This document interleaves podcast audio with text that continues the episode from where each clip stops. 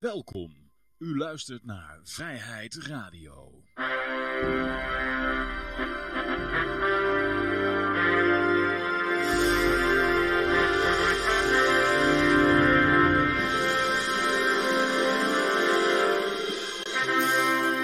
Ja, dames en heren, jongens en meisjes. Dit is weer een nieuwe aflevering van Vrijheid Radio. Leuk dat u luistert. We zitten hier gezellig in Café Libertaria met op dit moment de usual suspects. Dus uh, Peter, Yoshi, Jan-Mark en mijn naam is Johan. En uh, wellicht komen nog andere mensen bij. Je weet maar nooit. En uh, oh ja, deze dame is er ook altijd. How dare you! Ja. Maar goed, ja. Wordt, deze, week is het eigenlijk wel de Godwin week, hè? Oh ja? Oh, oké. Okay. Ja, met die van, de, van der Leyen heet ze toch? Oh ja, ja, ja, ja daar, daar gaan we het er zo meteen over hebben. Ja, ja, ja, ja. En uh, je weet wat het uh, Duitse... God, ja. wat is het Duitse woord voor onderdaan? Daar heb ik je zien schrijven vandaag. Dat was een untermensch. Untermensch. nou, dan zijn we compleet. Dan kunnen we beginnen. Ja, hartstikke idee. Dat is, uh, nou ja, in de chat van Twitch, voor de Twitch-luisteraars, of, of uh, stream-elements-luisteraars, uh, moet je, hoef je alleen maar te typen, uitroepteken, redeem, slash Godwin 1, of Godwin 2, of Godwin D. 3 en dan komt hij in de uitzending. Dus Rogier zat er gisteravond al klaar voor, voor deze uitzending, zegt hij. Oké, okay, Rogier, nou, ja. Ik hoop dat hij wel uh, naar de wc is geweest tussendoor, maar...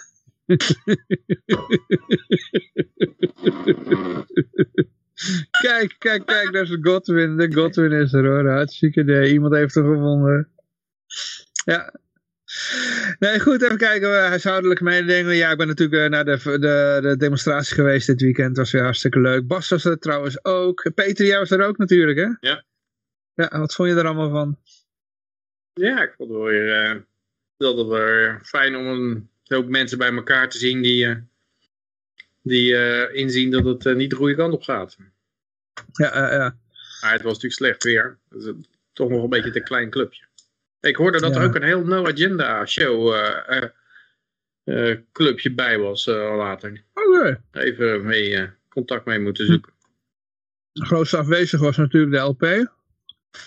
Hm. Er werd vanaf het podium nog gedaan van dat er andere partijen naast Forum ook bij mogen. Dus uh, ja, daar hadden ze inderdaad wel op in kunnen springen, want dan zie je een hoop mensen. Ik was zelf ja, deze ja. week ook bij een protest, maar was net een, het was misschien een beetje met corona, pakten sommige mensen er ook wel bij. Maar dat ging over een lithiummijn in het zuiden van Servië. En uh, daardoor zijn er in heel Servië, in elke stad, zijn er uh, straten geblokkeerd. Het ging allemaal heel erg uh, gemoedelijk. De politie faciliteerde dat heel goed, zonder geweld of whatever. Hadden de mensen één uur de tijd om de straten te bezetten. En na dat uur uh, dronk iedereen nog wat. En uh, ja, er werd geen... Uh, er werd geen ja, ik, ik was natuurlijk... In mijn dorpje van mij is het ook niet zo druk. Hè, maar mm-hmm. ja, goed. Het, was, het was mooi om mee te maken. Ik heb een link gedeeld van een YouTube filmpje wat ik ervan heb gemaakt. Er werd niemand in elkaar gerost, zeg maar. Nee, absoluut niet. En de overheid daar zat op zijn stoel te trillen? Je moest ook geen QR-code tonen om toegang te verkrijgen tot het actieterrein of zoiets, weet je wel. dat het werd afgezet met hekken waar je dan een uh, toegangscode voor nodig hebt. Ik weet niet hoe het allemaal in Nederland gaat, maar ik hoorde ze door de Nog meest malote dingen. Zo, uh, zo, wilden ze namelijk in Nederland de 11e van de 11e in de Breda is afgezegd, omdat ze, de mensen die daar aanwezig wilden zijn, dus op het openbare terrein van de markt in Breda. Uh, de grote markt in het centrum. Uh, dat je daar dan op dat moment toegang voor moest krijgen met QR-codes. En toen hebben ze de hele boel afgeblazen. Dan was het voor het eerst dat ik dacht van nou, er zit een keer vooruitgang in de visie. Of ze, ja. ze doen een keer het goede. Ja. Nou ja, ging iedereen dus klagen van nou, wat een onzin. Maar ja, goed ben blij dat ik hier in Servië was. En het was heel erg mooi dat protest om bij te zijn. Iedereen die wordt er boos op dat, dat ze dus die mijn tegen de hoogste bieden verkopen. En dan zeggen ze, ja, dat lithium dat is van ons. Dan moeten we eigenlijk iets beters mee doen dan het zomaar verkopen. Hm. Het was het Servië is niet te koop protest. Daar kunnen de Groningers nog van leren. Maar jij riep niet, dan koop ik hem wel. Hoeveel bitcoin is dat? Nou, ik ben nog bezig. Ik heb een brief geschreven naar de andere kranten en zo. Voor de, ik wil namelijk wat e-guldens weggeven, maar er is niemand die ze wil. Dus ik ben aan het proberen om dat een beetje, Gratis ook niet. een beetje aan te smeren. Eh, eh, eh. Nou ja, dat is een oneindig verhaal, hè. totdat het een keer wel gebeurt. Ik heb net weer een filmpje laten zien van eh Craig Wright, al heel de maand op een Honkler Hangout. Eh, gaan we het zo heeft- over hebben? Ja, gaan we het zo nog over hebben. Oké, maar hij zei vandaag iets moois in mijn show. Zei hij van, ja, het gaat, er, het gaat er juist om dat je faalt. Het gaat erom hoe je faalt.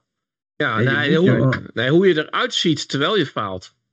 Ja, het maakt niet oh, uit of je wint of verliest. Het maakt eruit hoe je eruit ziet terwijl je het doet. Uiteindelijk faal je het toch allemaal. Je moet dat verliezen dus achter je laten. Die, die, dat moet je accepteren dat er iets mis is gegaan. Maar het gaat erom hoe kom je daaruit en hoe heb je het uiteindelijk doorgemaakt dat het misging. Zeg maar. Dus Maar ik zat, nou ja, even, dat te, ga- ja. gaf mij weer een beetje hoop. Ik dacht, nou, maar ik zat even te denken aan die e-gulden. Hè? Want, want, want jullie doen allemaal superleuke acties. Ik heb er zelf ook aan meegedaan. Die, die, die 675. Ik Heb ik zag het, ja. Je bent, het was een beetje laat, anders had ik het eerder al verteld. Maar ik zag dat je vriend Ja, was en ik heb het. eh, ik heb Rogier daar inderdaad ook. eh, die, die is de volgende vriend. En, en zo ga ik een beetje door.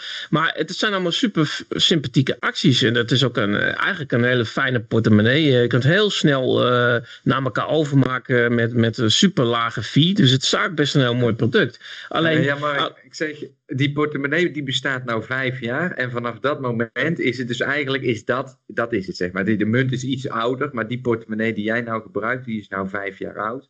En, en die actie die loopt gewoon vanaf het moment dat het er is. En er is dus in Nederland, we moeten honderdduizenden Chinezen moeten we blokken. En mensen uit Venezuela, Turkije, overal waar die munt in elkaar slaan. Dan krijg je ineens ja. Uptick van het IP-adres. Maar ik ja. zat even aan een omgekeerde tactiek te denken. Want wat, wat jullie doen is eigenlijk super sympathiek. Want je, je, krijgt gewoon, je krijgt gewoon een cadeautje gewoon. En het is, het is gewoon... Maar als je het nou vergelijkt bijvoorbeeld met de Elfstedentocht. Dan krijg je een kruisje. Dat is gewoon een waardeloos ding. Maar dan moet je dus gewoon 200 kilometer op schaatsen. Dus je, maar er zijn dus gewoon, uh, zijn gewoon honderdduizenden mensen die dat eigenlijk heel graag willen. Dus, dus als je ergens heel veel moeite voor moet doen, dan, dan denken mensen ook dat het waardevol is. En, Ja. en misschien is, zijn jullie eigenlijk wel te aardig. Jullie hebben Ja, een nou, fantastisch goed product. Nee, maar dat doe ik elke keer verkeerd. Want ik geef iedereen, al, al als je met mij een deal maakt, dan geef ik jou dubbele hoeveelheid. En dan vervolgens beginnen die mensen te verkopen, want ze staan meteen 100% winst. En dan heb ik weer, eh, ja, denk ik weer, ja, daar heb ik ook niks aan. Nee, nee, maar ik bedoel, het, is, het is super sympathiek. En, en, en, en het is ook gewoon, het zou logisch zijn ook dat er meerdere mensen inderdaad voor. Maar gek genoeg is, is, is het werkt het bij sommige mensen kennelijk anders of zo. Dat als je, hè, dat, dat juist idee dat je er eh, een soort offer voor moet eh, doen, dan, dan, eh, dan is het, het, ja. geld, het geld heeft de waarde voor mensen, wat het, de energie die ze erin hebben gestoken. En dan kun je wel zeggen, ja, bij mij niet, want ik denk er anders over. Maar in zijn algemeenheid is dat wel zo. En als jij dus een keertje naar het casino gaat en je wint veel, dan ga je dat geld ook sneller uitgeven aan gekkere dingen.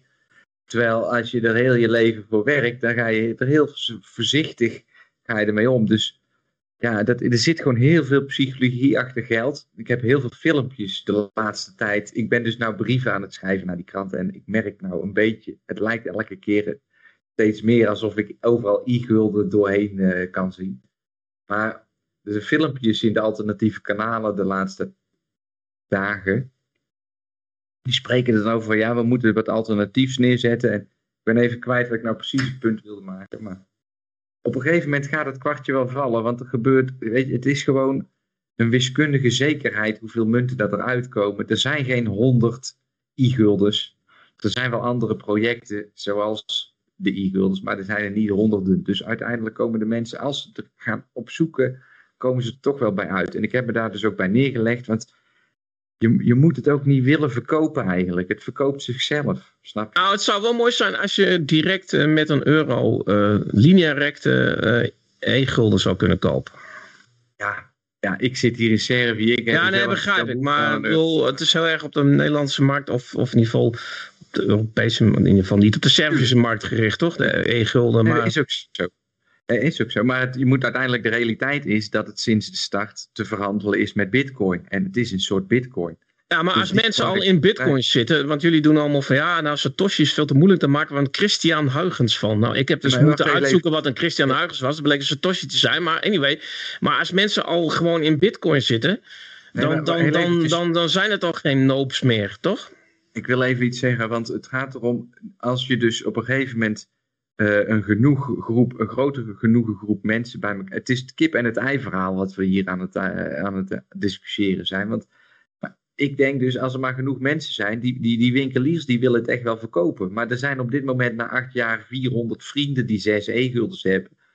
Dus waarom zouden die aan een e-gulden beginnen? Als wij helemaal uitverkocht zijn met e-guldens die we allemaal hebben weggegeven en, en, en een hoop mensen hebben er eh, 10 of eh, 12 in de portemonnee, dan gaan er vanzelf winkeliers die e-gulden accepteren. Snap je? Dus dat, daar kun je wel allemaal gaan bouwen en faciliteren, maar uiteindelijk is die portemonnee is voldoende, snap je? En de mensen moeten gewoon het besef, tot het besef komen dat het geld is. En, en dan kun je er wel direct euro's voor ze van maken, maar dan hebben ze er dus niks aan. Nee, nee, ik bedoel niet euro's voormaken, van euro's naar e-gulden. Ja, maar hetzelfde verhaal, dat, dat is een stap. En nou ja, goed. Jongens. We hebben nog een, een hele berg berichten, dus eh, Spijt me, dat was niet mijn intentie om dit zo lang te laten duren. geef niet, geef niet. maar ehm, ja, goed, ja, ik moet even laten hierbij. Jij noemde al Greg Wright, die hebben we zo meteen als eerste bericht. Eh, we doen eerst nog even de goud, zilver, bitcoins en de staatsschuldmeter. Eh nou ja, althans staatsschuldmeter doen we niet eens meer. Even kijken, ja, Josje, jou de eer om bitcoin te mogen doen. Nou, ik wil er even bij vermelden dat ik, ik ga deze Ja. keer ook de 30 dagen verschil doe maar- doe bij. We staan inmiddels min 30% ten opzichte van 30 dagen geleden. Ja, sorry Plan B. Deze week, ja, dat is als je dus alles openbaar schrijft, dan weet je op een gegeven moment dat ze er Ja. tegenin gaan. Maar eh, zeven dagen eh, grafiek staat op min 16%. Hm. En eh, we staan momenteel op 47.800 dollar. Maar het is erg eh, wiebelig. Je Hm. kan in je leverage positions, eh, le- leverage positions kun je op dit moment echt eh, huizen per minuut gaat het. Ja. Er is nog iets gebeurd met, ja, volgens mij is, ehm, even kijken, niet, niet Solana, die andere joh, god.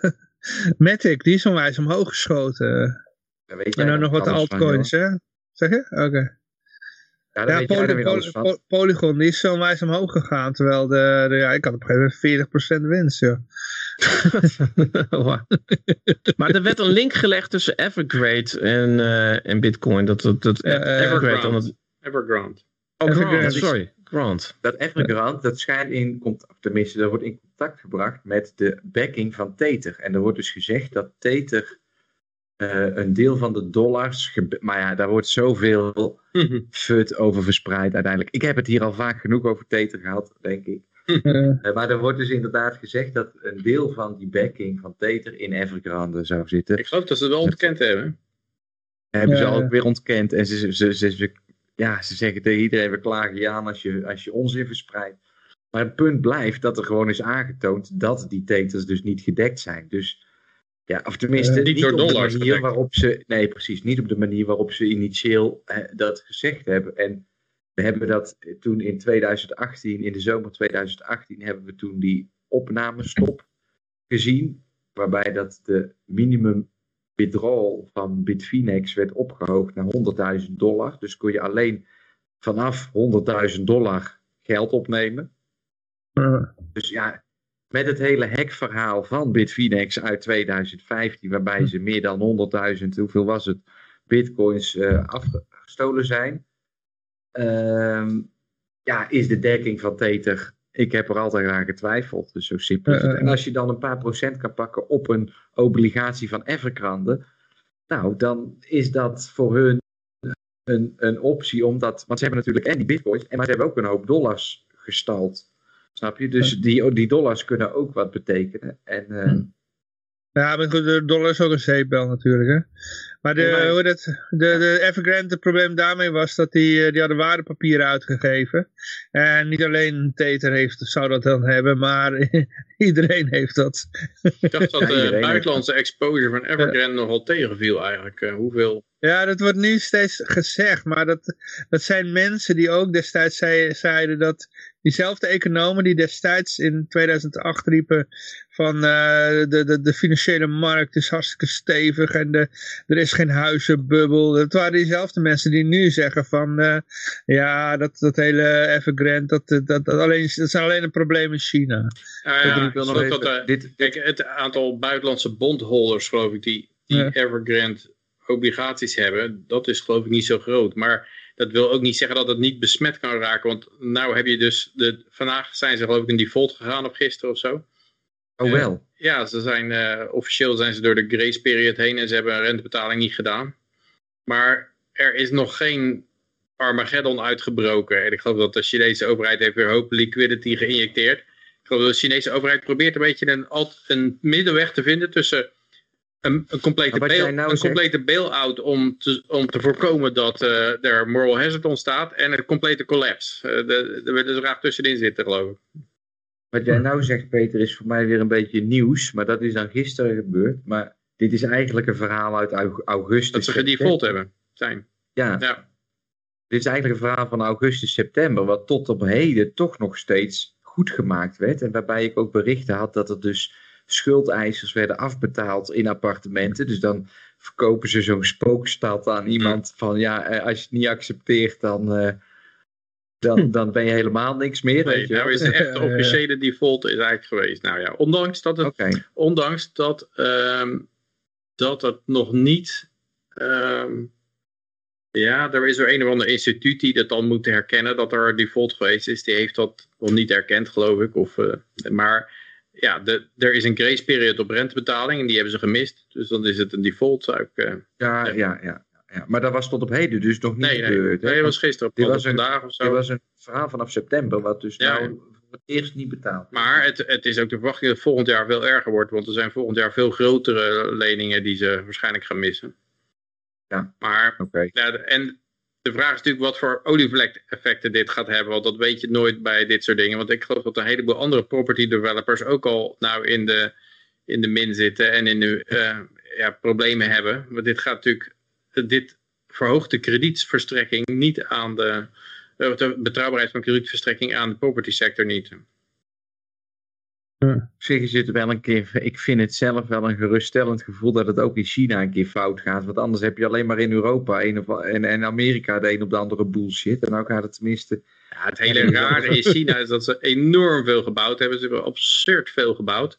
En de prijzen gaan door het dak heen. Dat komt natuurlijk omdat iedereen alles opkoopt en speculeert. Dus er staan een heleboel dingen leeg die gewoon niet eens verhuurd worden. En inderdaad van die spooksteden. Ja, er komt, dat, daar moet een keer uh, moet dat weer naar de realiteit terug, uh, teruggaan. Voor, voor, voor, mij was het teken dat er iets fout was in China, was dat, dat ze hele strenge maatregelen te de, uh, deden om ervoor te zorgen dat het kapitaal niet zo wegvlucht uit ja, China. Ja. Als zo'n economisch wonder is, zou dat geld aantrekken. Mm -hmm. Het feit dat zij dus hele repressie, repressie, hele repressieve maatregelen doen tegen kapitaalvlucht, dat zegt eigenlijk al genoeg. Ja, je zou kunnen zeggen dat het is voor mensen die dichtbij ja. in het regime in de buurt zitten. Want ja, daar heb je vaak ja. mensen die denken van ja, ik kan alles zo kwijt uh, zijn als ik in ongenade val. Laat ik maar wat kapitaal naar het buitenland doen. Hè? Maar dat zijn een heleboel uh, Chinezen die dat denken. En, en niet alleen als je, als je hoog in het regime zit, maar ook als je als je bijvoorbeeld Jack Ma bent, dan, uh, dan had je ook maar beter een hoop in veiligheid kunnen brengen. Want inderdaad, ook die kunnen ze gewoon zo... Uh, en wat zou jij nou, ik weet niet precies hoe het werkt in China, ik ben er nooit geweest, maar in ieder geval, als je dan een hoop geld hebt in China, wil je het dan uitgeven in China, waar je overal je gezicht letterlijk wordt gescand voordat je naar binnen kan? Of, of neem je een beetje van het geld naar andere landen waar je er zit natuurlijk ontzettend veel in. Hele, de hele property bubbles in Canada en in Australië ontstaan doordat de Chinezen allemaal daar aan het kopen zijn. Dus, uh. Ja, je moet ook, ook altijd afvragen ja. als je dat hoort. Hè. De Chinezen kopen... Nederland ook, hè? Nederland ook ja. natuurlijk. Ja, als je zo'n verhaal hoort van de Chinezen kopen alles op, moet je altijd afvragen welke Chinees. Is het een particuliere Chinees of, het is, is, of is het een lid van de mm. communistische partij? Want er zit een heel verschil in. De ene is kapitaalvlucht, de andere is gewoon um, uitbreiden van macht. Nou, ik denk dat mensen in de partij ook aan kapitaalvlucht doen, want die weten ook wel, is ook, natuurlijk ja, zo'n ja. zuivering geweest laatst. Van ik zie die um, onder het mom van anti corruptie of corruptiebestrijding heeft hij zijn Mhm. politieke vijanden uitge... uitge Ja. En dat gaat... Dat Maar die gebeurt... vallen onder de particuliere Chinezen. Kijk, als het echt vanuit de staat is de strategie is, dan... eh, ze kopen allemaal havens op. Ja, ja, ja. dat, dat- Ja, Ik denk dat die particuliere Chinezen die heel rijk zijn, dat die waarschijnlijk ook lid zijn van de CCP, denk ik. ja, maar dat zijn ze wel, maar er waren dat is een geen mensen- overheidsbeleid, maar... Er zijn een heleboel mensen die gezuiverd zijn. In de, die waren lid van de CCP. Maar als jij ja, in ongenade valt. Dat, Ja. eh, dat, dat is natuurlijk bij al die regimes zo. Dat je kan wel lid zijn. Dat is dan niet genoeg. Je hebt niet hard genoeg geklapt of zo. Dat was bij Stalin. Als je te vroeg ophield met klappen. Dan, eh, was je, dan kreeg jij klappen. Dat is Maar mag, altijd- maar mag ik nog even één vraag stellen over die teter? Dit is klappen! Ik wil even één dingetje weten over die teter, van hoe jullie daarover denken. Kijk, die, die dollar, eh, die, die is in ieder geval nog een beetje gedekt door al die belastingbetalers van eh, Amerika. Maar die teterdollar, Nou, die is toch helemaal niks. Die, daar zit, zit daar echt zit daar iets onder? Of is dat helemaal nergens door gedekt? Net zoveel als bij de gewone dollar. Nee, Ja, maar bij de gewone hebben- dollar heb nee, je maar nog wel dat er belastinggeld binnenkomt en dat er dan nog arbeid wordt geleverd. Ze hebben Iets- wel- Nee, nee, de Federal wel- Reserve ontvangt geen belastinggeld. Tether hebben ze wel een, een dekking. Maar, Eh, maar zeggen ze. eigenlijk moeten ze natuurlijk een dekking hebben door 100% dollars. Want, dan, het, want het claimt een Nee, nee, dollar te zijn. even, dan zouden het 100% even, nee, nee, nee. dollars moeten zijn. En dat is het niet. Dat- Nee, maar dat, dat hoeft niet. Maar dat is wel wat ze beloofd hadden. Dat is het hele probleem. Jij kan ook gewoon een muntje uitgeven en zeggen: Nou ja, we hebben wel dollars als je ze wil hebben, maar we hebben ze niet altijd 100%. Maar zij waren per se: Nee, we hebben altijd 100% van alle dollars, 100% gedekt. Nou, en dat is uiteindelijk niet waar. Ja, en, eh, maar ook als je, ze, als je dat zegt, als je ze maar voor een gedeelte gedekt hebt, dan Ja. loop je natuurlijk een risico. Want, want stel nou dat je ze, voor, eh, voor, dat je ze met bitcoin gedekt hebt. Je zegt, je bent geen dollars hebben, maar wel, wel voldoende bitcoin. Dat betekent dat, dat als mensen dollars vragen, omdat er een, een ellende is en, de, en de, de bitcoin omlaag knalt, dan hebben ze alleen maar bitcoin om te verkopen, die op dat moment nergens aan te, aan te slijten zijn. Dus dan heb je eigenlijk geen backup. Je moet, als je, als je een dollar eh, eh, pack hebt, dan moet je eigenlijk dollars als backup hebben. En dat zie je bij die Zuid-Afrikaanse landen ging het ook altijd mis. Die hadden dan, eh, ja, die hadden een Argentijnse pesos, was gekoppeld aan de dollar. Eh, ja, dan moet je ook alle dollars hebben. En, en dat op, de verleiding was te groot om te zeggen, nou ja, mensen komen toch niet eh, controleren elke dag, weet je wat. eh, we hebben er wat minder en we geven wat meer pesos uit. En, de- en uiteindelijk ging het altijd mis. Er zat geen grens aan hoeveel pesos die uit kon geven. Maar ik moet zeggen, Tether is, is staat al wel heel lang overeind, ondanks al deze geruchten. Ik begin een Ja, beetje aan te twijfelen dat het ooit 100 nog jaar, onderuit gaat. Want, Ja, want, nou, het is punt zo. is ook een beetje met Tether, denk ik. Er zitten een heleboel mensen in Tether eh, die, eh, die zeg maar in het grijze circuit zitten. Die eigenlijk liefst in dollars zouden handelen. Maar die, eh, die dan ge- gedoe krijgen met KYC. En die, bet- die betalen elkaar dan gewoon in Tethers. En die willen helemaal niet naar de bank gaan en zeggen kom erop met die dollars. Die blijven gewoon Tethers in het rond schuiven. En ik denk dat Tether daar ook, eh, dat dat ook gemerkt heeft. Dat eh, ja, als zij alleen al zeggen van nou je kan best dollars verkrijgen, moet je even KYC doen. Dat, dat die dollars er nooit uitkomen. Nou, e- Eigenlijk kun je gewoon zeggen dat het vertrouwen in Tether is het vertrouwen in de bitcoin in een zekere zin. Als iedereen ineens uit die bitcoin zou willen, dan kan best wel eens een keer een liquiditeitstekort ontstaan. Over zijn algemeenheid denk ik wel dat de big holders van een Tether weten waar ze mee bezig zijn, wat voor spelletje. En dat er dus niet ineens een run op de Tether dollar of whatever zou gaan komen. Maar als het wel zou gebeuren, dan denk ik toch dat het, het niet vol, dat het het niet volhoudt. Maar ja, Hm. of het er ooit van gaat komen. En dat punt is dus ook, eh, als overheden het zouden willen, dan kunnen ze het in principe, iedereen zijn bankrekening kan worden afgesloten, snap je? Dus als dit, eh, er- blijft gewoon een enorme troef in, elke keer in die Tether, om maar een verhaallijn ook te kunnen vertellen. De grootste crash gaat komen als Tether wordt opgedoekt. Want het is gewoon nog steeds, de helft van bitcoin is gedekt door die Tether dollars als je alleen maar van die, eh van die eh, eh, Bitonic-achtige brokers zou hebben, die, die, die op de spot treden, dan is er geen markt. Er moet wel echt. En, en die tether, elke dag worden er meer teters verhandeld dan er bestaan. Maar wacht even, de market cap van Tether is 77 miljard. Hè? Ja, maar wat is het En de market cap handel? van, eh, van Bitcoin is even. bijna 1000 miljard. Ja, maar maakt even niet ja, uit wat nee. het volume is. Jawel, ik wil Nee. even weten... Hey, Oké, maar voor mij maakt het even uit. Ik zeg, hoeveel, eh, in, in principe eh, zweven er 77 miljard dollar aan Tether in het rond. Ja. Wat ook niet meer het geld is wat je nou, eh, wat het geweest is, ook niet meer waard is wat het geweest is. Dan kun je nog net een paar leffen blond verkopen bij jou in de, in de shop. En, en 900 miljard voor bitcoin, er zit nog wel een verschil tussen. Dus ja, het is, het is eh, Nee, maar het punt is dat al die kooporders die die bitcoin op die plek houden, 10% zijn is geen, het. echte, zijn geen echte dollars. Dat zijn allemaal teters. Als die teters die die kooporders hebben uitstaan weg zouden vallen, dan is er geen markt meer. En daarom wil ik weten hoeveel van die eh teters, wat is nou het volume van de handel van teter vandaag? ja, maar dat is 60 miljard. Dus eh, er zijn, eh, bijna allemaal zijn ze verwisseld. Dus er wordt Ja, en dat gebeurt iedere dag. En dat gebeurt iedere dag. Dus- Dus de markt die er is in bitcoin is voornamelijk teterdollars die ronddraaien tegen elkaar. En als dat Ja, maar het zijn zowel wegvalt- kopers als verkopers. Want er is dan er is voor 58 miljard aan teters verkocht, maar ook gekocht. Ja, maar dat zijn wel de dollars die dus de, de, de bitcoin op deze prijs nu ha- hang- hangen, zeg maar. En die in het orderboek staan. En, Ja, maar wacht En- even. Ze staan aan de orde, zowel aan de koop- en de verkoopkant. ja, dat snap ik. Alleen het zijn wel die teters die daar staan. D- Er staan wel echte bitcoins, maar er staan geen echte dollars. Er staan teterdollars. En als Jongens. dat echt... Die teterdollars die worden soms Ja, maar als je die weghaalt, dan valt zowel de verkoop als de koopkant weg. Nee, maar Ja. die verkoopkant die gaat dan naar de echte dollar in plaats van de teterdollar. Ja, maar de koopkant ook. Maar jongens, Ja, maar nee, want die teterdollars blijken dan niks waard te zijn. Als het fout Ja, gaat. daarom gaan ze de echte Ja. dollar. maar jongens, jongens, jongens. Ja, maar dan moeten ze dus wel be- bestaan in het Ja. begin. Ja, Maar als je ze kwijt Jongens, we bent, kun hebben je niet zomaar naar een andere dollar. We hebben deze discussie vaker gehad.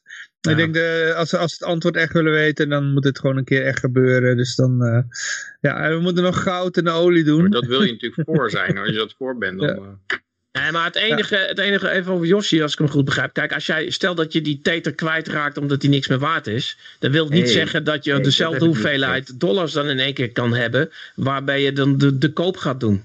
Die, want hè, dat gaat erom. gezegd dat- Ja. Wacht even. Als het bedrijf Teter morgen 100 miljard teters drukt, dan kunnen ze dat gewoon doen. Of er nou dollars zijn of niet. Dat is wat ik zeg. Ja, maar dat, dat was Ah. al het verhaal. En daar kunnen ze bitcoin van gaan kopen. En dan gaat de prijs heel erg omhoog.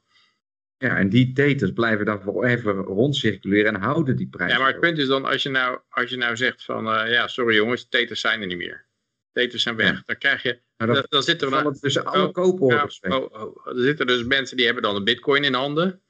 En die, die, die willen ze verkopen voor Tether, maar dat kan niet meer, want de Tether is er niet meer. Dus alle verkooporders voor Tether vallen weg. En alle kooporders van Tether voor bitcoin vallen weg. Maar die waarde, ik wil niet zeggen dat de prijs een bepaalde kant op gaat, heb ik tot dit idee. die waarde van die verkooporders die zijn in bitcoin en die blijven bestaan. Maar die waarde van die kooporders die zijn in tether en die blijken waardeloos. Dus die, die miljarden verd- verdampen. En dan blijven er dus alleen verkooporders over. En die moeten dan verhuizen naar markten met echte dollars. Ja, maar wat ik wil proberen te zeggen, Peter, is van als ik stel dat ik koop voor eh, 2000 euro teters om daarna wat verschillende crypto's te kopen. En er is geen teter meer, dan ben, ik, dan ben ik die 2000 euro kwijt. Dan kan ik niet zomaar ergens anders weer 2000 euro vandaan toveren om, om dan weer die crypto te kopen. Dus dan, dan gebeurt er ook iets aan de aankoopkant. Ja, ik zou niet lang in Tether blijven zitten. Dat, dat, dat, eh, Nee, dat nee, raad maar ik ook goed. niet aan. Het, dat, dat doet daar niemand, maar als het in één keer weg zou zijn, dan zijn het er nog genoeg, denk ik. Dan, want er, zijn, er staan nog heel veel teters uit, toch? Zeg jij, Yoshi? Er zijn heel veel teters zijn in... Ja, 70 dus- miljard. ja, nou, dat bedoel ik. 77. Maar eh, we moeten het nog even hebben over de olie en over het goud. Eh, dus laten we dat nu even doen. De vaart erin te 47.500. Over houden. echte zaken. 47.500. Zou ik nog even Goud zeggen. Dat is, eh, 1776. Olie 70 dollar 63 cent. Die hebben gedaald vandaag. Ja, oké. Het begint toch een beetje, een beetje te knijpen dat, eh, dat de Fed heeft gezegd... ja, die inflatie is toch niet transitioneel. Dus dan concluderen mensen daaruit dat Ja. ze er dus wat aan gaan doen. Maar dat is... Dat een, net zo lang duren als de coronaprik. Dat, eh, dat verwacht ik niet dat, dat, eh, ja, dat ze er daar echt wat aan kunnen doen. Want wat ze aangekondigd hebben is ook nog helemaal niks natuurlijk. Van de, geen eens een renteverhoging. Alleen wat minder dat ze die tapering helemaal gaan afbouwen. Maar ja, Eh, eh. kennelijk is het al voldoende om de market idee te geven van oh jee, dan, zijn we, dan zakt het helemaal in. De belofte wordt ook elke keer gebroken dat de tapering wordt afgebouwd. Ja, ik denk dat er, dat er een crisisje komt waardoor ja, het toch nog even verlengd moet worden. Net zoals er altijd een nieuwe variant komt waardoor oh, ja, je toch nog even een nieuwe boosterprik nodig hebt. Ja. Uh, in, drie, in, drie, in drie prikken ben je van de Omicron af. ja, ja, ja. Daar gaan we het ook nog over hebben. Sorry, oh, zit hij erbij? Oh. Ja. Zit erbij, ja. ja. maar uh, ja, Flabbergast die, die, die, vraagt nog even naar Plan B's uh, voorspelling in de chat. Het wordt wel steeds dubieuzer, uh, Plan B. Ja, in ieder geval nou, de eerste keer dat er, wat dat vorige uitzending ook al gezegd, de eerste keer dat het niet uitkomt. Dus uh, ja, hij blijkt toch... Dat is ook de eerste keer dat hij het voorspelt natuurlijk. Dus dat is uh, de eerste keer dat die voorspelling uit is. nee, nee, nee, maar normaal gesproken... 100% failure rate. En normaal gesproken komen iedere maand, uh, klopt zijn, uh, zijn dingen wel een, be een, beetje, zeg maar. Cross the plan. Ja, het, het, ging altijd wel een beetje volgens zijn, uh, volgens zijn lijnen en nu wijkt het af, ja. Dus, er zijn nog een aantal dingen die Bitcoin nu tegenhouden. En een daarvan is dat Mt. Gox heeft aangekondigd binnenkort de 1 zesde ongeveer van de bitcoins uit te betalen die je had op het platform. Er waren oh, ja. 50.000 bitcoins futseld en daar zijn er nog iets van 160.000 van over of zoiets. Oké. Okay. Um, de rest is allemaal naar de curator gegaan. Maar, ja, uh, die gaat ze meteen opnemen natuurlijk. Als je elke keer... Ik, heb daar, ik had daar ook nog uh, één bitcoin had ik daarop. Want ik had op de dag van het faillissement... Eigenlijk één dag daarvoor had ik nog 100 euro overgemaakt. Want ik kon je voor 100 euro een bitcoin kopen. dacht ik, ja, probeer het maar. Waar was dat? Uh, Mount Gox. Oh, Dat was de allereerste Ja, ja, ja, bitcoin. weet dus waar je met dollars... eh er waren nog wel echte dollars. Ik ben een tijdje terug nog door die advocaat gebeld van die... eh, waar jij ook nog... eh, Zo'n exchange waar jij ook nog eh, wat op had staan. Crypt- nee, niet die, die andere. Oh, Eh, nee, nog verder. Van 2016 is die... Cryptie, ja, ja, ja. Oh, dat is de, ja, die is, dat, is de, dat is de pijnlijkste, zeg. Oh. Ja, ja, ja, daar had ik ook nog wat staan. Dus ik, ik zei dat één bitcoin was, maar ik moest dat bewijzen, weet je wel. Ja, zeggen, ik heb joh. al die gegevens niet meer. joh. Ik weet niet eens wat mijn walletadres in die tijd was. Dus, eh, Ik schrijf alle beurzen die failliet Eh. uh, verklaren, die schrijf ik gewoon af. En het zal ik ben toch Joosje leergeld, uit hè? Lieberland, dus niemand die, die gaat het honoreren bij mij. het is gewoon leergeld. Ja, is leergeld. Als die Leffe Blond wil blijven aanschaffen, dan... ja maar daar gokken we toch weer bij. Ja, ik voel me dan zo, eh, ja, eh, daar heb ik toen 100 euro in gestoken met, met, de, met, met de wetenschap dat het eh, eigenlijk verloren geld was. Nou, Ja, volgens mij, volgens mij heb, ik, heb ik, ik, nog iemand eh, gered toen ik in. Die zat in een, een of ander forum. En die zat te vertellen want, eh, ja, dat ze al de crypto bij mijn Mount Gox had staan. En ik zat toen al, want op een gegeven moment begon er al zo'n raar prijsverschil te ontstaan. Ja, En toen, eh, duidelijk. toen zei ik, eh, van, eh, volgens mij kan je het maar beter weghalen daar. eh. want eh, Hm. dat, eh, dat, dat duurt niet lang meer.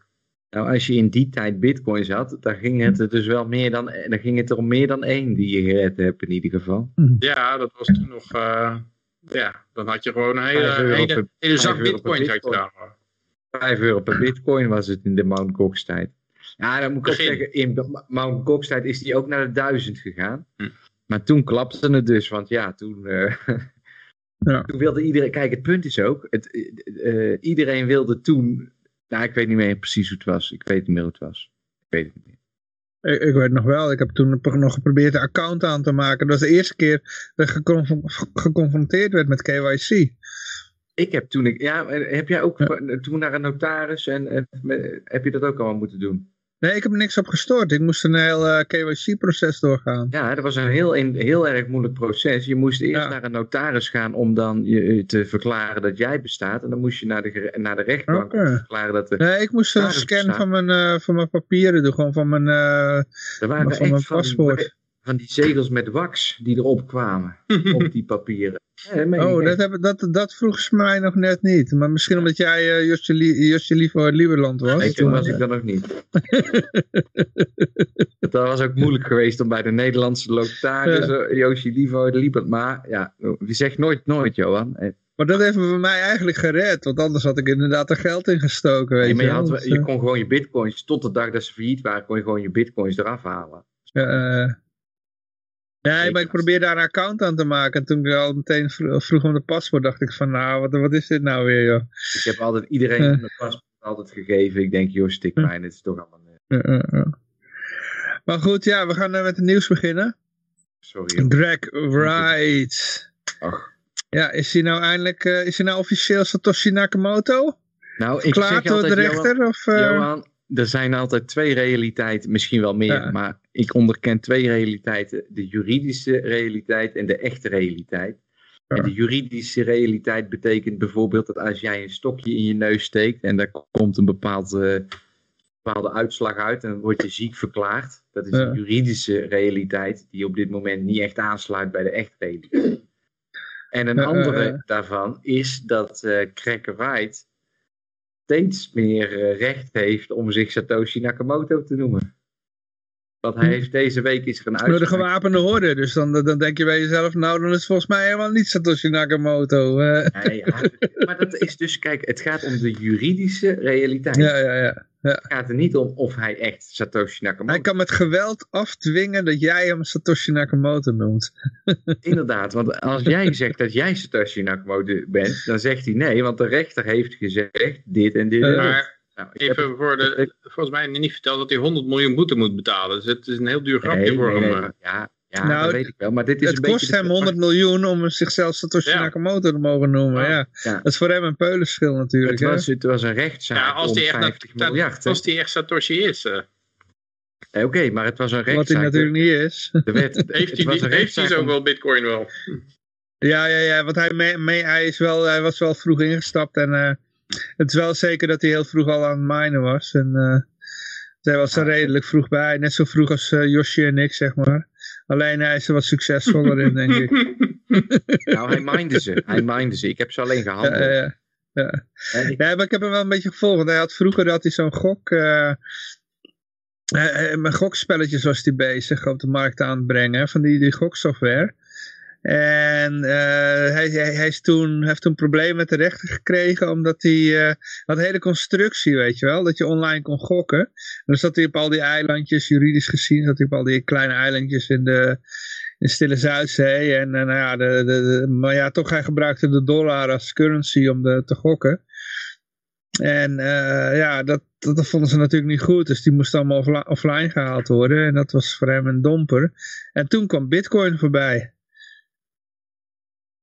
En dat zag hij wel als een... eh, Wat is een nou mooie dus eh, uitkomst. twee dagen geleden door de rechter in Miami en Florida is uitgesproken. Er waren zeven Ja. aanklachten tegen hem ingediend door de nazaten van Kleiman. Hij was de achternaam. eh, eh, Ik weet eigenlijk niet of het nou... ja, Kleiman heette die. Ja, dat is Ja. een van de, eh, ook een van de, van de developers, geloof ik, eh, aan het project. Ja, die, die, die, die developer heette volgens mij Dave. En de man die het nou het eh, proces voerde, die heette Aira. En dat was dan de zoon. Maar ik, dat weet ik even niet 100% zeker. Eh, maar ze hadden zeven aanklachten tegen hem ingediend. eh, op allerlei gronden. En er is er eentje toegekend. Daarom moeten nu inderdaad 25 miljoen betalen. En dat wordt dan geïnterpreteerd van nou, dat is wel erg. Dat die 25, dan heb je verloren. Maar de inzet die was vele malen hoger. En eigenlijk is de enige die de overwinning claimt, is de aanklager van die familie die die Kleinman vertegenwoordigt. Verder is iedereen er wel een beetje over eens dat Craig Wright weer een rechtszaak gewonnen heeft over het hele bitcoin gebeuren. En hij heeft ook al een rechtszaak gewonnen over de copyright van de whitepaper. En zo gaat het steeds maar weer verder. En ja, nou, nou goed, eh, het, het is de juridische realiteit. Maar dat komt ook een beetje omdat de andere partij gewoon eigenlijk helemaal niet eh, meedoet aan de rechtszaak. Nee, wacht even, die man is overleden en die... die Ja, ja, klopt. Maar de, de, je hebt, je hebt, worden mensen gedaagd. En eh, zoals iemand... eh, ik ben ook even zijn naam weer kwijt. maar die, die, die, die, die, de, de admin geloof ik van Bitcoin Talk geloof ik. Maar ja, die had zoiets van, eh, ik neem, de moeite niet en ik wil alleen maar dat ik, als ik eh, kosten Nee, moet die- betalen, dan even, doe ik dat aan eh, dat adres van Satoshi Nee, Nakamoto. Nee, dat was de, dat was de geregistreerde website-eigenaar van bitcoin.org, die dus gezegd oh ja, ja, heeft, ja. je moet nu, Die, ik heb copyright op de whitepaper, want ik heb die geschreven, want ik ben Satoshi Nakamoto. Ja, die bedoel ik, ja. ja. En, en toen moesten ze toch, een, eh, een- hij kwam niet opdagen en daarom hebben ze die rechtszaak verloren. En, en vanaf dat moment is er eigenlijk dus de re- juridische realiteit gecreëerd dat die whitepaper ineens door hem geclaimd wordt als zijn product. En ja, het is een. Kijk, iedereen is het wel over eens inderdaad dat hij niet de toegang heeft tot die 1 miljoen bitcoins. Ja. Ehm, dat kan altijd nog anders zijn natuurlijk, maar dat lijkt me heel sterk. Maar ja, ik zeg al, de- de- hij is op deze manier hiermee bezig en dat groeit en wel, eh, snap je? Het, het, hij kan maar nieuwsberichten blijven uitdoen en op een gegeven moment krijg je net zoveel fake nieuws en dan denk je, nou, die, die Craig Wright, die, eh, hij, hij, hij spreekt als een accountant, hij wil alles binnen bitcoin, omdat het Nee. transparant is, vastleggen en binnen regulering eh, afspraken over maken. Ja. Ja.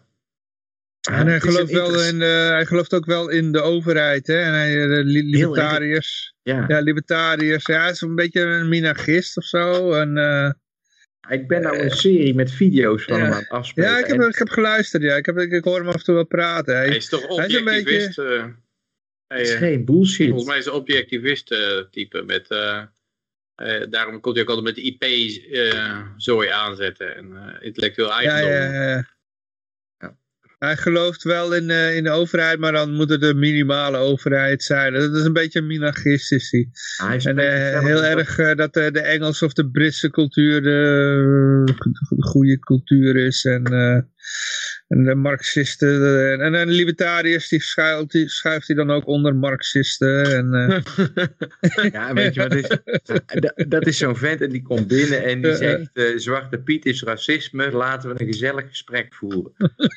Ja, ja, ja. Nou, en Ja, dan heb je zoiets. de, de- ja, Zo heb je ook mensen die Facebook groepen binnenkomen en over vaccins beginnen. Ja. Dat, ja.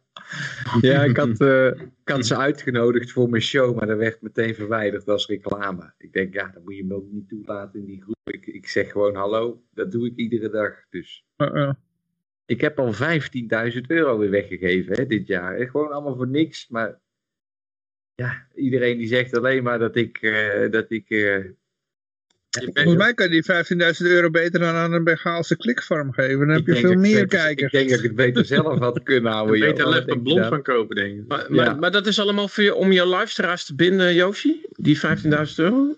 Ja, om het verhaal te vertellen dat ik Joosje Livo uit Lieberland ben. Ja, oké. dan maar moet ik wel, de, ik moet dat wel niet? eerlijk zeggen, ja Mark, ik moet eerlijk zeggen, op het moment dat ik het weggaf was het geen 15.000 euro, maar in, in, in de tijd, die honk die is keer 20 gegaan in prijs, dus Ja, ja. Maar jouw luisteraars, is, dat zijn jouw personeel, eigenlijk. Dat is Nee. die conclusie waar we ik een heb er een gekomen. ontzettende hekel aan. Ik heb een ontzettende hekel aan mijn luister, maar ik vind het sowieso helemaal niet leuk wat ik aan het doen ben. En ik wil alleen maar ongelijk krijgen eigenlijk, alleen het is niet zo. Ik krijg de hele tijd gelijk op alles wat ik zeg. Eh, eh, eh. Ja, oké, Ja. goed. Ik kan Ja. toch maar Je, je, vertellen. je er vindt het gewoon zoveel- kut dat je een profeet bent. Eh, Ja, er zijn zoveel mensen die het eh, heel anders zien. Dan denk ik, ja, zo is het gewoon niet. En dat trek ik me echt aan. Ja, de laatste twee jaar is het, denk ik, voor eh, ons alle vier verschrikkelijk om elke keer Nee. gelijk te krijgen. Nee? Oh, zo, oh, om gelijk te krijgen. Ja. Nou, het is, het is juist inderdaad voor mij is het een, Ik had liever geen gelijk gehad de afgelopen twee jaar. Ik denk nou eindelijk dat het een keer duidelijk wordt waarom ik Joosje liever uit Lieberland wil zijn. Maar ik ben wel blij dat je het nou twintig keer gezegd hebt. Want ik had je niet herkend zonder die eh, regenboogharen en die rode neus. Dus ik ben wel blij dat je... Dat, het is niet te zien dat je Joosje lief... eh, lief Ja, maar laten we, jongens, laten we even wel. wezen. Laten we de overheid gewoon dankbaar zijn dat ze meer libertariërs kweken per minuut dan de, de libertarische partij ooit in tien jaar, heeft- eh, hoe lang bestaan ze al? 30 jaar Ja. heeft kunnen doen. Het enige probleem is dat die, die, al die nieuwe libertariërs nog niet weten dat ze libertariër zijn. En eh, die libertarische Nee, nee, nee. partij doet er Ze zelf ook geen kut aan. vrijheid. Want, Een eh, echte, een echte libertariër ontkent ook dat de libertariër is, toch? Ja. ja, oké. Ik wil niet gelabeld worden. Hé, hey, maar goed, jongens, we gaan verder. Uh, Joe Biden is ook uh, bitcoin aan het minen, staat hier. En dat weet hij zelf ook. Hij kan niet de codes onthouden, denk je. 24 woorden, wat waren dat ook weer? In ieder geval de mening van een adviseur is dit. Die heeft de codes, die adviseur. ik weet het niet, maar... Uh... het zal wel heel erg indirect uh, dat de Witte Huis bij een uh, miningproject betro betrokken is. Of ik heb het niet eens gelezen. Of is het een manier om Biden hip te maken? Ik denk dat dat het is, ja. Hè? Ja. Het is niet een seniele oude gek. Hij, hij is gewoon op de date. Hij maakt gewoon bitcoin. En dan... Hij is op zo'n zo, zo website gegaan, zo'n porno-website, waar je dan, uh, hoe het, van die adware uh, on, ongemerkt download, waardoor je een klein minertje hebt en dat je denkt van, kut, was mijn computer toch traag? ja, daardoor is die bitcoin aan het minen.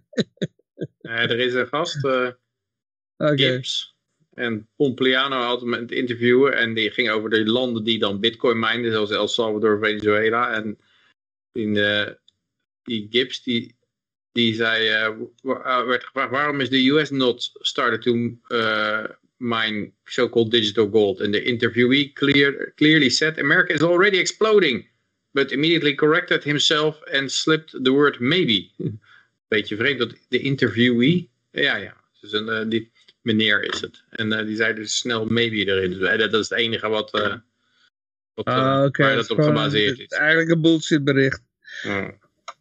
Ja. Maar het is, het is, verder niet onderbouwd met feiten of zo. Het is gewoon maar een mening of zo van iemand. Het was, het was iemand die, die Gibbs, die gaat wel, die, die heeft een mining farm wel, denk ik. En die beweerde okay. dus dat per ongeluk zou het dan zijn dat de US government ook al aan het minen is bij hem. Oké, okay, oké. Okay. Maar ja, ik... Uh... Ja, hey, Yoshi is weg. Oh, is even wat... Uh, oké, ja, ik zie zijn stoel nog wel. Uh, ja, goed, ja, economen die, uh, die worstelen met... ja, ja, met de inflatie. Laten we het even inkorten. And mainstream economists are struggling to hide the incoming economic collapse. Dus ja, eigenlijk een soort economische collapse bezig, maar ja, het wordt, wordt ook eens de invisible crash genoemd. Gewoon omdat, omdat eigenlijk, eigenlijk alles crasht, maar niet ten opzichte van elkaar. Maar je ziet dat alleen ten opzichte in de koopkracht zie je het crashen.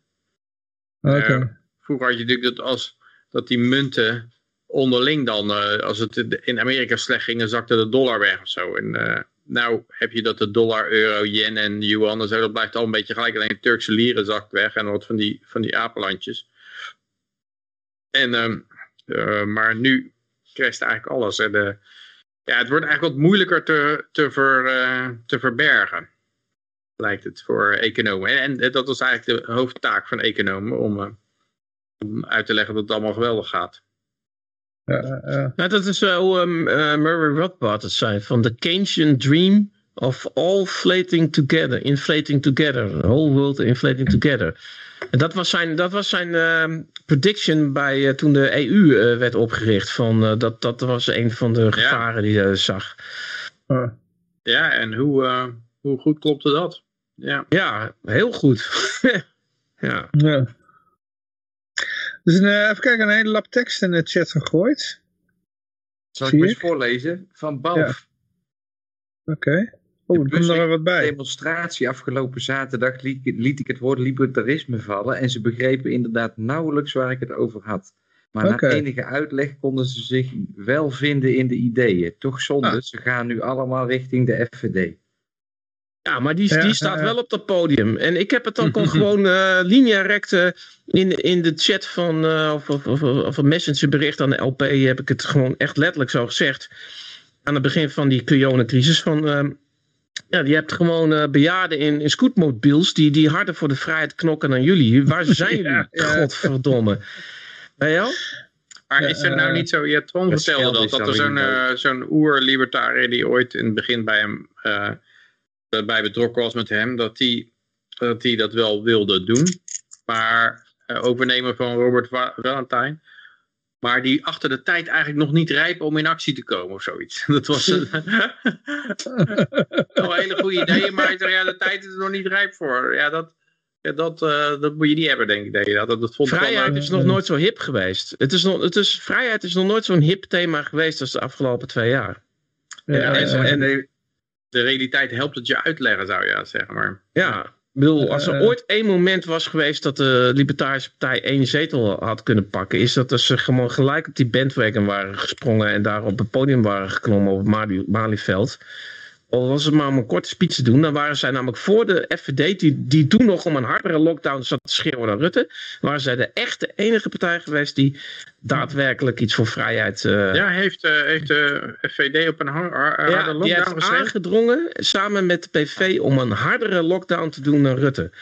Jemig. Ja, ja. En, op dat moment waren er dus geen partijen meer. Op een gegeven moment zijn ze daar heel schoorvoetend van teruggekomen. En op een gegeven moment heeft hij er ook een beetje zijn excuses voor aangeboden.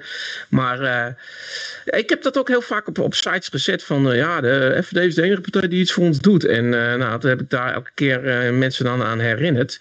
En ik vond ook het, het flauwekul excuusje vond ik een prachtig mooi moment voor de Libertarische Partij. Want uh, toen zei, uh, uh, hoe heet die, Baudet, die zei van ja, ja, nou ja, we hadden eerst in het begin niet helemaal goed door dat het maar een griepje was.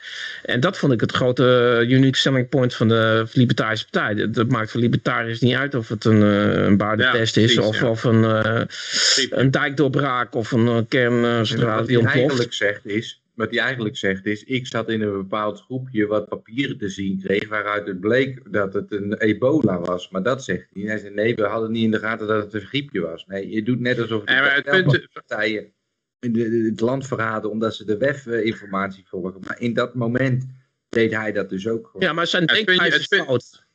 Het puntje is van, inderdaad, ik denk dat, dat uh, wat libertariërs zeggen is, ja, niemand moet die macht hebben om het land, uh, een knop hebben om het land stil te kunnen leggen. Want ja, ook, ook als libertariër kan je wel denken, mijn god, dit is heel erg, uh, dit, dit wordt hem, uh, en, en dit is de vliegende ebola. Maar als libertariër blijft er nog iets overeind dat je geen knop hebt om het hele land stil te leggen. Nee, je mag geen fascisme invoeren om een crisis te bestrijden. En ik ken zelfs de enige libertariër die ik ooit ontmoet heb in mijn leven die, die, is echt, die is echt doods en doodsbang voor uh, corona. Die, die, die beschouwt het echt als ebola.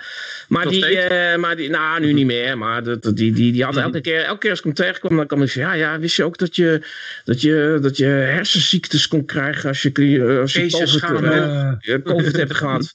En vond u nog steeds dat de overheid het dan moest oplossen? Nee, hij vond, hij vond niet dat de overheid het moest oh, oplossen. en daarom vond ik het juist goed, want ik, nee, ik geef hem ook, hij is voor mij ook een voorbeeld, dat je dus niet voor maatregelen hoeft te zijn, ook al denk je dat het wel ebola is hij zal nu inmiddels niet meer zo denken. Maar, maar hij, hij ging wel. Ik ken, ken een Afrikaan die Ebola overleefd heeft. Hè? En, die voert gewoon als een griep hoor. Maar, uh, ja. Nee, nee, maar goed, het punt is, en dat is het uniek zijn. Wie weet, misschien is ebola ook eenmaal een lulverhaal. dat weet je eigenlijk niet. Je hebt ook alleen maar gehoord dat er in Afrika heel erg was. Ja, maar mijn kritiek op die FVD was dan, als ik, als ik allemaal van die FVD, uh, die, Thierry, die mensen die zich allemaal aan het afrukken hmm. waren op Thierry Baudet, dan zei ik van luister eens, de enige reden dat hij... op Gideon. Alleen op Gideon. Whatever. Maar, oké, maar de, de enige, re, de enige reden... weten, De enige reden dat Baudet nu uh, tegen al die maatregelen is, omdat hij nu weet dat het een griepje is. Maar zodra hij dan te horen krijgt van nou, dan komt er iets heel ergs aan, dat erger is dan een, grap, dan, een griep, dan vindt hij dat kennelijk dus een optie om in lockdown te gaan.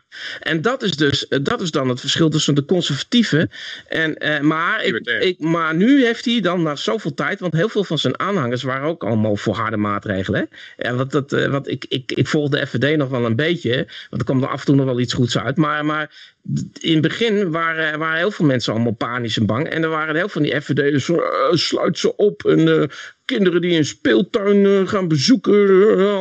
Uh, dat, die waren best wel heftig allemaal. Dus hij kon niet in één keer heel hard zijn. Maar hij, op een gegeven moment heeft hij echt iets van tien maanden later of twaalf maanden later, misschien nog wel langer, heeft hij gezegd: nee, lockdowns werken niet en we moeten nooit in lockdown. We zullen nooit meer. En hij, hij heeft het ook als een soort fout gezegd dat, dat hij dat in het begin wel gevraagd heeft om een lockdown. Maar het is hem natuurlijk ook al een paar keer echt gewoon onder zijn neus gevreven in die Tweede Kamer. Hè? Van hé, hey, wacht eens even Eh, jullie waren de partij die eh, tegen Rutte zaten van uh, harder, harder, harder, hè? En hmm. dat, dat heeft hem dus echt wel, wel wat last bezorgd gewoon. Maar goed, hmm. dan had de, de LP had dus een unique selling point. Hè? Ze waren de enige partij geweest. Die waren goed geweest van begin tot eind. Tot, En ja. Maar ja, goed. Ja, en ik denk dat de FVD ook gewoon ruikt dat er een groep niet vertegenwoordigde kiezers, ontevreden kiezers rondzult, die gewoon geen politieke strohalm hebben om zich aan vast te klampen, om, en die tegen die lockdown zijn en tegen die, die, die hele covid maar onzin vinden. En die hebben gewoon geen politieke vertegenwoordiger. Er zit ook, volgens mij bij de FVT zit er gewoon politiek opportunisme bij. Ook van oké, daar vallen gewoon stemmen te halen, dan, uh, dan ga, ik maar, ga ik het roer maar omgooien. Want, want er is, er is gewoon zo'n consensus en handjeklap binnen de politiek. Dat als jij gewoon een ander standpunt inneemt, dat, en dat is heel makkelijk eigenlijk, nou, ja. dan, dan, dan, dan, dan, dan zuig je gewoon al die kiezers op, die ontevreden kiezers. Het is een heel groot continent ontevreden kiezers. Ja. Ik denk dat ze Joosje Livo als lijstduwer moeten nemen. maar uh, er vraagt iemand in de chat ook, uh, die hetzelfde eigenlijk. Van uh, waarom is er, was de LP niet aanwezig? En ja... Is er, ik, ik, wel, is er eigenlijk wel een leiderschap nou van de LP? Ja, dat is het hele probleem. Ik heb toen ik elke keer bij zo'n demonstratie was, dan mailde ik sms ik Rick, weet je wel, van joh, waar is de LP? En dan kijk ik elke keer, ja, we zitten in een bestuursvergadering, weet je wel. dus nou ja, dat is de reden. ja, maar, ik, maar, laat ik het even uitleggen. Er is nieuwe een leiderschapswisseling geweest. En er is dus iemand die wil dus die partij professionaliseren. En dat is eigenlijk de reden. Dus ze zijn een beetje uh, in zichzelf gekeerd. Dat heeft te maken met ja, de, de, de veranderingen waar de LP nu uh, mee bezig is. Dus dat is de reden dat ze er, er, niet zijn. Maar ja, persoonlijk denk ik op zijn minst... Kijk, er zijn mensen die niet in het bestuur zitten. Dan kan je op zich nog wel gewoon een... hoe noem je dat? Een wervingsteam die, die, die, die niet met het vergaderen bezig zijn en die hmm. toch staan te demonstreren. Maar zo'n kans krijg je nooit meer. Nee, ja, ik denk dat die, die, die, die, die, mensen, die, die LP'ers, die, die, die, anders dan, die, die dan anders eigenlijk zouden staan flyeren voor de LP, die zitten toch op die vergadering. Dus dan kun je gewoon uh, een partijtje foldertjes uh, doorheen ja, maar je, je snapt gewoon het hele moment niet. Dat, ik weet niet wat voor figuren dat zijn. Of dat er ook een gedeelte gewoon autistisch is of zo. Of wat dan ook. Maar dan, je snapt er gewoon helemaal geen. Zo allemaal. Oh, allemaal, Autistisch en bij de, LP. En in die ja, Het punt is, is, inderdaad een beetje... Ik, ik gaf vandaag... Uh, maakte ik wat uh, een donatie deed ik aan het Mises Instituut, omdat ja, die ook libertariërs en die hebben hele goede studies. Maar je merkt gewoon dat de sfeer er is van iets van oké, die gaan niet winnen. Want uh, het is allemaal heel formeel, alsof ze in het verleden zitten. En hoe wil je aangesproken worden? Mr., Mrs. En hebben ze vijf titels. en het komt allemaal veel te veel uh, stenen tijdperk over. 1890, alsof ze, zijn, alsof ze zijn blijven hangen in de goede oude tijd. Dat het nog, dat het nog uh, uh, klassieke liberalisme een, de hoofdmoot vormde. En, en eigenlijk een soort libertarisme was.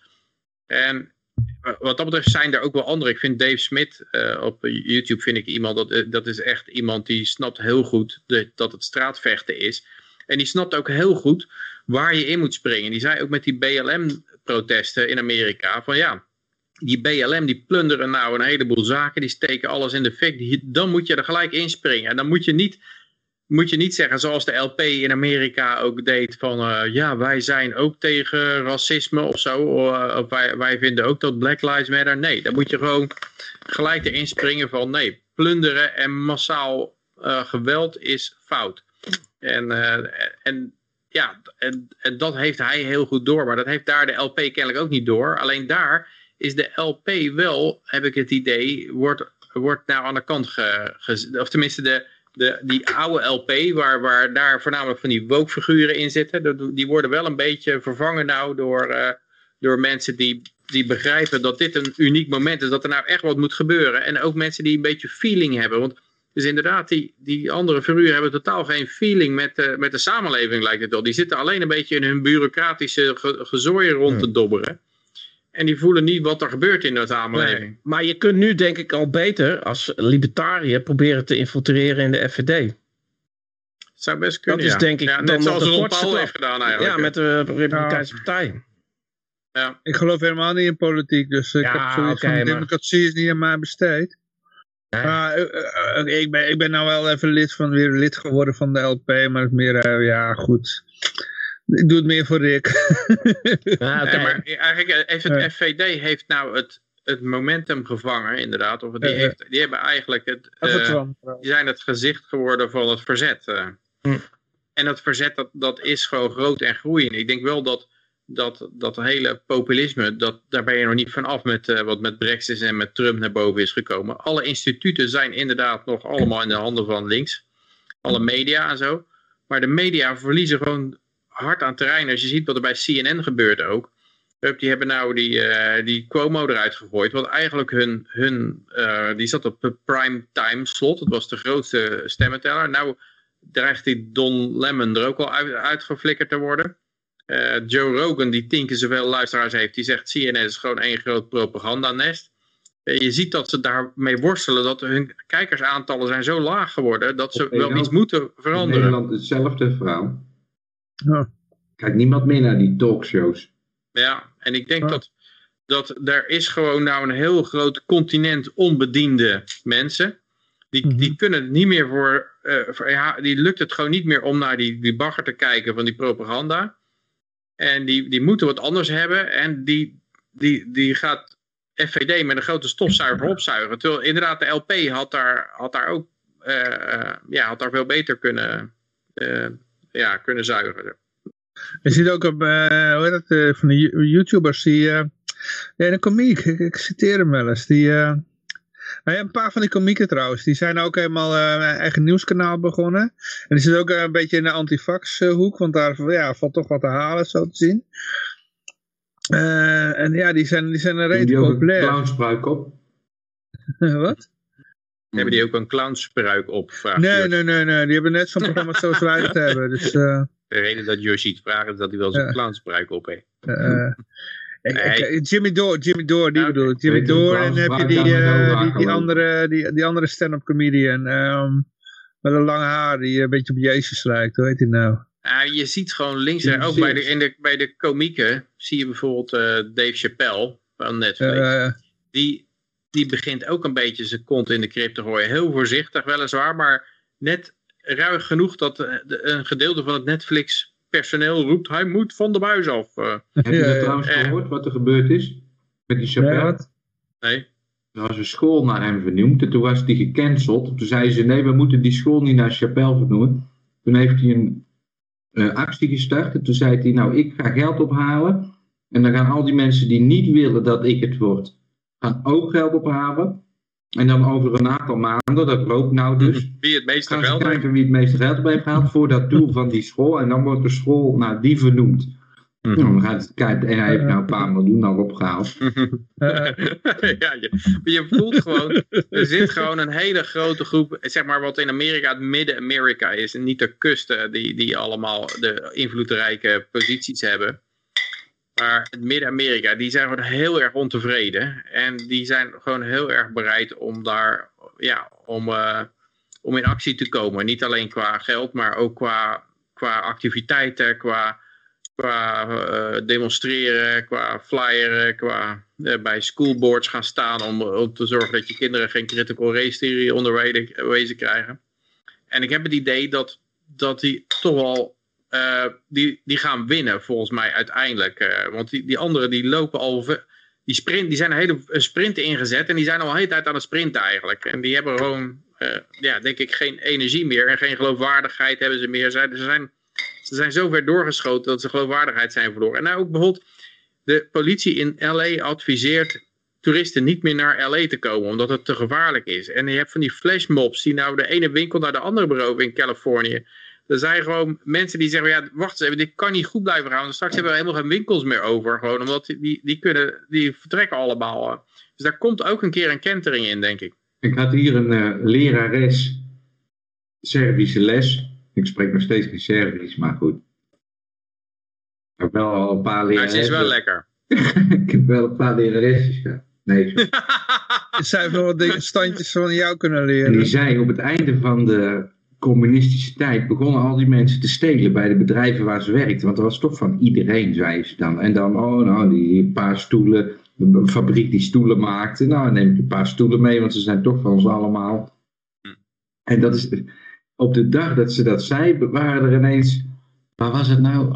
Ah, Heel, oh ja, was een filmpje wat ik zag van, niks zeg het filmpje verder, maar een paar gasten lopen dan zo'n eh, parfumwinkel in. En die hebben gewoon een bivakmuts op en eh, de tassen hebben ze zo bij. En die doen gewoon heel rustig, pakken ze al die parfummetjes zo, hop, hop, hop, hop, hop, en lopen ze weer naar buiten. En er staan meer mensen in de zaak dan dat er overvallers zijn, maar iedereen die kijkt gewoon en laat het gebeuren. En, Ja, en het is ook zo dat eh, diefstallen beneden de 950 euro, die worden niet vervolgd. Dat hebben ze aangegeven, dus dat betekent dat dat gaat ook helemaal uit de hand lopen. Ik Ja. zag nou één winkelier, die had al zijn producten gepri- geprijsd op 951 dollar. Ja, joh. Ik wil, graag- ik wil en een snicker er- kopen. Mag ik een Ja, snicker? Ja, die is 1000 dollar. Ja, maar dan had je dus discount coupons aan de ingang. maar het was, dan, het was wel officieel 951. Maar als je een reep chocolade wil kopen, dan kon je een discount coupon van 950 dollar krijgen. Dat is wel slim weer, hè? Wordt, Nee, daar ja. dan, wordt daar dan ook iets gestolen of daar dan weer net niet? Dat weet ik toch niet of, eh, maar ik vond het inderdaad een slimme aanpak. Maar het is, het is wel zo'n slimme aanpak van ja, uiteindelijk red je dat daar ook niet mee natuurlijk. Je moet, eh, je moet gewoon die criminaliteit aanpakken. En daarvoor gaan. En die, die democraten die doen dat niet, want die zeggen allemaal van nee, dit is, eh, eh, dat zijn allemaal mensen die hebben gewoon een brood nodig. En, en, de- en daarom gaan ze denk ik uiteindelijk toch, gaat het toch, gaat het roer om. Ze gaan, ze gaan zoeken naar een politieke vertegenwoordiger die wel hun belang behartigt. Ja. En, en nu is het ook al zo dat in rijke wijken in L.A. eh, kan je, kan je, eh, dringt de criminaliteit door. Eh, dus er was laatst ook zo'n zo'n rijke dame die veel in de filantropie zit. En die was gewoon naar huis gevolgd door die criminelen naar haar rijke woning en daar beroofd. Dat, dat soort, als je, als je eenmaal aan de Hollywood eh, scene begint te komen, dan denk ik dat het niet lang duurt voordat er eh, politiek klimaat verandert. En ze zijn van gun control. Dus, eh, dus inderdaad, die Ah. politie kan niks meer doen en ze zijn van gun control. Dat is ook Ja, een en- toon en- niet- Op een gegeven moment gaat de overlevings survival instinct gaat het toch wel redden, denk ik. Dat ze denken van ja, shit. Nee, er komt echt, ik denk dat het volgend jaar gaat gebeuren. Maar ja, goed, de EU zegt 2026, maar er komt op een gegeven moment digitaal geld. En dat, dat wordt echt, dat is de impact van, de, van wat er nu allemaal aan de hand is. Is dat digitale geld. Wij moeten van dat geld af. En vanaf dat moment kunnen ze eh, het als een soort voedselbonnen gaan uitdelen. En aan het eind van de maand zijn ze gewoon komen ze te vervallen. En dan krijg je een volgende batch met nieuwe voedselbonnen. En dat wordt allemaal gewoon de digitale euro genoemd. Maar die zijn niet hetzelfde als papieren euro's. Want die worden allemaal gewoon gelabeld. En, en die hebben een bepaalde looptijd. Ja, en worden maar met dat soort bullshit ga je het niet redden tegen mensen die hun leven gevaar lopen en hun, en hun levenswerk gevaar lopen.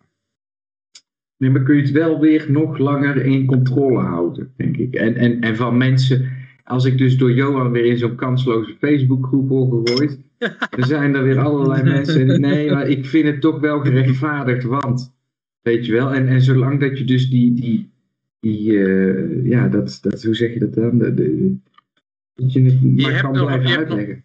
Je hebt nog steeds een hele grote groep mensen die, die verdedigen het allemaal.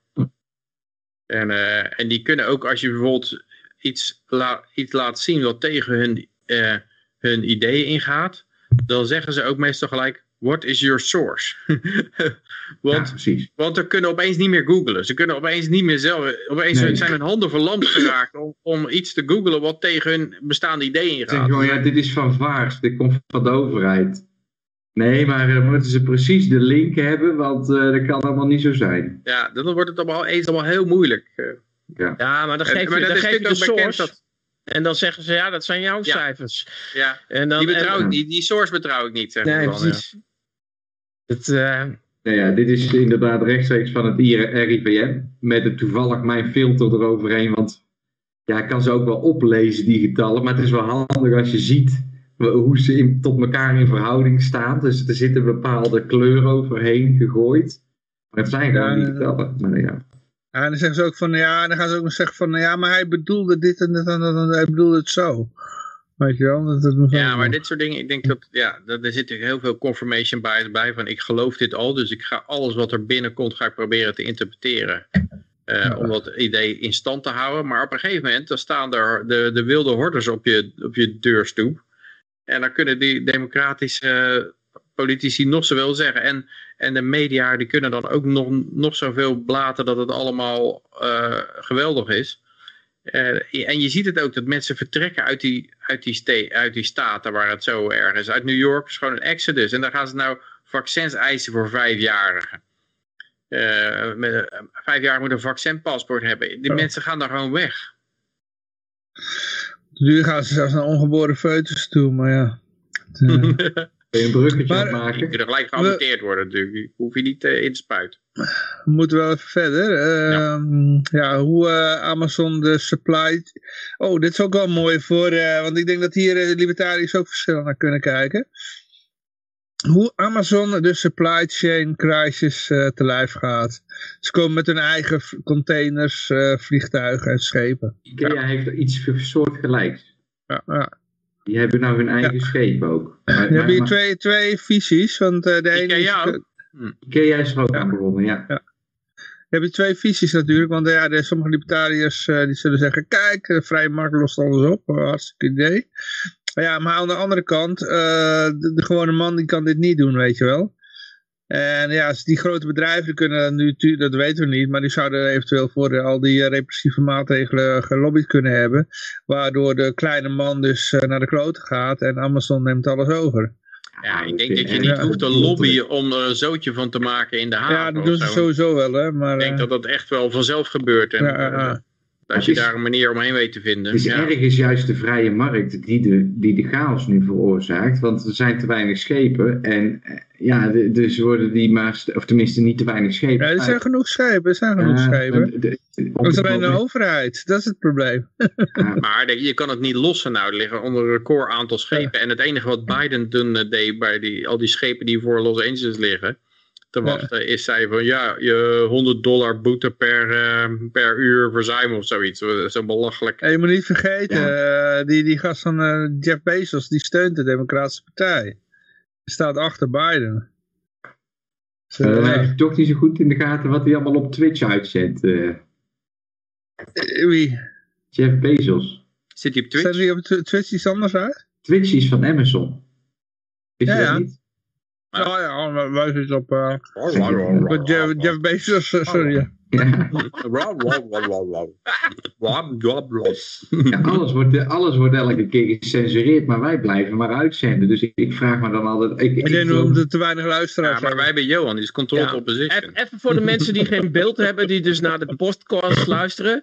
Johan, Johan is een Indische rijsttafel aan het verorberen. Ja. En daardoor af en toe. Dus denk niet dat hij doodgaat of verstikking of dat, er, eh, dat hij gewurgd wordt.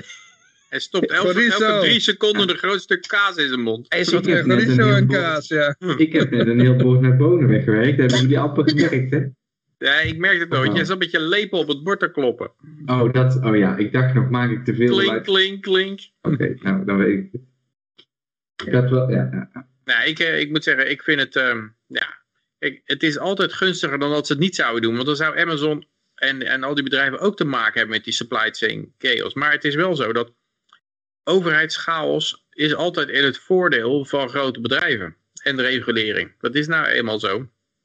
Want die kunnen een heel team erop zetten om, om daar omheen te werken. En kleine bedrijven kunnen dat niet. En daarmee... eh, eh, Maar een beetje kip en. Dus, eh, dat is de vraag van, sturen grote bedrijven hier eh, daadwerkelijk op aan? Of weten ze beter om te gaan met de chaos van die eh, politici Ja. veroorzaken? het, het- ja welke het zou grote kunnen- bedrijven, Johan? Toch? Zou kunnen Hm? zijn dat ze er op, op, eh, op inspelen, maar of dat ze erop op aansturen. Maar ik denk dat dat, dat ja, bij, bij Hitler, Duitsland vond ik dat nog altijd zo, zo tekenend. Dat daar waren ook van die bedrijven die, die eh, zagen het wel zitten om, eh, Oh ja, Godwin. die zagen het wel zitten om, om Hitler te steunen. Omdat ze dachten dat hij hen zou beschermen tegen communisten enzovoort. tegen confiscatie. En uiteindelijk waren ze toch gewoon de Sjaak. En dat is, die, die bedrijven die zien vaak niet, niet, hebben niet door dat uiteindelijk dat, eh, dat ze wel even een leuk subsidie kunnen vreten. Maar uiteindelijk zijn ze toch ook gewoon zelf zijn ze de sjaken. Ja. Uiteindelijk krijgt Amazon een megaboete. Ja, het wordt gewoon genationaliseerd, zoals met Jack Ma bijvoorbeeld. Eh, ja, je, je speelt een tijdje eh, in de kaart van de, van de overheid en dan ben je een, eh, ja, dan ben jij een, een favored person. Maar uiteindelijk heb je geen guns en heb je geen rechtbanken en heb je geen media en geen scholen. En, en dus kunnen zij jou ten alle tijden vernietigen. En dat doen zij zodra jij te machtig wordt. Dus ik denk, als ik Jeff Bezos een tip mag geven, dan ik word niet te groot. eh. hou het op, hou op een gegeven moment op. Want, want als, zodra het regime ervaart dat jij bedreiging bent, boem, dan ben je gewoon gelijk onteigend. eh. Uh, als je kijkt naar, eh, hoe heet die nou, eh, die, hebben eh, Bill Gates, die is toen ja, aangeklaagd uiteindelijk. En een tijdje terug met die, volgens mij met die browse, eh, wanneer was dat dan met die browsers? Ja. Of? Ja, dat de Browseroorlog, browser geïnteresseerd, Ja. geïntegreerd zat in het OS, ja. Ja, ja. En nou ja, die is toen in de pharmaceuticals gegaan. Ja, het was eigenlijk zo, Microsoft die wilde niks hebben van, eh, van inmenging met politieken en lobbyisten en dat soort dingen. Totdat zij... Dat ze groot zijn geworden met de overheid. Ja, maar ze wilden geen lobbyisten naar, naar Washington sturen. En, Oké, ja. eh, want ze hadden, ja, veel van die bedrijven hebben toch het idee dat ze een vrije markt zijn. Net zoals de Koch, Koch Brothers en zo. Eh, En, eh, en totdat ze uiteindelijk inderdaad aangeklaagd werden. En toen, toen zijn ze ook maar mee gaan doen aan het lobbyspel. Want ja, je, als je niet doet, dan, eh, dan word, jou, word jij eh, aan de kant gereden. Die Kochbrothers waren degene die de zilvermarkt hadden opgekocht, hè? Eh, nee, dat Nee, waren de de Hunt olieboeren. Brothers. Oh, Hunt dat waren Brothers. de. Waar waren de Kochbrothers dan? Ja, die hebben Koch Industries. Dat is een, eh, ja, het is een bedrijf, volgens mij voornamelijk in olie en chemicaliën en dat soort dingen. ge- maar ze, ze steunen heel veel, ja, een beetje conservatieve figuren. Ze zijn de grote boeman van, van eh, links-Amerika. Want die, eh, die zeggen, oh, de Koch Brothers, de Koch Brothers. Er is Oh, één zo. Op dit moment. Ja, er is er nog maar één, één Koch brother over trouwens, die anders overleden. Maar eh, er is bijvoorbeeld zo'n Amerikaanse politicus, Harry Reid. En die hebben ze een hele compilatie van hoe vaak hij de Koch brothers aanhaalt als de grote demon die, die weet ik niet wat financieren. Dus als, als jij bijvoorbeeld zegt van nou, de global warming, dat geloof ik niet zo. Dan hoort een links iemand gelijk te roepen, ja, want zeker betaald door de Koch brothers. Oh ja, ja, Dat is, ja, ja. ja, dat is ja. een soort Emmanuel Goldstein uit 19, 1984 boek. Zo'n zo'n schurk die op de achtergrond die overal voor verantwoordelijk is. Een soort eh, Satan, zeg maar, Ik van, ben blij van dat ik even seculiere heb mensen. Ik ben blij dat ik even heb eh, doorgevraagd. Dan ga ik nog wat, ga ik nog wat tegenkomen in mijn leven. Ik. ze, ze, ze, ze financieren ook bijvoorbeeld Recent TV, hè? Hm. Ja. En eh, andere libertarische dingen. Dus, eh die krijgen ook uh, Keto Instituut, geloof ik ook. Ja, de, zeg maar al die, al die foute libertarische eh, instituten zoals... eh, Johan die raakt even zijn, eh, zijn, eh, zijn eh, kof, kof button. Kof. even een kof Ja, button. ik koch en ik dacht, uh, Koch button. Koch, kof button. er schoot een chorizo in mijn Ja, keel. Mark begint ook gelijk te hoesten. Eh, en je ziet dat het toch virus zich verspreidt. Hè? Eh, Je begint gelijk te hoesten, man. ja, ik dacht dat je kuchbrothers zijn. Maar uh, even kijken hoor. Nee, maar Keto en, en Reason, dat zijn wel van die, zeg maar, van die, ja, een beetje foute libertarische, tenminste, het zijn een beetje, Populair. nou, ze zijn een beetje water bij de wijnachtige types zijn het.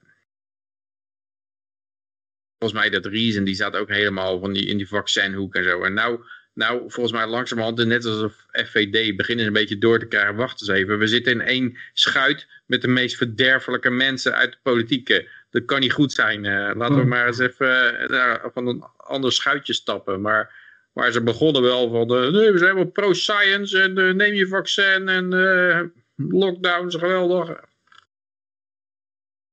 Ik weet nou even maar op een gegeven moment was de stank waarschijnlijk niet te harder met de, in het schuitje waar ze in zaten. Het, ik ben maar de comments stonden nog wel aan bij hun.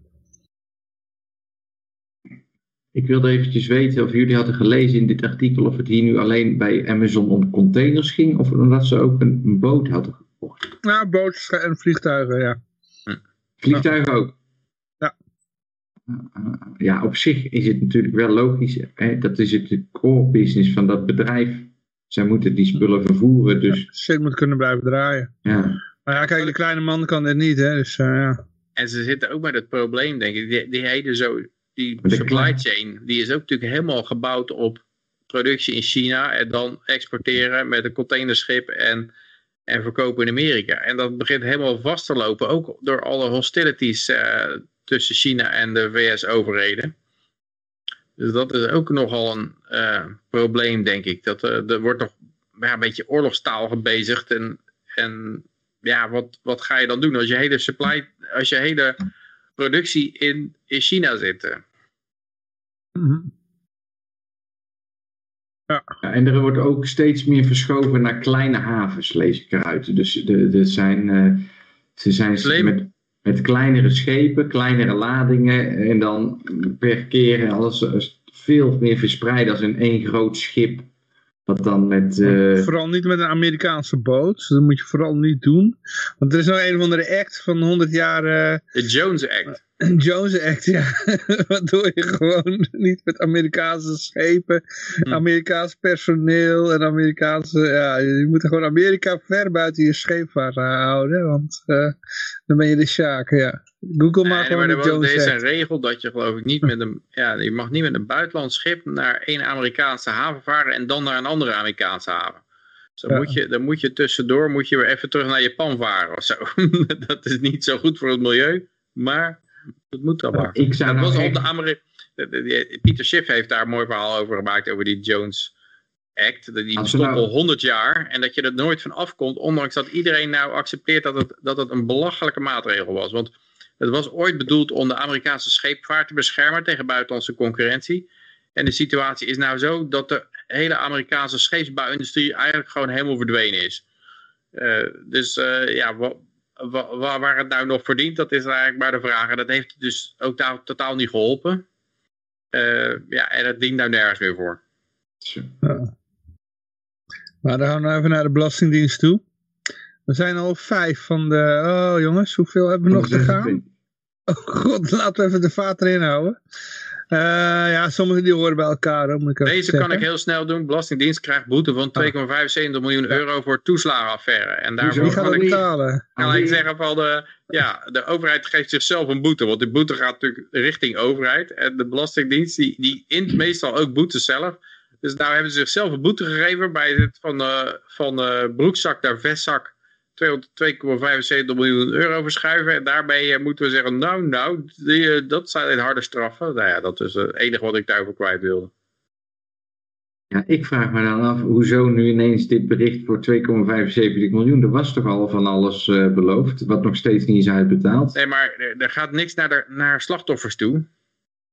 Oh nee, dit is gewoon een boete, omdat er ook een keer een boete wordt uitgedeeld.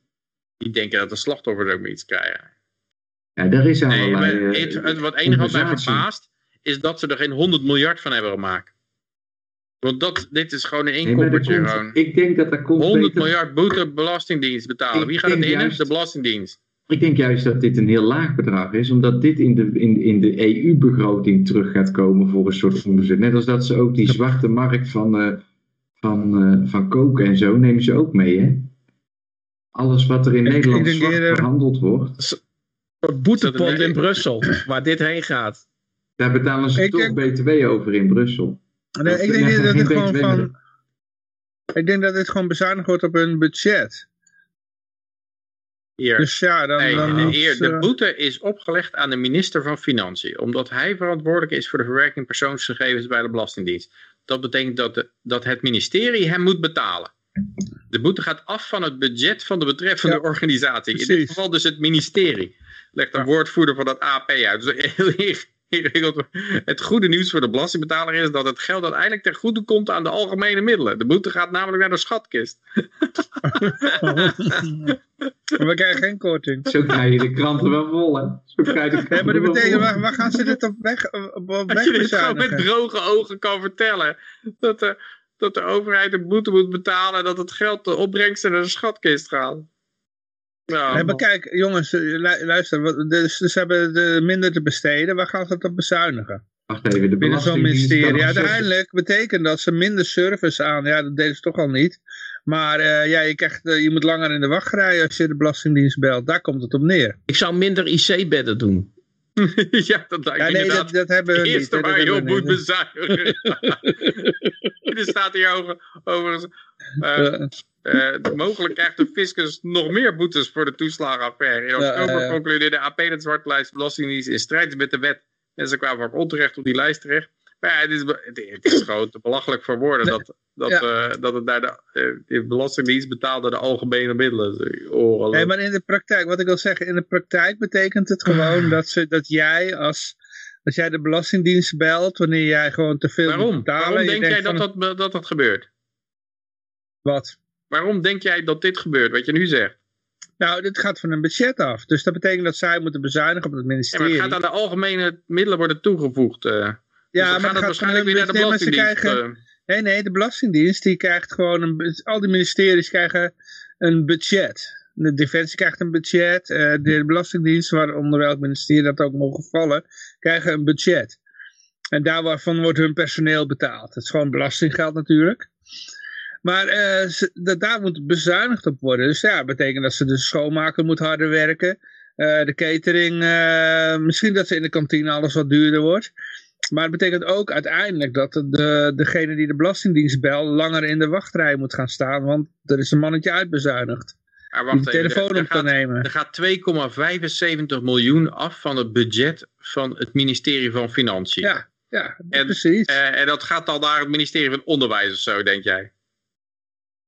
ja, ik weet niet waar het naartoe gaat. Het gaat in een eindeloze Ik denk dat het ministerie van eh, Financiën gewoon zegt, ja, de reden dat wij, dat wij die fouten gemaakt hebben, is, is dat wij onvoldoende personeel hebben en de werkstress en de ja, werkdruk maar is dat is zo het enorm jaar groot. daarna. hè. Dat is het jaar daarna. hè. En, dan, en daarom Ja. eisen wij 300 miljoen extra erbij, Ja, maar een miljard erbij of zo. tussen. Dus, dus het komende jaar eh, zul je langer in de wachtrij moeten staan als je de Belastingdienst belt.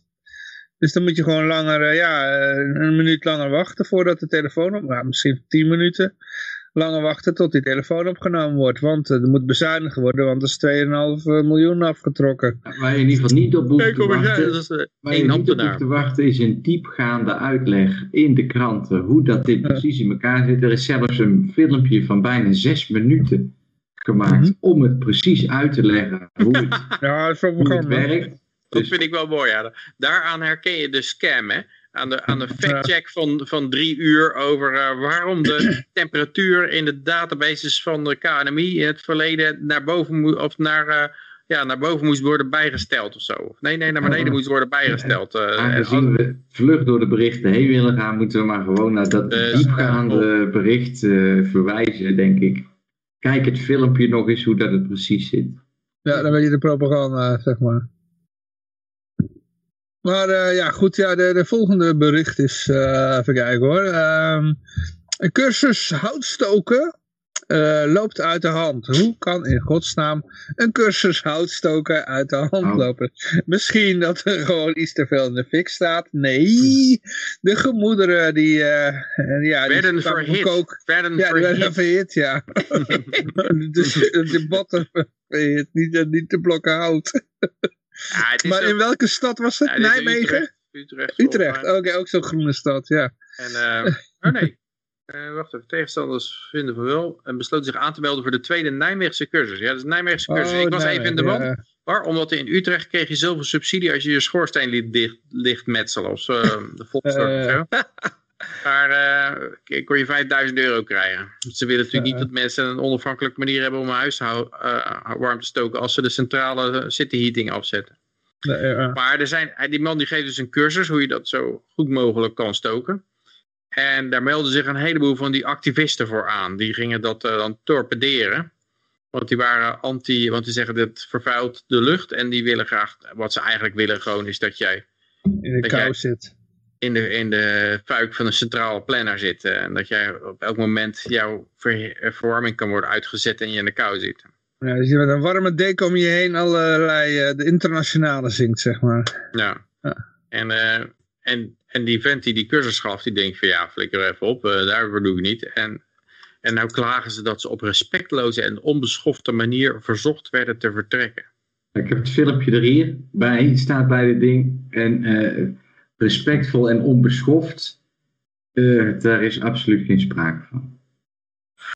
Dus dat wil ik alleen... Kijk, als ik dat soort mensen in mijn cursus zou vinden, dan zou ik ze er ook gelijk uitflikkeren. Ja. Ja, Eh, Die zijn En, absoluut eh, niet geïnteresseerd in hout stoken. nee. Alleen in En- onrust stoken. Ja, Mhm. we stoken hier hout en geen onrust, zeg je dan. Ik wil het bij deze vriendelijk verzoeken te vertrekken. Nou, en, en er wordt ook hier weer eh, veel te veel tekst aan besteed eigenlijk. Er zijn gewoon een paar eh, mensen die een beetje de boel willen lopen verzieken. En die vent die geeft de cursus en die zegt gewoon eh, voor, het, voor het belang van de rest van mijn mensen die hier wel interesse in hebben, wil ik gewoon een beetje de gang erin houden. En ja, En dan krijg je ook dit. Sommige mensen werden uit de meeting verwijderd. Een beschamende vertoning die je wel zou verwachten in een dictatuur. Maar niet in democratisch Nederland. ja jongens. Ja, Dat maar ze hadden een- het ook een eh, cursus mini-biomassa-centrale stoken Ja, moeten noemen. ja die, Om de, de planeet te redden. Nou, Ja, dat was goed geweest. Ze, ze hadden het inderdaad de, de so- eh, social deve- nee, eh, Sustainable Development Goal nummer zoveel eh workshop kunnen noemen. Dan Ja. En hoe dan je biomassa in de fik steekt. Ja, je mag die oerbossen mag je natuurlijk prima in een elektriciteitscentrale flikkeren. Dan mag je de hele Amazone voor, voor plat gooien. Want dat, dat, is, eh, dat, re- dat reduceert de CO2-uitstoot. Maar eh, ja, in je open haard, dan kan natuurlijk niet. Dat is helemaal fout. En degene die hier dus ook naartoe gaat om dit te doen, die verwijzen dan naar de WHO-richtlijnen. En die zeggen dan, ja maar weet u niet dat eh, de WHO voorschrijft dat houtstoken ontzettend gevaarlijk is. En eh, dat er eigenlijk eh, geen, geen grens zit aan, eh, aan, aan de, de, dat er geen ondergrens zit aan, dat het eigenlijk begint vanaf het moment dat het hout in de fik staat. Beste Ja. mensen, we zijn hier hout aan het stoken, dat doen we al eh, sinds dat we warm willen zijn. Dus eh, Maar ik heb er wel een beetje een beeld van. Ik heb natuurlijk met die gemeenteraadsverkiezingen en met die provinciale verkiezingen meegedaan namens de LP, weet je wel. En dan zit je in zo'n debat en dan komen echt zo van die, van die GroenLinksers en die, die lopen gewoon serieus te krijsen. Hè? Dat is gewoon alsof er een, een, een varken wordt geslacht. Zo klinkt dat. Dan heb je zo'n zaal waar iedereen gewoon een beetje eh, mompel, mompelend aan het praten is. En in één keer hoor je gewoon gekrijzen doorheen, want eh, hè, het punt is de, gewoon, de, het- lucht, de kwaliteit of zo, weet ik In- veel. En dan lopen ze een partij te krijzen. Maar nu hebben ze dan een mondkapje op. Ik ben benieuwd hoe dat nu klinkt, weet je wel. Het punt is dat Een de Nederlanders die zijn gewoon echt, dat is voor mij, het, Ja. heb ik ook al eens vaker gezegd, maar die hebben gewoon een beetje het contact met de natuur te veel verloren. Het- We zijn, we zijn zelf dieren en dat we zijn die mensen die... Ja, die- het zijn magere speenvarkens die aan het Ja, krijgen ze komen ook uit de stad, die, fuck, die GroenLinksers. Ja, ja, ja, ja. precies. Ja. En, helemaal geen Uit de ja. kraakpand, uit, uit zo'n eh, zo'n slecht, eh, ja, zo'n zo, zo, zo, zo'n een of andere oude fabriek die ze gekraakt hebben of zo. Kijk, in zekere zin, als je dus je hout koopt om het te stoken, eh, dan kun je inderdaad dat hout wel gaan reguleren. En dan zeg je, je mag het alleen onder deze voorwaarden mag je het gaan stoken. Maar je moet wel ook gewoon, eh, hè, als mensen zelf hun hout bij elkaar weten te sprokkelen, dan is het hun hout, snap je? En dan, ja, eh, is het, in zekere zin is het een best wel primitieve levensbehoefte.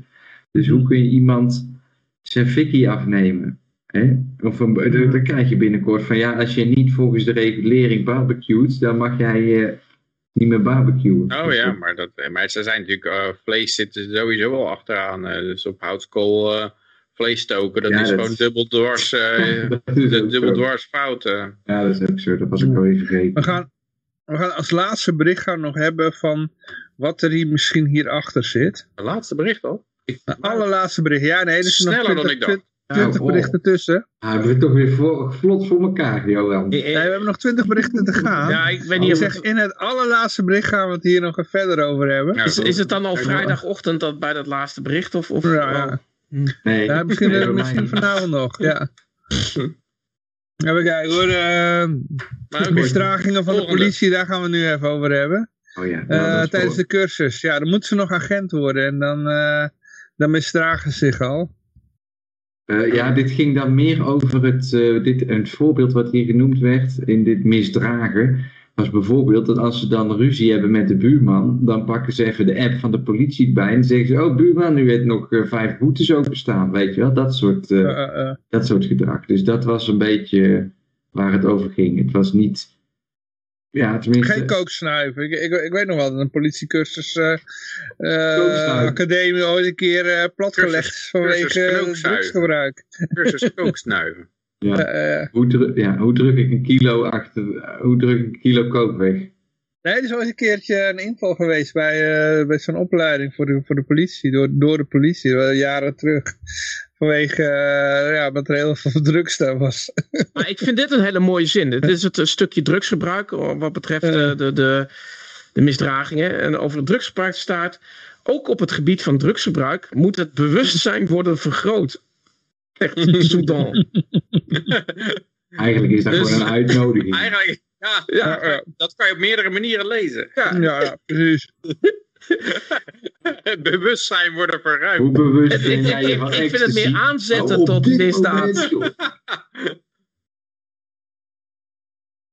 Dat is gewoon een reclamecampagne. Maar ik hoorde laatst ook van een agent, en dan kan je, ja, bij, eh, bij Blue Tiger was dat geloof ik.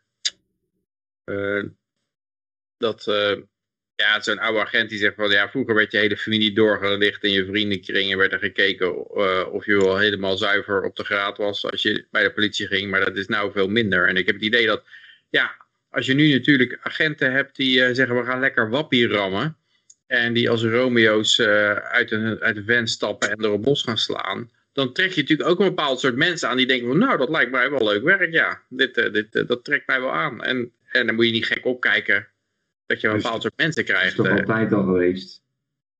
Is het niet ja, gewoon nee, deze agent wel raar, dat want het ik, erger, erger geworden was. is het Ik, word helemaal, ik- als ik bij de politie kroketjes moet gaan bakken voor mijn werk, want ik, eh, ja, ik heb dat ook moeten doen bij de politie, dan word ik helemaal doorgelicht. En er wordt zelfs naar mijn familie en de familie van mijn familie gekeken. En als, als daar iets mis is, dan, eh, ja, dan kan ik eh, niet kroketjes pakken bij de politie. Dus ze zijn nog nooit op deze podcast gestuurd. Ja, dus was daarna. Hè. Ik, ik heb er vroeger heel lang, Ja, je een weet tijd wat terug voor werk dat alweer, hij eh, allemaal doet bij de politie, die Johan. ja. ja, kroketten bakken. Ah, Johan is van de politie daarna naar de een AFD. jaar terug hoor. We hebben hier gewoon een Ja, politieagent eh, in onze uitzending Ik zit Ja. meer te denken van, zou het niet onderhand het, op het punt zijn aangekomen dat ze überhaupt blij zijn dat er nog iemand voor de politie te vinden is? Dat ze denken van, nou ja, dat daar... Nou ja, je moet, je moet maar even googlen op eh startsalaris politieagent. En dan weet je al eh, waar- waarom ze dit soort mensen allemaal aantrekken. Het begint gewoon met uitkering eh, niveau. Hè? 800 zoveel euro eh, per maand. Als startsalaris als voor een agent. En bij de AIVD verdien je nu meer, eh, Johan? Ja, dus dan kan je daar beter gaan werken. Dat je dan door iemand kroketjes Hoeveel verdien je nou krijgt. precies bij de AIVD, Johan? En is er Weet iemand, niet, en dan is er iemand kroketjes aan het bakken voor je, die verdient meer. Er staat er. ja. De kroketbakker die je de kroket geeft, die, eh, die, eh, die heeft nog meer salaris dan jij. Nou ja, Zeg, zeg je dat dan ook tegen ze, Johan? Van, hé, hey, ik verdien meer dan jou, eh, agent. Ja, volgens mij verdien ik als krokettenbakker meer dan die agent met zijn ogen die helemaal zo, zo stonden. En Maar- dan de witte bovenlip. wrijf je de- dat ook in? Ja. Maar Wrijf ik je, krijg betaald in wrijf- natuur hè, met wrijf cocaïne. je dat ook in? Wat, wat? Wrijf je dat ook in, eh, dat je meer verdient bij die agent? Nee, nee, nee. nee, nee, ik heb het, eh, Hoeveel strepen heb jij? Hoeveel strepen ook ik verdien meer dan jij? hoeveel strepen heb jij? Ik verdien meer dan jou. Want jij hebt zoveel strepen. Nee, er zitten Ja, nog een paar kooklijntjes op je schouders. Ja, kijk, zo'n Nee, agent, kan zeggen, agent kan zeggen van ik, krijg, ik snuif wel in één, in één dag snuif ik meer dan wat jij per maand verdient. Ze krijgen betaald in natura natuurlijk. Maar het is, al, het, het is natuurlijk de grootste werkgever van Nederland. En daar zitten, daar zitten toch al hele ja, trieste figuren in. En dat is wel, ja, dat is wel zorgwekkend dit. Doe de volgende, Johan. Doe de volgende maar snel. Het is een goed Ja, moment. hij kan niet volgende. praten, want zijn, zijn mond zit weer vol met kaas. eh. Ursula, von een der, Ursula von der Oh, Leyen die- zwengelt discussie over Europese vaccinatieplicht aan. Is het Ja, op, een, op bericht. een mooie manier heeft de Telegraaf hier omschreven dat Ursula van der Leyen de Nuremberg-code wil afschaffen. Ja, inderdaad. Eh, ik weet niet of die ook nog apart wordt behandeld, eh, of dat die er nog tussen staat. Nee, nee, nee, die heb ik er niet, eh, niet bij zitten. Nee. Ze wilde een Nuremberg-code ook afschaffen. Kom maar, noem het even. en er, was ook, er is ook nog een eh, conventie van Helsinki die ook gelijk door het toilet gaat eh, bij, deze, bij een vaccinatieplicht. Ja. ja, dus ze is lekker bezig. Is dat, ook, is dat een Nederlander of is ze Belgisch? Belgisch toch of zo? Oh. Niet. Nee, weet ik, niet, ik weet het niet zeker. Ik Ja, weet ik, het niet. eh, we zoeken het real-time op hier. Oké. Maakt Voor ook de niet uit waar het vandaan komt. Maakt dan, niet uit waar het vandaan komt. Nee, ja. België. België. Ja, oké. Dat is heel erg dikke matties met die CEO van, eh, van Pfizer. Oh, de spa- haar spouse is ook Heiko van der Leyen. Volgens mij is dat ook een figuur. eh, Ja. Ja, precies. Ja, dus dat is, eh, ja... De pedoclub, hè. Ik verwacht gewoon de pedoclub, zeg ik gewoon. Duitse, Duitse physician. Dat is ook iemand die geloof ik, eh, ja, dat is een arts zo die. eh, Ja. Ja, die zat ook in de farmaceutische, wereld. Eh, Ja, oh nee, ik, kan- ik kan tegenwoordig kun je beter tribunaal zeggen, want dat is, het triggert allebei, maar tribunaal heeft minder letters, dus het is makkelijk.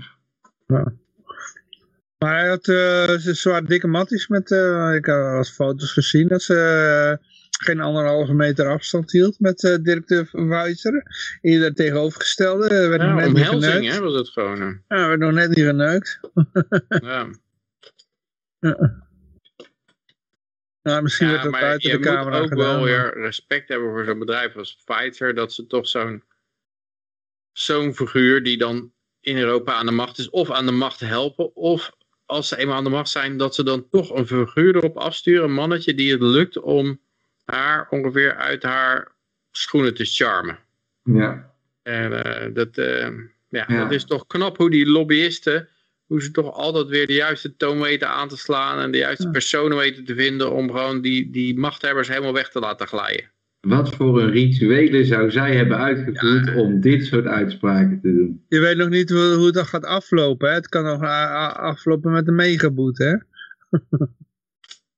Ja, Ja, maar dat maakt niet uit als het daarna maar het is een beetje zo'n net zo- zo'n Medici-verhalenlijn, weet je wel? Zoals Hij heeft de Johan... bij de Medici's dat ze elkaar omhelzen, maar dan met een dolk, eh, weet je wel, in de rug. Ja, ja.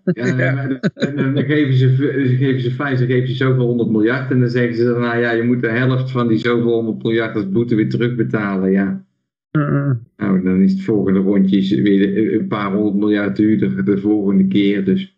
d- Dat is alleen maar weer even het moment, het, het narratief, het kunnen gebruiken van, ja, nee, nu hebben we Pfizer weer een boete gegeven en dan gaat Pfizer ons weer een keertje helpen. En, uh, nou, ja. In ieder geval hebben, eh, ja, dat was in april trouwens dit jaar, heeft eh Pfizer een, eh, een, een, een, een mega deal met de EU. eh. ja maar voor dat is elkaar gekregen. Ze hebben inderdaad ook een mega boete gekregen. Eh, de grootste criminele boete ooit in de geschiedenis eh, ging naar eh, Pfizer of moest Pfizer betalen. Dus Maar het 2,1 punt is inderdaad dat vergeleken bij wat ze nu weer binnenslepen, maakt het Ja. allemaal weer niks uit. En dat is het hele En verhaal, werd, denk als, als Met die AstraZeneca boetes, werd, eh, die meteen, die werd meteen buitenspel gezet, hè? In diezelfde deal. Eh, ja, het zou kunnen. Ja. Dus het is, maar het, het, het is gewoon, ja, aan de ene kant kunnen ze beboeten, aan de volgende kant delen ze tien keer zoveel geld weer uit. Dus dan, eh, ja, Eh, dat hoeft ook maar, het- je moet eigenlijk net ook kijken wat het, eh, wat het Het bedrijf oplevert. En ik denk dat ze dan toch al goed uitkomen. Het lijkt me echt gaaf om gewoon een keer in heel iemands bewustzijn te kunnen meemaken. Dan zou ik met, met zo iemand als dit zou ik wel eens een keer willen ruilen dan, weet je wel. Ursula van der Leyen. Ja, dat, gewoon om te beseffen wat zij nou beseft als zij naar bed gaat, wat ze dan denkt en zo. Gewoon precies dat. Nou, het is een film Dat in lijkt een me being... zo'n eh, ongelofelijke ervaring om te hebben. Nee, ik denk dat heel veel van die mensen toch het idee hebben dat ze goed bezig zijn. Ze zijn de Ja, wereld aan het redden. Ja, absoluut. Maar En, daarom, eh, ja. Dat, lijkt me echt eh, fascinerend. Want iedereen staat Ja, op het iemand punt dood te het gaan en zij regelt dat ze via Pfizer een vaccin krijgen om ze te leven te redden. Nou, een aantal mensen hebben het geprobeerd. Ik heb hier een ombudsman die eh, zich druk maakt over het, eh, het, het- het sms-verkeer van, eh, van de Leyen. En eh, ja, dus- en meerdere mensen hoor, die hebben het geprobeerd. eh, de- want officieel moet dat allemaal openbaar zijn. Maar wat blijkt, eh, ja, het is een beetje zo'n zo'n Hillary Clinton verhaal. Van, eh, die had de, de, de, de, hoe heet dat, de, de server in de badkamer staan. En eh, ik weet niet wat de exacte smoes was van Van der Leyen, maar eh, al haar sms'jes die waren verdwenen. Ja. Ja. Volgende Nou ja, ik hoorde laatst ook bijvoorbeeld dat die Jacinda van Ardern, die premier van Nieuw-Zeeland, die, die heeft een salaris van 400.000 eh Nieuw-Zeelandse dollar. Die begon met 800.000 vermogen, eh, twee jaar geleden denk ik. Die heeft nou 25 miljoen vermogen. Ja, dan, ja, ja ze is gewoon heel goed in, eh, in beleggen. Is ze gewoon eh, heel goed. Eh, dat werd al gezegd dat ze dat voornamelijk met beleggen verdiend heeft. Ja, dat, dat, zal, dat is ook ongetwijfeld zo. Ja. Maar dat is niet omdat ze nou zo'n groot inzicht heeft. Nee. Dat is gewoon omdat zij, zij Ik kan, ook een crypto, ik kan ook een maken en dan kunnen we zo, en dan zet ik die op memo en dan koop jij hem Peter en koop ik hem Ja. morgen. Dan kan ik die gewoon buiten de prijs van anderen om, kan ik jouw order eruit pikken. Ja, jij zet gewoon een verkooporder in voor heel veel geld. En Ja. dan koop ik gewoon Bested, boom. en Nee. ja, Nee, je kan Oh. gewoon direct die order selecteren. Je kan Oh, gewoon buiten de hele markt om kun je gewoon die order kopen. hey Peter, doe niet zo moeilijk. Het kan Ik heb het makkelijker. allemaal verdiend. Ik heb het allemaal verdiend met crypto geld. ja. NFT's. Ik zie hier dat eh, bijvoorbeeld de Nancy Pelosi portfolio tracker, dat is een democratische politicus, politica, en die, die had zulke gigantische successen met haar, met haar beleggingen, dat, dat er een tracker eh, op Twitter ontstond. Eh, TikTok helaas, Ja, ook. eh, ja, ja, ja. helaas heeft Twitter die offline gehaald, maar daar zie, daar zie je Analyze the Returns of the Best Investors in the World. Walter Schloss 15%, Bill Ackman 16,9%, Warren Buffett 20%, George Soros 20%, Peter Lynch 29%, Nancy Pelosi 69%. dus dan moet je geloven dat die... En, en die, dat, die, die presteert natuurlijk zo goed met beleggen, omdat hij zelf de winners en de losers pikt.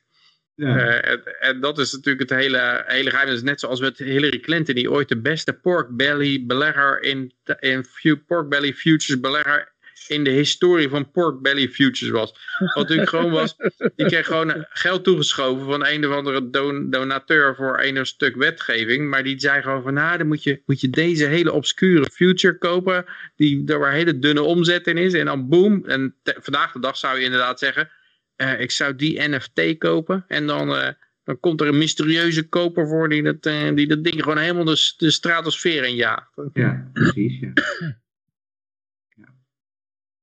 Hey, en kunst? Eye of the beholder, hè? Ah, daarom. Het gaat ook niet om het plaatje. hè. Nee, nee. Het gaat om het, het, het idee eigenaar daarvan te zijn. Ja, ja. ah, ah, ah. Ik hoorde later nog in zo'n podcast mensen daarover tobben. Van ja, maar is het dan...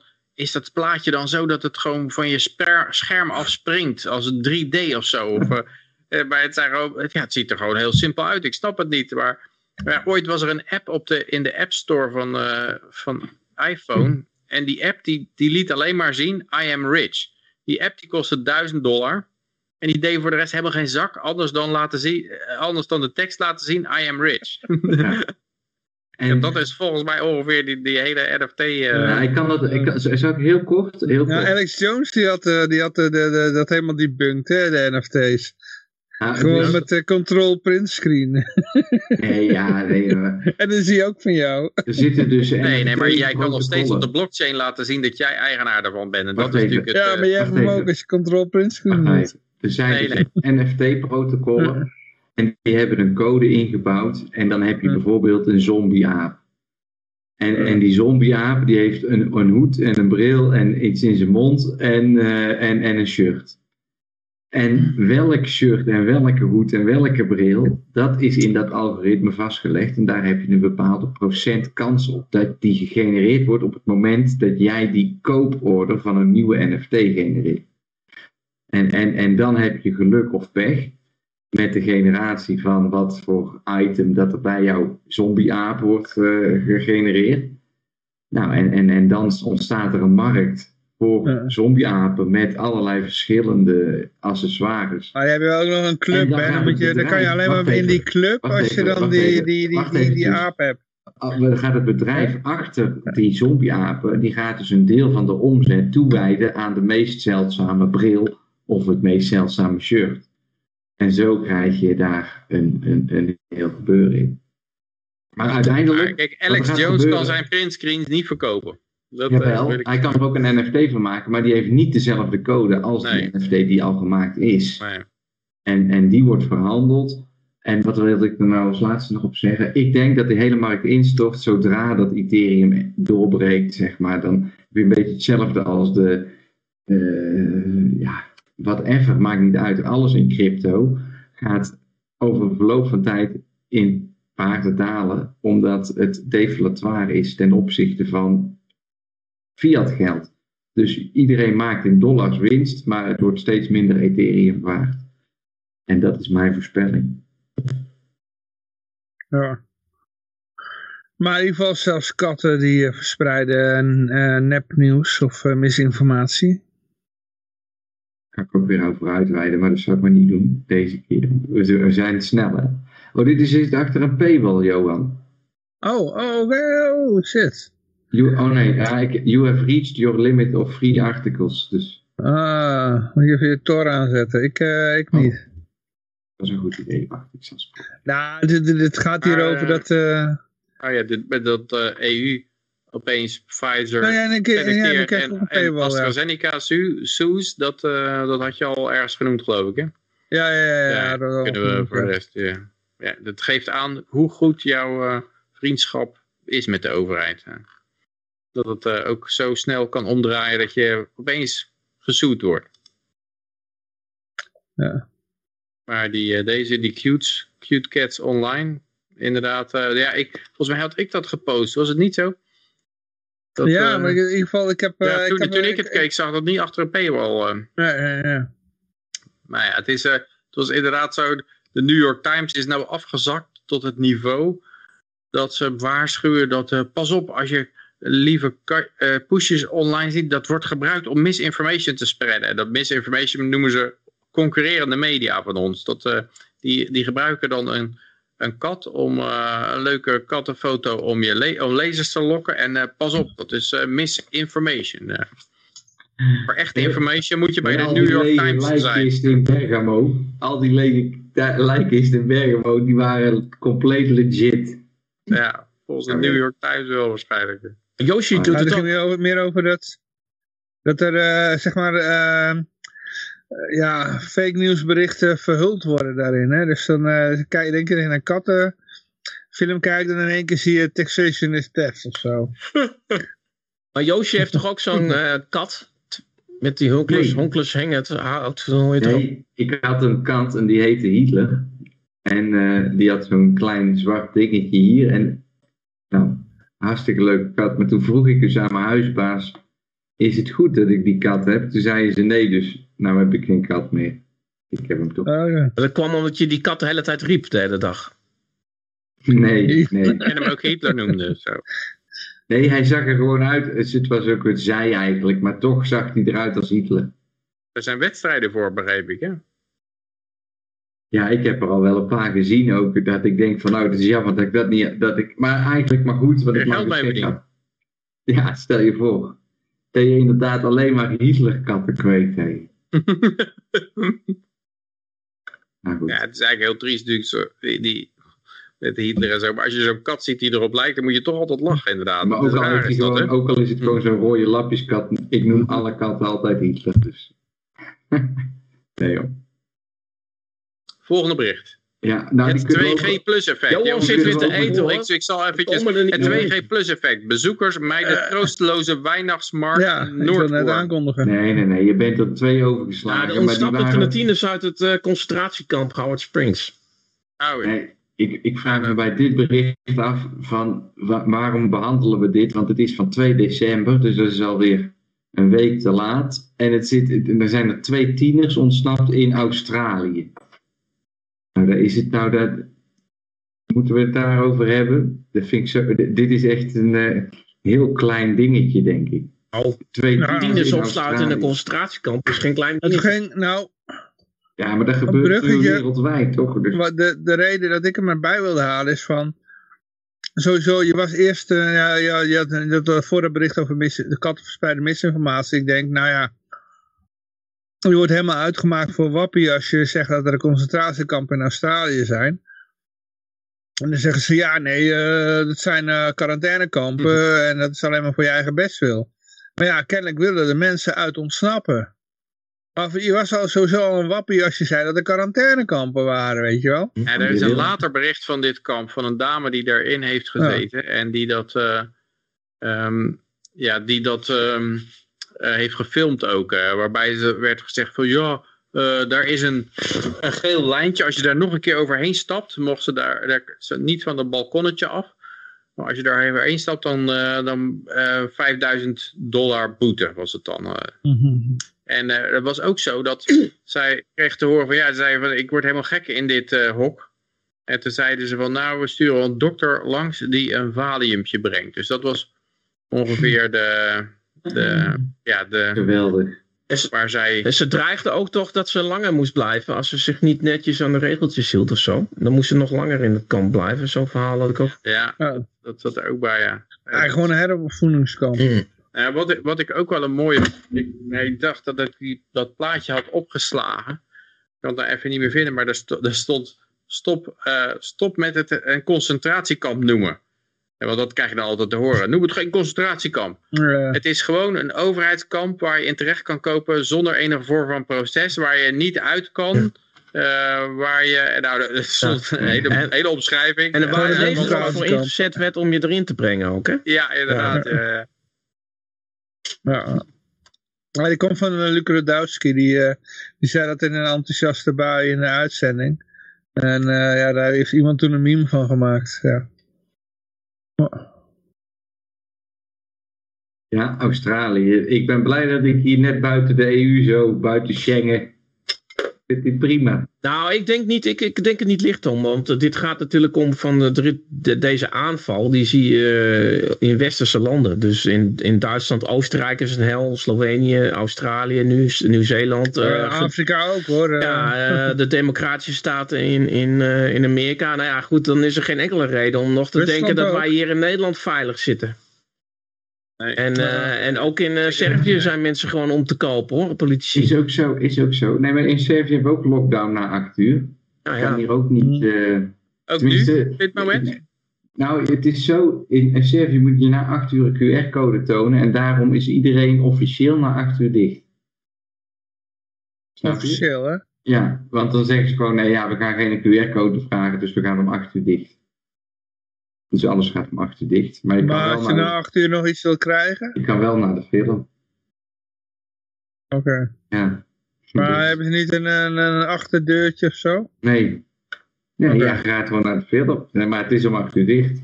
Maar de film begint om half negen, dus Oh, Oké, nee, maar als je een winkel bijvoorbeeld... eh, moet je je kaartje voor acht uur ophalen. En dan Oh, oké, oké, oké. En ook, ja, er wordt gewoon het- hetzelfde met die, eh, ja. Ja, nee. Nee, maar kijk, Australië en eh, Israël, dat zijn twee landen die de hele tijd een klein beetje voorliggen op de rest. Dus, dus, dus Ja. ik, heb, ik heb zelf ook een beetje familie in eh, Australië. Mijn, eh, mijn ouders komen daar vandaan. eh, maar goed, ik volg het dan een beetje. Maar zij zijn trendsetters. Dus, dus Australië is super interessant. Ik, weet je wat ik nou dan Ja, en ik vind Oostenrijk en Duitsland heb je ook het idee van dat, eh, ja, dat die een beetje, een beetje voorlopen in deze, ja, voorlopen in de verkeerde richting. stel nou dat, ze, dat, de, dat de bestuurders in Nederland het toch allemaal wel in de gaten hebben. En het beste met iedereen voor hebben. En daarom het spelletje ja, dubbel slim moeten spelen. En, en dus zeggen, ja nee, we hebben nou net de, de boostervaccinatie, die hebben we de deur nog niet uitgedaan, want de postbodes die waren net aan het staken. Dus ja, dat, hebben we, dat ging net even fout. Hebben we, lopen we weer net een paar weken achter. Om maar gewoon wel die paar weken tijd te kopen, omdat je weet dat die boosters toch weer net een andere substantie zijn dan die eerste twee spuiten. Weet je wel? Nou ja, en... Ja, ik heb nog steeds het idee dat dit zou, dit zou de meest compliant medelanders om een zeep kunnen helpen. Dit, eh, en dan krijg je natuurlijk wel een genetische shift naar veel, een veel uh, eigenwijzer bevolking. Ja, maar er moet een bepaalde procent moet er dan afsterven en dan ben je ja, er ja, ook. ja. Dus, Maar dat kan ook prima gebeuren, want als, als er mensen doodgaan en ze zeggen, well, ja, dat komt, de, al, al die ongevaccineerden gaan dood. Want onge, de definitie van ongevaccineerd gaat nou veranderen naar, uh, naar je moet minimaal je boostershot gehad hebben. En ja. dat betekent dus dat straks mensen met twee shots die doodgaan, dat zijn ongevaccineerden. Dus Ja. dan gaan nog meer mensen die rennen naar die winkel toe om, uh, om een shot te halen, want de ongevaccineerden gaan dood en ze willen leven. ja. En, en dan gaan ze nog harder dood. Dus Ja. ja, mensen die niet kritisch kunnen nadenken, die kunnen wel best wel eens de sjaak Maar dit zijn. is toch al, dit is toch al, ik bedoel, dit, dit is toch al anderhalf jaar het verhaal. Dat het op die manier gaat. En hoe meer spuiten er uitgedeeld worden, hoe meer mensen er dood gaan, hoe meer paniek dat de mensen het nog gaan hebben die het, die het allemaal willen blijven geloven. Om libertariërs te kwijt. Tenminste, dat libertariërs alleen maar eigenlijk wel, ja. eh, de survival of the fittest eh, zijn. Maar bij, dit, bij, de- bij het hele leven is een selectieproces dat libertariërs creëert. Ja, dat klopt, dat klopt, ja. Want, eh, degene die in de Eerste Wereldoorlog het enthousiast Ja. naar de loopgraven renden, dat waren ook Ja. geen libertariërs natuurlijk. Eh, dus- En die, die, de, alle mensen die altijd die in de overheid geloven, die, die hebben gewoon een grotere Ja. kans op overlijden. Van Mises en Hayek hebben volgens mij wel meegedaan in die Eerste Nee, Wereldoorlog. nee, nee. Van ha ja. Hayek Ja, Van. Mises was ook nog maar net op tijd weg. Hè, want die, die ging ongeveer door de voordeur ging die zijn huis uit, terwijl door de achterdeur de nazi's naar binnen kwamen. Nee, dat is de. Tweede Wereldoorlog. Maar de Eerste Wereldoorlog Ja, hebben Tweede zij, hebben Wereldoorlog, zij weet wel ik, aan ja, maar- meegedaan. Maar dan zie je dat hij nog maar net Nee, gered aan de heeft. Eerste Wereldoorlog meegedaan? Ja, ja, ja. Ja, ja, hij heeft gevochten Oh, in de Eerste oh, of Wereldoorlog. Ja, bedoel je? ja, ja. Hayek ook? ja. Ja. Nou, maar Mises Hayek weet het wel van Hayek, weet ik Ja. even niet. Ja. Ja, die- hij was natuurlijk een mindergist, dus dan... Nou, eh, maar die, die was sinds het begintijd was hij nog een socialist, eh, Hayek, hè?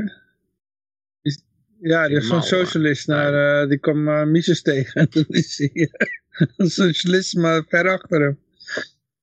Maar goed, uiteindelijk zal, dit, zal het mensen die overleven hebben gewoon al van geboorte af aan een, vis, een, viscerale afkering van de overheid.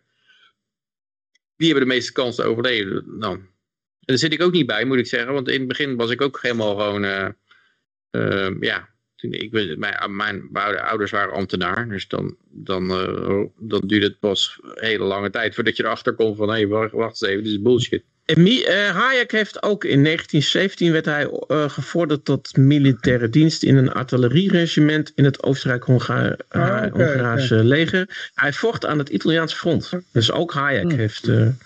Eh Ja. hoe oud was Ja? Italianen waren goed in verliezen. Maar ja, ook, ook als je naar het front gaat, dan, zijn, dan heb je nog steeds de mensen die heel enthousiast eh, erin gaan om eh, die de loopgraven inrennen om de vijand te Mhm. vernietigen. Die, die, de true believers. En je hebt de mensen die denken van shit, ik ben eh, voor de dienstplicht opgeroepen, weet je wat, ik hou een beetje gedijst.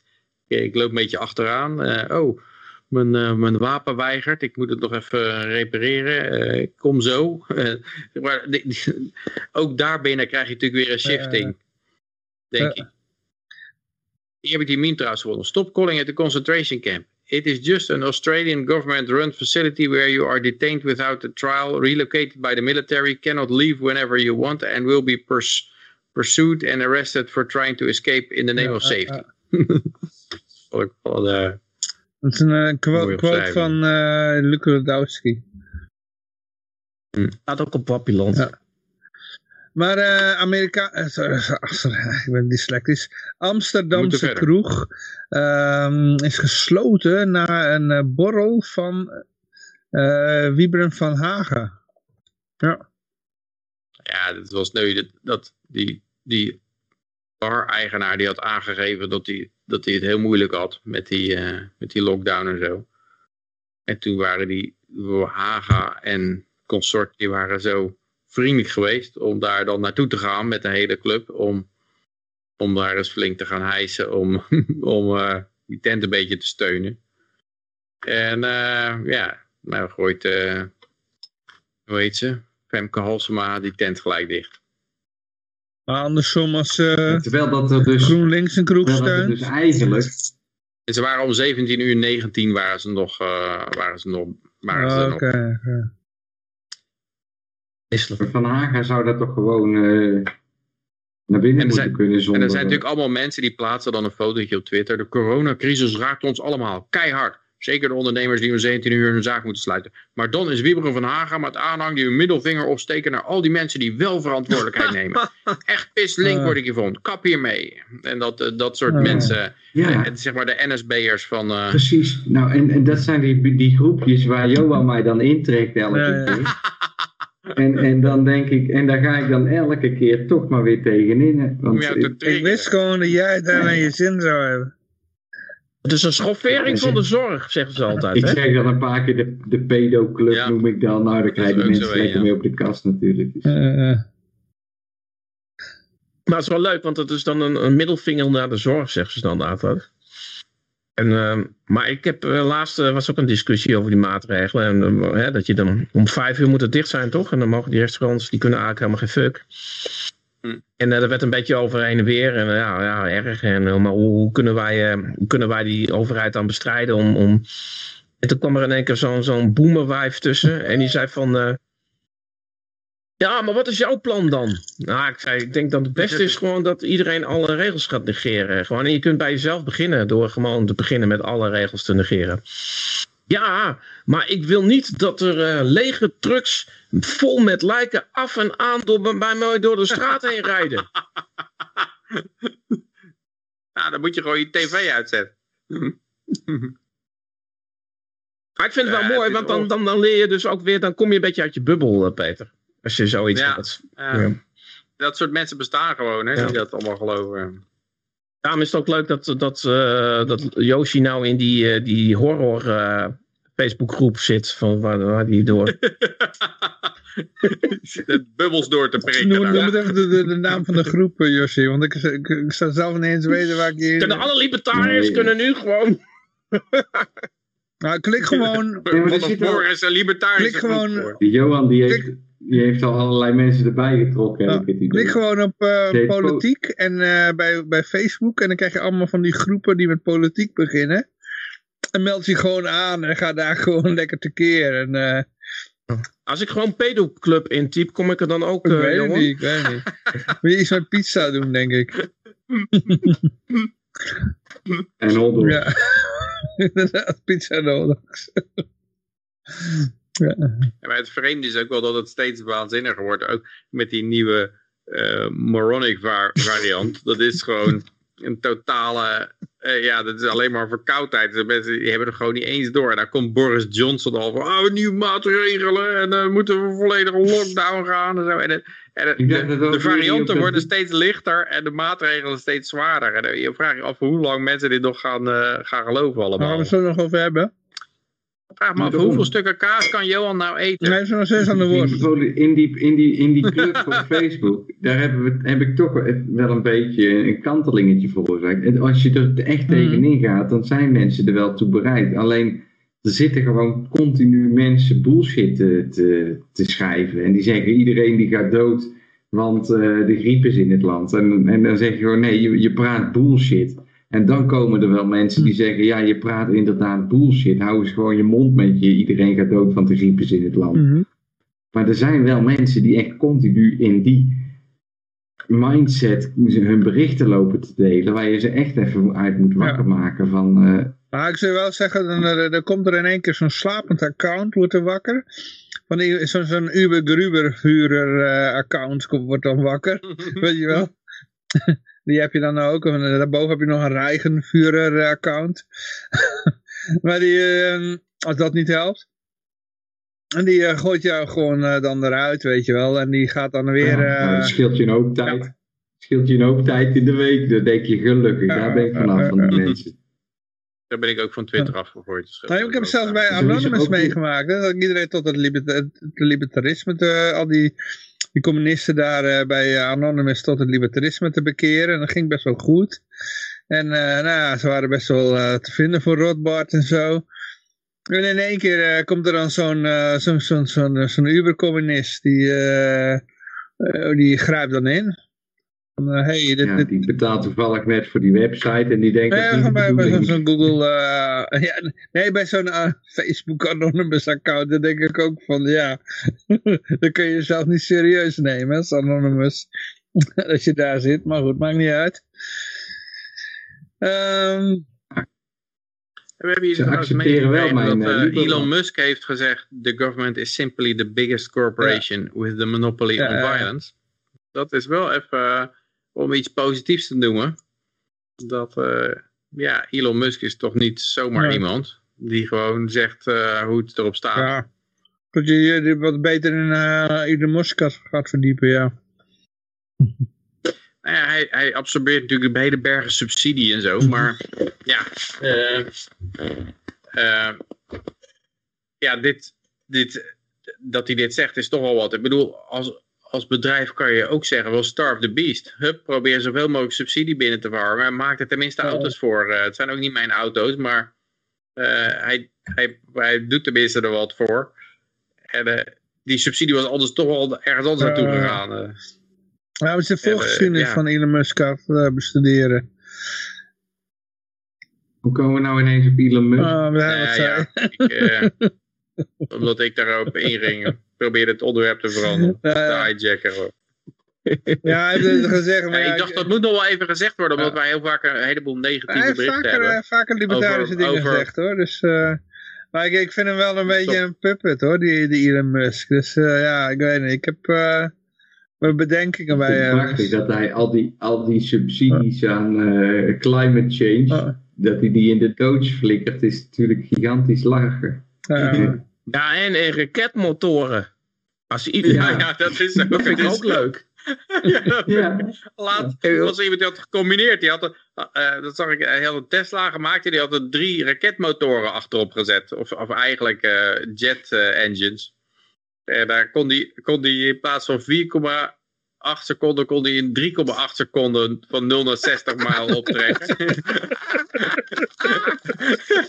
en dit ding enorm geluid. Woe, enorm te gieren van de, van de ging je 100 pound ging je ook kerosine tanken. Ging, ging de heleboel overheen, zo een heleboel ernaast. Oh shit, jij moet wel even een eh, trechtertje nemen erbij. Dat gaat wat beter zo. Maar het is toch een ja, dat was- ultieme eh, middelvinger naar al die deug eh, die, Ja. klimaatgekken. Weet je wel? Ik bedoel, eh, YouTube ja, al het verdiende geld met elektrische auto's, dat stop ik in om mensen naar de maan te schieten. Gewoon omdat het leuk is. Gewoon voor, voor Ja, niet ja. eens onderzoek of shit, maar lekker, gewoon lekker. Hoppakee.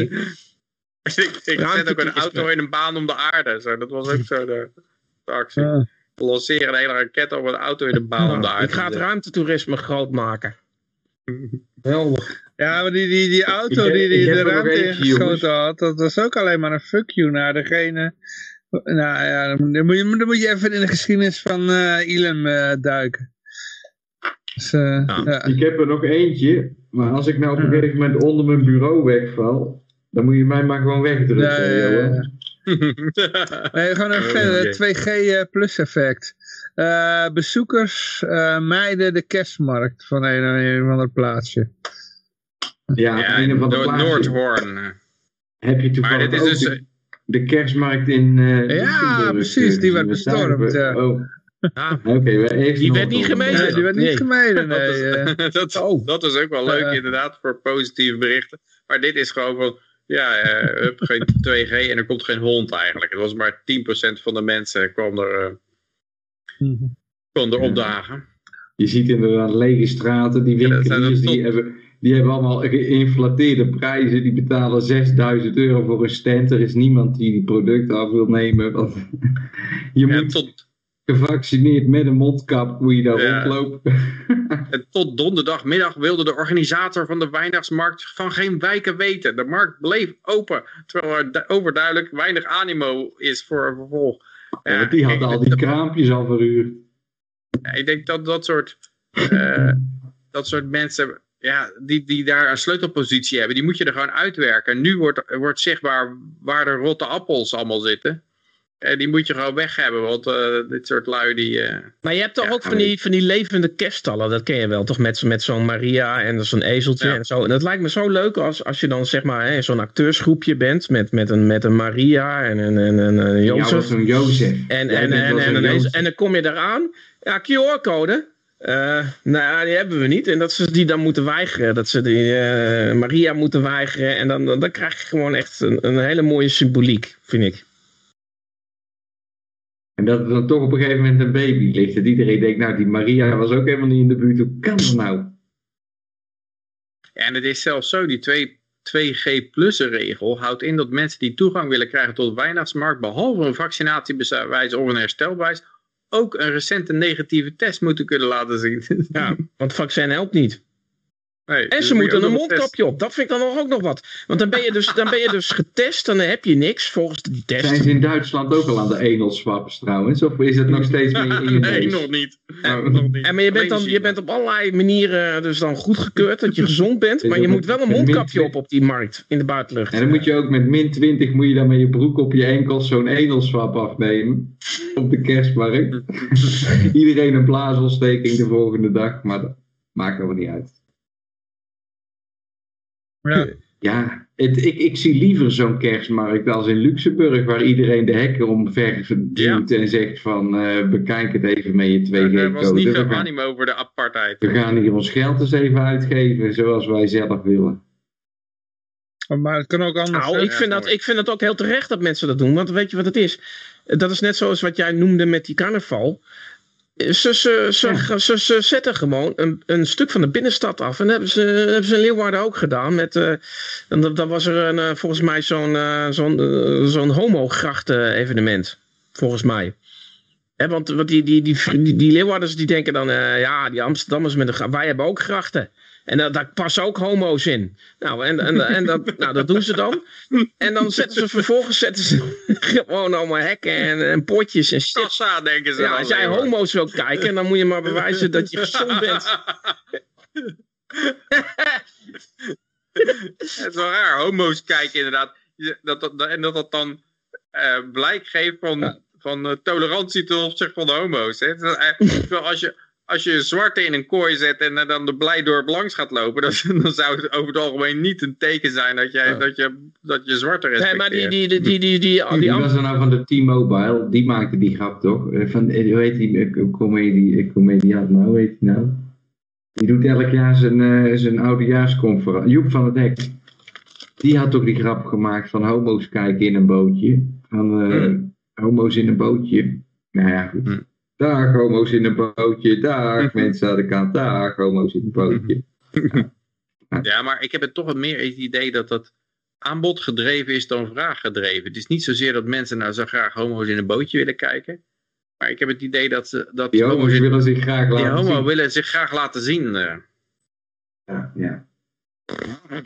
Nou, nou, ik, denk dat, ik denk dat er wel een, een, eh, een groep homo-kijkers is.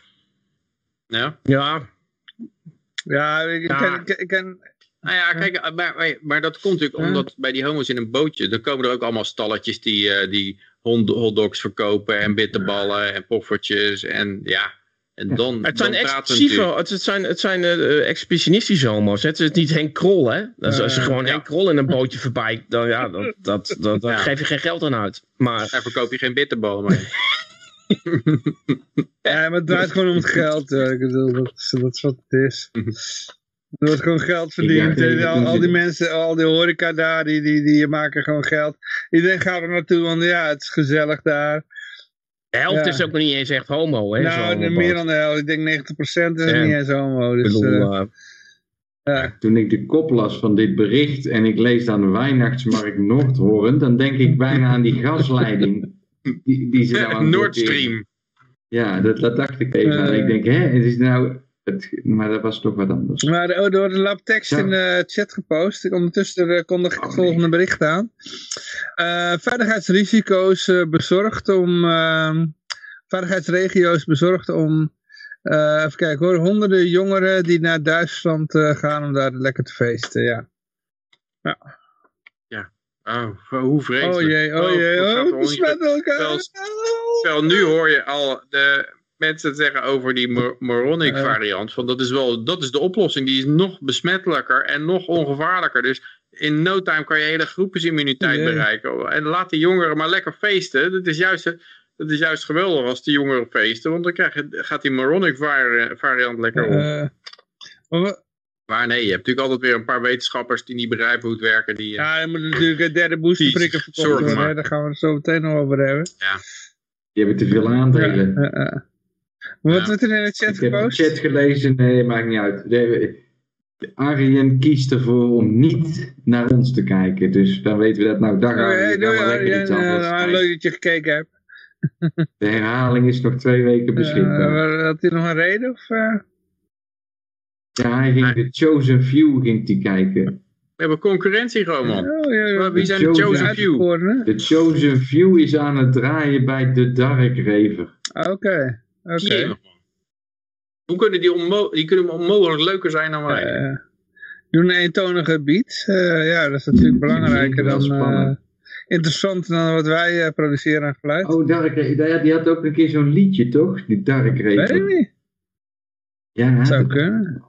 Eh, Ga ik nou even naar luisteren. Eh, zo'n- maar in ieder geval, er zijn jongeren die willen ook naar een Dark Raver gaan, ergens in Duitsland.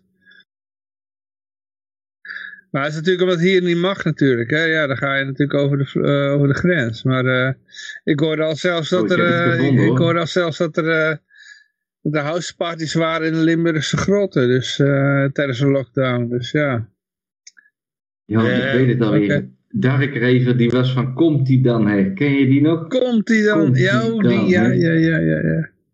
Dat was Dark. Ja, Ja, maar die eerste houseparties die waren toch ook onder een viaduct en zo? Die waren toch ook Ja, ja, naar een, een Dus lege je kunt gewoon weer terug zo. naar die tijd. Ja, je gaat gewoon Ja. terug in de tijd.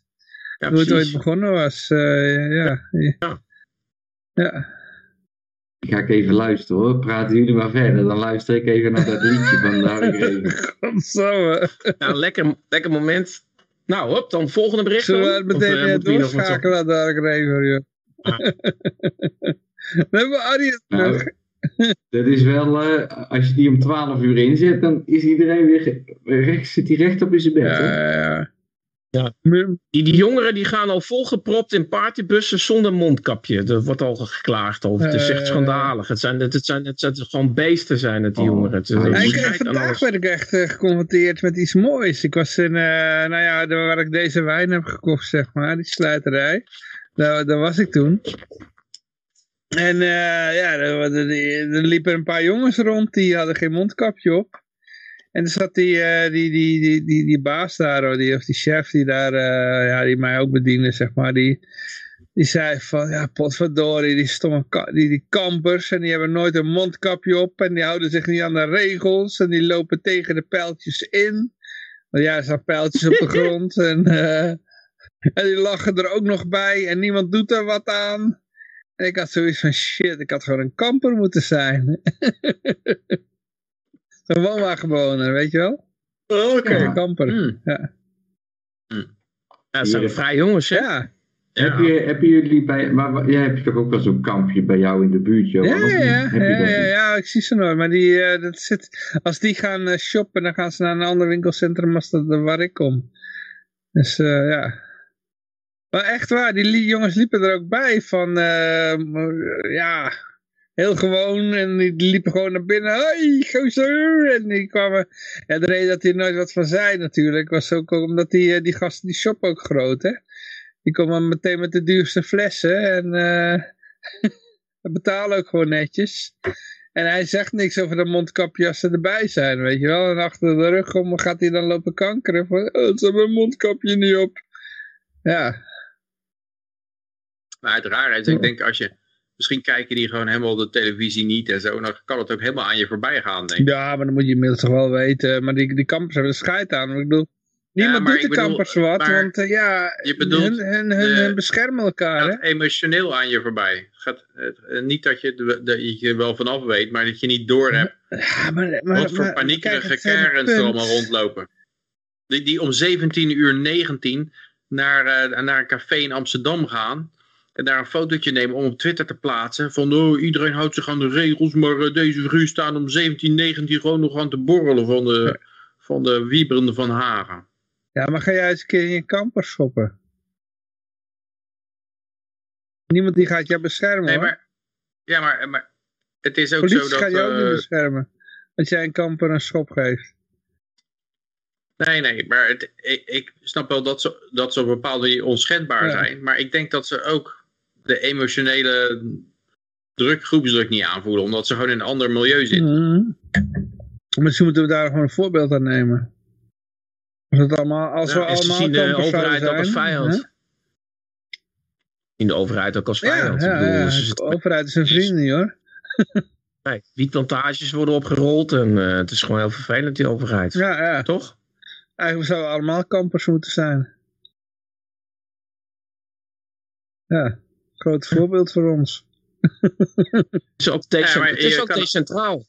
En ik kan het zijn- ook zien dat de overheid alles in het werk stelt om die lui eh, minder mobiel te maken. Eh, eh, Ik denk, hun, hun mobiliteit was ook altijd een kracht van ze. Omdat ze, ja, als het niet bevalt, dan kunnen wij weggaan. En de overheid wil natuurlijk lief van die kastplanten hebben die vastzitten op een locatie. En die je gewoon lekker kan belasten, omdat ze toch nergens naartoe gaan. Hoe hoog je het ook belast. En die, en die mensen met zo'n kamp die zeggen, oh ja, eh, deze heersers bevallen ons niet, eh, we gaan weer pleiten. Het En, en daarom, de overheid heeft ook enorm berg subsidie uitgegeven om die, lui, om die woonwagenkampen eigenlijk tot een soort staakcaravans te maken. En dan met staan verlichting aan de daklijsten. En, standplaats. Dat is op standplaats en die staan op naam. Je kan niet zomaar ergens je caravan neerzetten. Al die kampers zijn geregistreerd en noemen ze dan ja. een kamp. Maar het, sta- het staat allemaal op naam. Dus, ja. En er wordt ook heel moeilijk mee gedaan met nieuwe vergunningen en zo. Er zijn allemaal verhalen over. Van, eh, er, is hier, er is hier een eh, caravan weggehaald, maar er wordt geen nieuwe vergunning verleend en dat soort dingen. eh. Ah, ik vond het wel helder hoor. Liepen gewoon die, die, die, winkel in zonder een mondkapje. ja, maar dat kan je nog best wel doen hoor. Ik heb Ja, ook ja, wel ja. eens... eh, Mijn vr- Mijn vrouw ook hoor, die loopt ook altijd zonder mondkapje de winkel in. Ze, en ja, tot nu toe niemand zegt er wat van. En dus ik, echt, ik, ik, Nee. ik heb dan zo eentje, heb ik al het witte eruit geknipt, dat is alleen nog maar het blauwe er is. Zodat je gewoon doorheen kan ademen, weet je wel. Maar die doe jij in een supermarkt, toch? Ja, ja, ja. In de s- Echt waar? Ja, Oh, ja, je kan ook oké. zonder eh, ding- dingen lopen, heb ik gemerkt. Mijn vrouw die, eh, die Ik loopt zonder, zonder mondkapje de, mijn de, winkel, de supermarkt in. En ik denk, Ik, heb het ook wel eens gedaan ten tijde van zo'n mandaat. Ik denk, ja, ik vertik het gewoon. Ik, ik doe dat ding niet op. eh, En, eh, en inderdaad, was, er was niemand die er wat van Ja, zegt. eh. Want eigenlijk heeft iedereen wel door dat het onzin is. eh, En eh, ja, ik vind het raar. Ik heb nog niet één keer een mondkapje Oké. opgehad. En, ehm, en, en ik, ik, ik, kwam dus in de supermarkt, waar eerst toen net dat eh, die nieuwe regel was, van dat iedereen weer een mondkapje op moest. En die, die eerste zaterdag, toen was er nog iets van 50, 60 procent die geen mondkapje op had. Nou, ik dacht, oh wauw, dit is goed. Dit is, dit is, dit is prima. Maar ik was er zo, ik was er zo net en, en, en iedereen had een mondkapje weer op. En wij ze, En dat is gek, want, maar die, die winkel is super aardig. Ze spreken je totaal niet aan. Ze, gedragen je ook, ze, ze dragen zich niet onvriendelijk tegen je. Dus je hoeft dus in principe daar geen Nee, mondkapje klopt, op. klopt, Want, want- en, maar toch doen mensen het Ja. toch. Terwijl een gedeelte is ook nog gevaccineerd, denk ik. Dus die zitten gevaccineerd met zijn kapje op. En buiten doen ze hem gelijk weer af. Dus ze geloven er dus niet in. Anders zou hem buiten ook wel lekker opdoen, toch? Want dan Ja. was het beschermd. als je, zo. het, bla- als je het witte uit zo'n mondkapje knipt, dan heb je alleen dat blauwe en dan zie je gewoon je mond er doorheen. Dat is het, maar er zit toch alleen maar blauw op? Nee, nee, nee. Je hebt aan de binnenkant zitten, lagen. zitten, zitten de drie lagen. Je knipt er twee lagen uit. En doe alleen maar het blauwe over je gezicht. Dan ziet iedereen kan je Ja, mond er doorheen zien. Maar je hebt iets, een soort Hmm. blauwe waas eroverheen. Maar je kan er gewoon doorheen Ja, maar- ademen. dan Dus- net dan snap ik dat dan- Dus dan- ik maak eigenlijk het idee, het idee erachter is van... Kijk eens hoe belachelijk het is, weet je wel. Ik heb een mondkapje op. Niemand kan me wat Oh, doen. Ik ga even mijn Ja, maar je- mondkapje zoeken nou. Je bent wel ook alweer compliant. Ja, maar het Ja, is meer maar een... Als je, geen, eh, als je geen mondkapje op doet, dan geef je het goede Voor mij was aan het iemand meer een anders die dat denkt. statement van... Kijk eens hoe belachelijk het is, weet je wel. Ah, oké, Ja. maar dat, dat, ja, dat- maar ik, er zit, ik, dat- ik maar heb- dat is, ik zit heb ook zo'n, iets eh, in. Ja. Ik heb zo'n mondkapje wat gewoon een eh, soort gaas is, kipgaas Eh. eh, idee. Eh, iets, iets dichter. En eh, ja, daar kun je gewoon prettig door ademen. Eh, Maar ik moet zeggen, ergens, ja, Twan Manders zegt het ook, voor ja, het is wel compliance gewoon. Je, je bent nog steeds compliant. Oké, oké. En ik moet zeggen, ik voel me op bijzonder ongemakkelijk als ik daar gewoon helemaal zonder mondkapje gewoon door de supermarkt loop. Als, als iedereen een mondkapje heeft. Ja, daar maar heb dat ik is zo'n klein mee. hè. ding van verzet. Dat is zo'n klein deeltje van verzet. Als je dat er niet voor over hebt. Ik vind het zo Eh, teleurstellend. Ja, heb je maar het is, punt, weet je waarom, punt.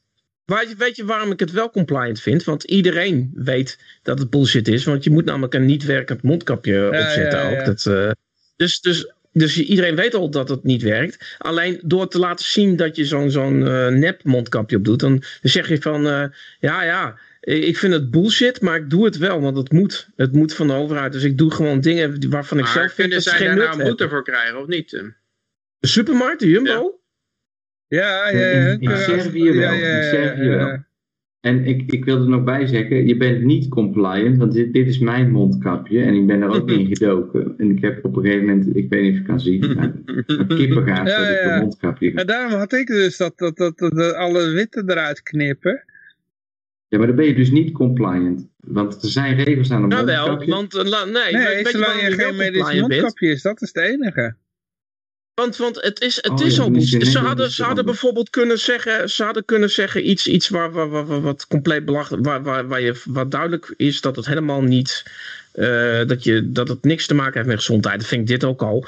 Maar dan hadden ze kunnen zeggen, eh, iedereen moet een clownsneus op, of iedereen moet ezelsoren opdoen. Ja. Op het moment dat jij die ezelsoren opdoet, dan, dan, eh, dan weten we allemaal wel dat het nergens helpt. Maar het gaat erom dat jij doet die ezelsoren gewoon op. Je bent compliant.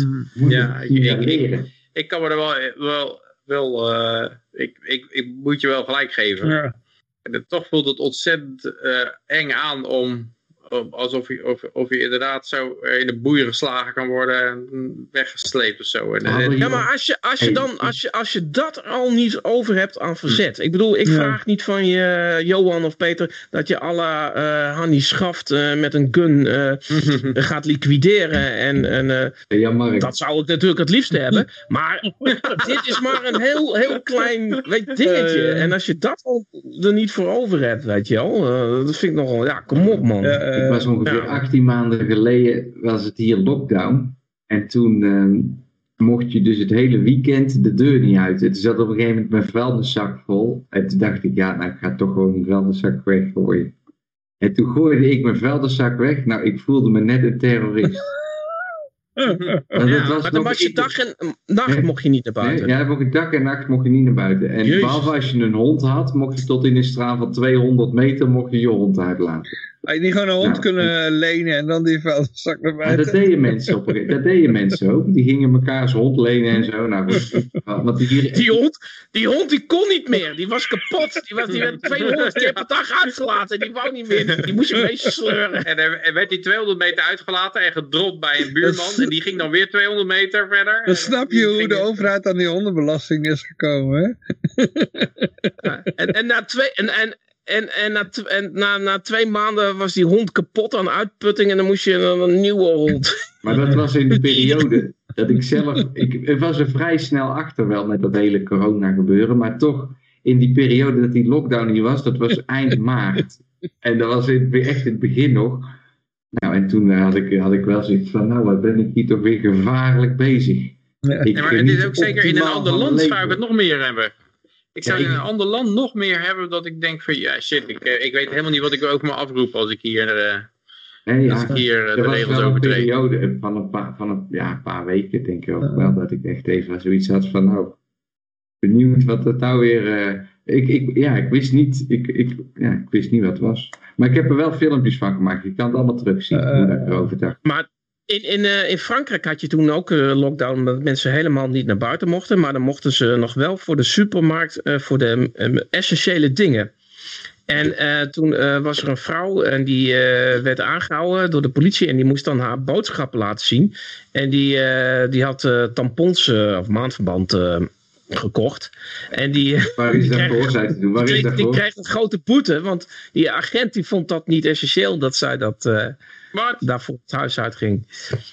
Ja, ze had ook gewoon op een handdoek kunnen gaan bloeden of gewoon Ja. op, de, op de vloer of Is zo. zo. Toen zei ze van, nou, ik, eh, ik heb daar altijd rituelen voor. Had het maar gemeld, dan kun je even langskomen. Ja. Die heb je helemaal nergens voor nodig, die tampons. Ja.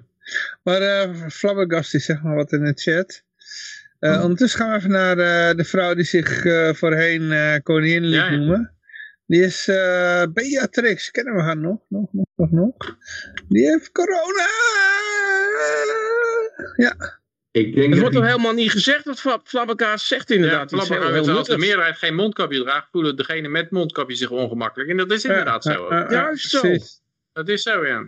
Nou. Ja, maar het is door jo mensen als Johan en Peter dat dat nooit Ja, nou ja, kijk, als je mij met een mondkap ziet lopen, kun je gewoon mijn mond zien. En dan, en, en, en dan zitten ze in een radioprogramma en dat heet Vrijheid Radio. Is het niet schandalig? Als, als die mensen met mondkapje, als die mensen met mondkapje mij zien lopen, dan kunnen ze gewoon mijn mond zien, weet je wel.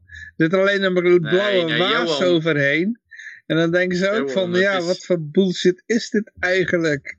Johan, ja? is niet te verdedigen. Niet te verdedigen. Nee, dus... Als jij zonder mondkapje loopt, dan is het inderdaad is het nog duidelijker. Uh, ja, maar dit is, dit is iets wat het belachelijk maakt. Ik heb het witte eruit geknipt en ik ben legaal. Nee. Ze kunnen mij niks maken. Doe het dan met zo'n kippengaas. Doe het dan met zo'n ja, kippengaas. Ja, maar dat is niet zoiets als kippengaas. Nou, het rare is dus inderdaad, Jan-Mark, als, ik, als ik dus iemand zie lopen in de supermarkt zonder mondkapje, dan heb ik altijd de neiging om mijn duim op te steken en eigenlijk om zo iemand te omhelzen. Held, dapper. Uh. En dan heb ik het idee van, en, en nu smijt ik hem ook af. Oh, alsof, wat. alsof iedereen in de groentesectie dan opeens zegt, ja, nu is het genoeg geweest. Uh, Een soort le miserabele tafereel. Mooi. Ja, ja, de nou, Jan Mark heeft er een zootje van gemaakt. Het is, ja, is een hele, hele bier omgegooid. Oh, nou. ja, maar jij, het graad kwam van jou. Oké. Okay. Godverdomme. Oh jee, je bier. De kostbare bier. Zonde. Niet over het toetsenbord? Zou ze eigenlijk ook uh, strafbaar moeten maken? Nee, uh, ik ga er zo Oh, is dat zo laat? Dus, uh, Oké. Okay. Nou, ah, dat schiet voor geen fuck ja, op, man. Uh, Beatrix heeft corona, oké, okay, dat is verder niet belangrijk. Uh, nou, nee, nee, oh, wat ik even, oh, daar okay. even over wilde zeggen, ja, ja. is dat ze is, is, is natuurlijk dubbel gevaccineerd en een, en een uh, booster. Ja, dat moeten we geloven, hè, dat moeten we geloven. Want dat en ja, en ze is, maar daar werd er gezegd, ja, misschien kan ze het verjaardagsfeestje van haar kleindochter 18 jaar wel niet meemaken. Ja, ik kan mij nog herinneren dat 18-jarigen een gevaar vormden voor oma's. Maar nou is het dus dat als oma met, met coronabesmetting naar de verjaardag van een kleindochter gaat, dan zou, zou die kleindochter wel eens kunnen overlijden of zo. Wat is het risico voor een 18-jarige kleindochter precies? Uh, nou is het natuurlijk wel een beetje dikke, aan de dikke kant, die kleindochter. Dus het is dat, dat is wel een extra risicofactor. Uh, Als je dat... Eh, maar, uh, maar het is natuurlijk belachelijk dat iemand, iemand ja, dat een 18-jarige risico zou lopen van de, hiervan. Uh, het, het, het, dat, dat, dat, nou, dat ze dat zo makkelijk je, omdraaien, zeg maar. Dat nou eerst wel zo, ja, moet, je doet het voor je oma en dan krijg je oma uit. Ja, die oma die kan die kleinkinderen niet Als je nou net begint met speechen, dan ben je dus 18 jaar, heb je die opleiding tot uh, toekomstige koningin als kroonprinses achter de rug. Ga je je eerste speech geven. En dan zou je net uh, een snottenbel hebben. Hè? Dat is toch net, ja. Zeg je van nou als oma zijnde van ik voel me niet helemaal lekker. Ik kom volgende week wel een keertje op het thee. Toch? Nee. nee als Beatrix ziek is.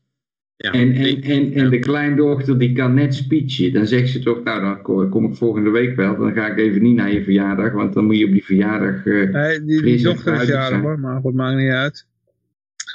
Ja, dat snap ik. Oh, de, de kleindochter toch, van Beatrix? Ja, niemand, ja. Niemand, niemand gaat voor een fuck om, dus ik begrijp het. dat je daar aan je voorbij gegaan is. Ja, die kleindochter die, wil, die wordt een beetje gegroomd. Hè? Die, wordt een beetje, die wordt enorm gelanceerd in de media nou. Be beetje. Ja, niemand heeft het gemerkt. Want niemand kon het een fuck schelen. Maar, uh... ja. Ik, ik heb het idee dat het een aflopende zaak is inderdaad, het Koningshuis. Ja, ja. Ik, ik, heb het idee dat ze deze niet kunnen... Deze, deze die is veel te launch. Gewoon te... krijgen ze, die krijgen ze niet in de orbit, die kleindochter. Ik wil ze wel helpen, maar alleen als ze die jongste aan mij uithuwelijken. Dan doe ik daar een zak erop. Oh ja, ik weet niet eens hoe die eruit ziet. Ziet hij er wel leuk uit? Die is wel neukbaar. Hm. nou nee, maar als, als deze 18 wordt, Johan, dan is die jongste Ja, die, Oké. Nee, ja, dat weet ik eigenlijk niet. Ja, die zijn, nou ook, nog eh, niet die, die zijn ook in de breedte gegroeid. Ja, ja, laat maar. die, is, die is dan 14 of zo. Eh, eh, oh, sorry, ja, nee. die is neukbaar voor Epstein, ja. Zo. hey, jongens, eh, Dan moeten we we er eigenlijk moeten er hard doorheen gaan. Ja, ja. Pfizer, Ja, kom op, oké, we gaan. Pfizer met die Oh, drie prikken. Het wordt steeds weer uh, ja, dronkenmanscontrole. Pfizer wil drie eh, opmerking, prikken eh, doorheen eh, jassen. Oké, dat is het eh, volgende bericht. hey, die, die gevaarlijke Omicron variant, drie prikken en je bent beschermd. Dus het is eigenlijk een beetje, het is eigenlijk een beetje het, het, hetzelfde als, eh, ja, ik weet dat ik bij Motorola werkte. Daar had je, werd het C2000 verkocht. Het systeem waar hulpdiensten konden mee communiceren. Eh, En, dan, dan, en dat werkte niet. Dat is nou een schoolvoorbeeld op alle, op alle opleidingen voor, voor bedrijfseconoom. Hoe een project helemaal het 100 in draait. En dat, eh, dat C2000. En, en dat was ook zo dat als dan de overheid zei, ja, maar, maar, maar het werkt nog niet, het C2000. We hebben nog een heleboel keer geen verbinding en zo. Dan zei Motorola altijd, oh ja, we hebben het geanalyseerd, er moet meer masten kopen. En dan kochten ze weer meer. En dat, en was een manier waarop failure is succes. Hè. Dan werd er dan gewoon eh, elke keer als het dan weer niet werkte, dan oh, meer masten kopen. En dan werden er weer meer masten verkocht. En dat is hier ook zo. Meer prikken. Je doet daar gewoon drie doses. Gewoon, je knalt er gewoon drie doses in. En dan ben je beschermd tegen de Omicron variant. Die gewoon totaal ongevaarlijk is. Is Maar dat, het doet mij meer aan Bert en Ernie denken. Eh, want, je hebt een, een, is dat ja, met, je hebt inderdaad eh, die, die, die, die. Omicron, die is, die Omicron die is zo ontzettend mild, dat eigenlijk niemand weet of je hem, of je hem heeft, bijna. Ja. Dus het is, echt, het is gewoon helemaal niet. De jalapeno's, Ja, dan krijg je dat- de Yoshi, laat hem even het virus. verhaal afmaken. Er komt een mooi verhaal aan. Ik voel het gewoon. Ja, maar dat, dat is dus het, het Bert en Ernie inderdaad. Van, eh, ja, Bert, eh, je hebt een, een eh, Ernie, je hebt een banaan in je oor. Waarom? Ja, dat is tegen de krokodillen. Ja, maar er zijn hier helemaal geen krokodillen. Nou, dan, dan zie je wel dat het helpt. En dat krijg je dan met, met al die prikken tegen iets wat, wat gewoon... Waar gewoon, dat wat gewoon te mild is om, om, om, om een probleem te te zijn. Ja, om waar te nemen. En nou, dan, dan, dan kunnen ze daarna zeggen van, nou zie je wel, die prikken die hebben toch een hoop... eh, Maar Johan vergeleek het met de Manier, Man Business van Asterix en Nee, dat is eh, Jan Mark. eh. Oh, oh. oké. Nee, dat is het, dat is, het- dat is het andere bericht. Als je Ja, daarheen... volgende. Ja, ja, ja, gaan we daar het meteen naartoe. Ja, volgende laten we even zien dat we, dat we, dat, dat, dat we gaan halen. GGD, die, eh nou twee berichten. GGD die, eh, die klaagt over allerlei voordringers. En ja, volgende is ook eh, GGD klaagt over voordringers. Ja. Ja, dat is dat hele marketingverhaal. Van, oh, ja, er zijn zoveel, Ja. ja. er zijn zoveel voordringers. Mensen slaan elkaar de hersenen in voor de boosterprik. En, eh, en dan kreeg, ik kreeg je zelfs het verhaal dat de GGD werd gevraagd. Wat doen jullie aan voordringers? En de GGD zei, ja wij spelen geen politieagent. GGD zegt, wij spelen geen politieagent tegen de voordringers. En dat, ja, dat is zo'n simpele marketingreclame. Ja, je, bij, laten we anders zeggen, bij discotheken werden gewoon groepjes ge- ja, die, die werden gewoon, eh, ja, die kregen dan gratis bonnen of zo. Dan konden ze gratis suipen in de kroeg. Maar dan moesten ze voor de kroeg eh, in de rij wachten. Om er, er moest een rij veroorzaakt worden, zodat mensen daarin gingen aansluiten. Want die denken, Ja. deze kroeg is populair. Mhm. Weet je wel, een heel Ja. oud trucje. Er wordt nog steeds bij discotheken gedaan. Of eh, ze, ze pleuren eerst iedereen tegen de, muur, tegen de raam aan. Zodat het lijkt alsof het een volle kroeg is, weet je wel.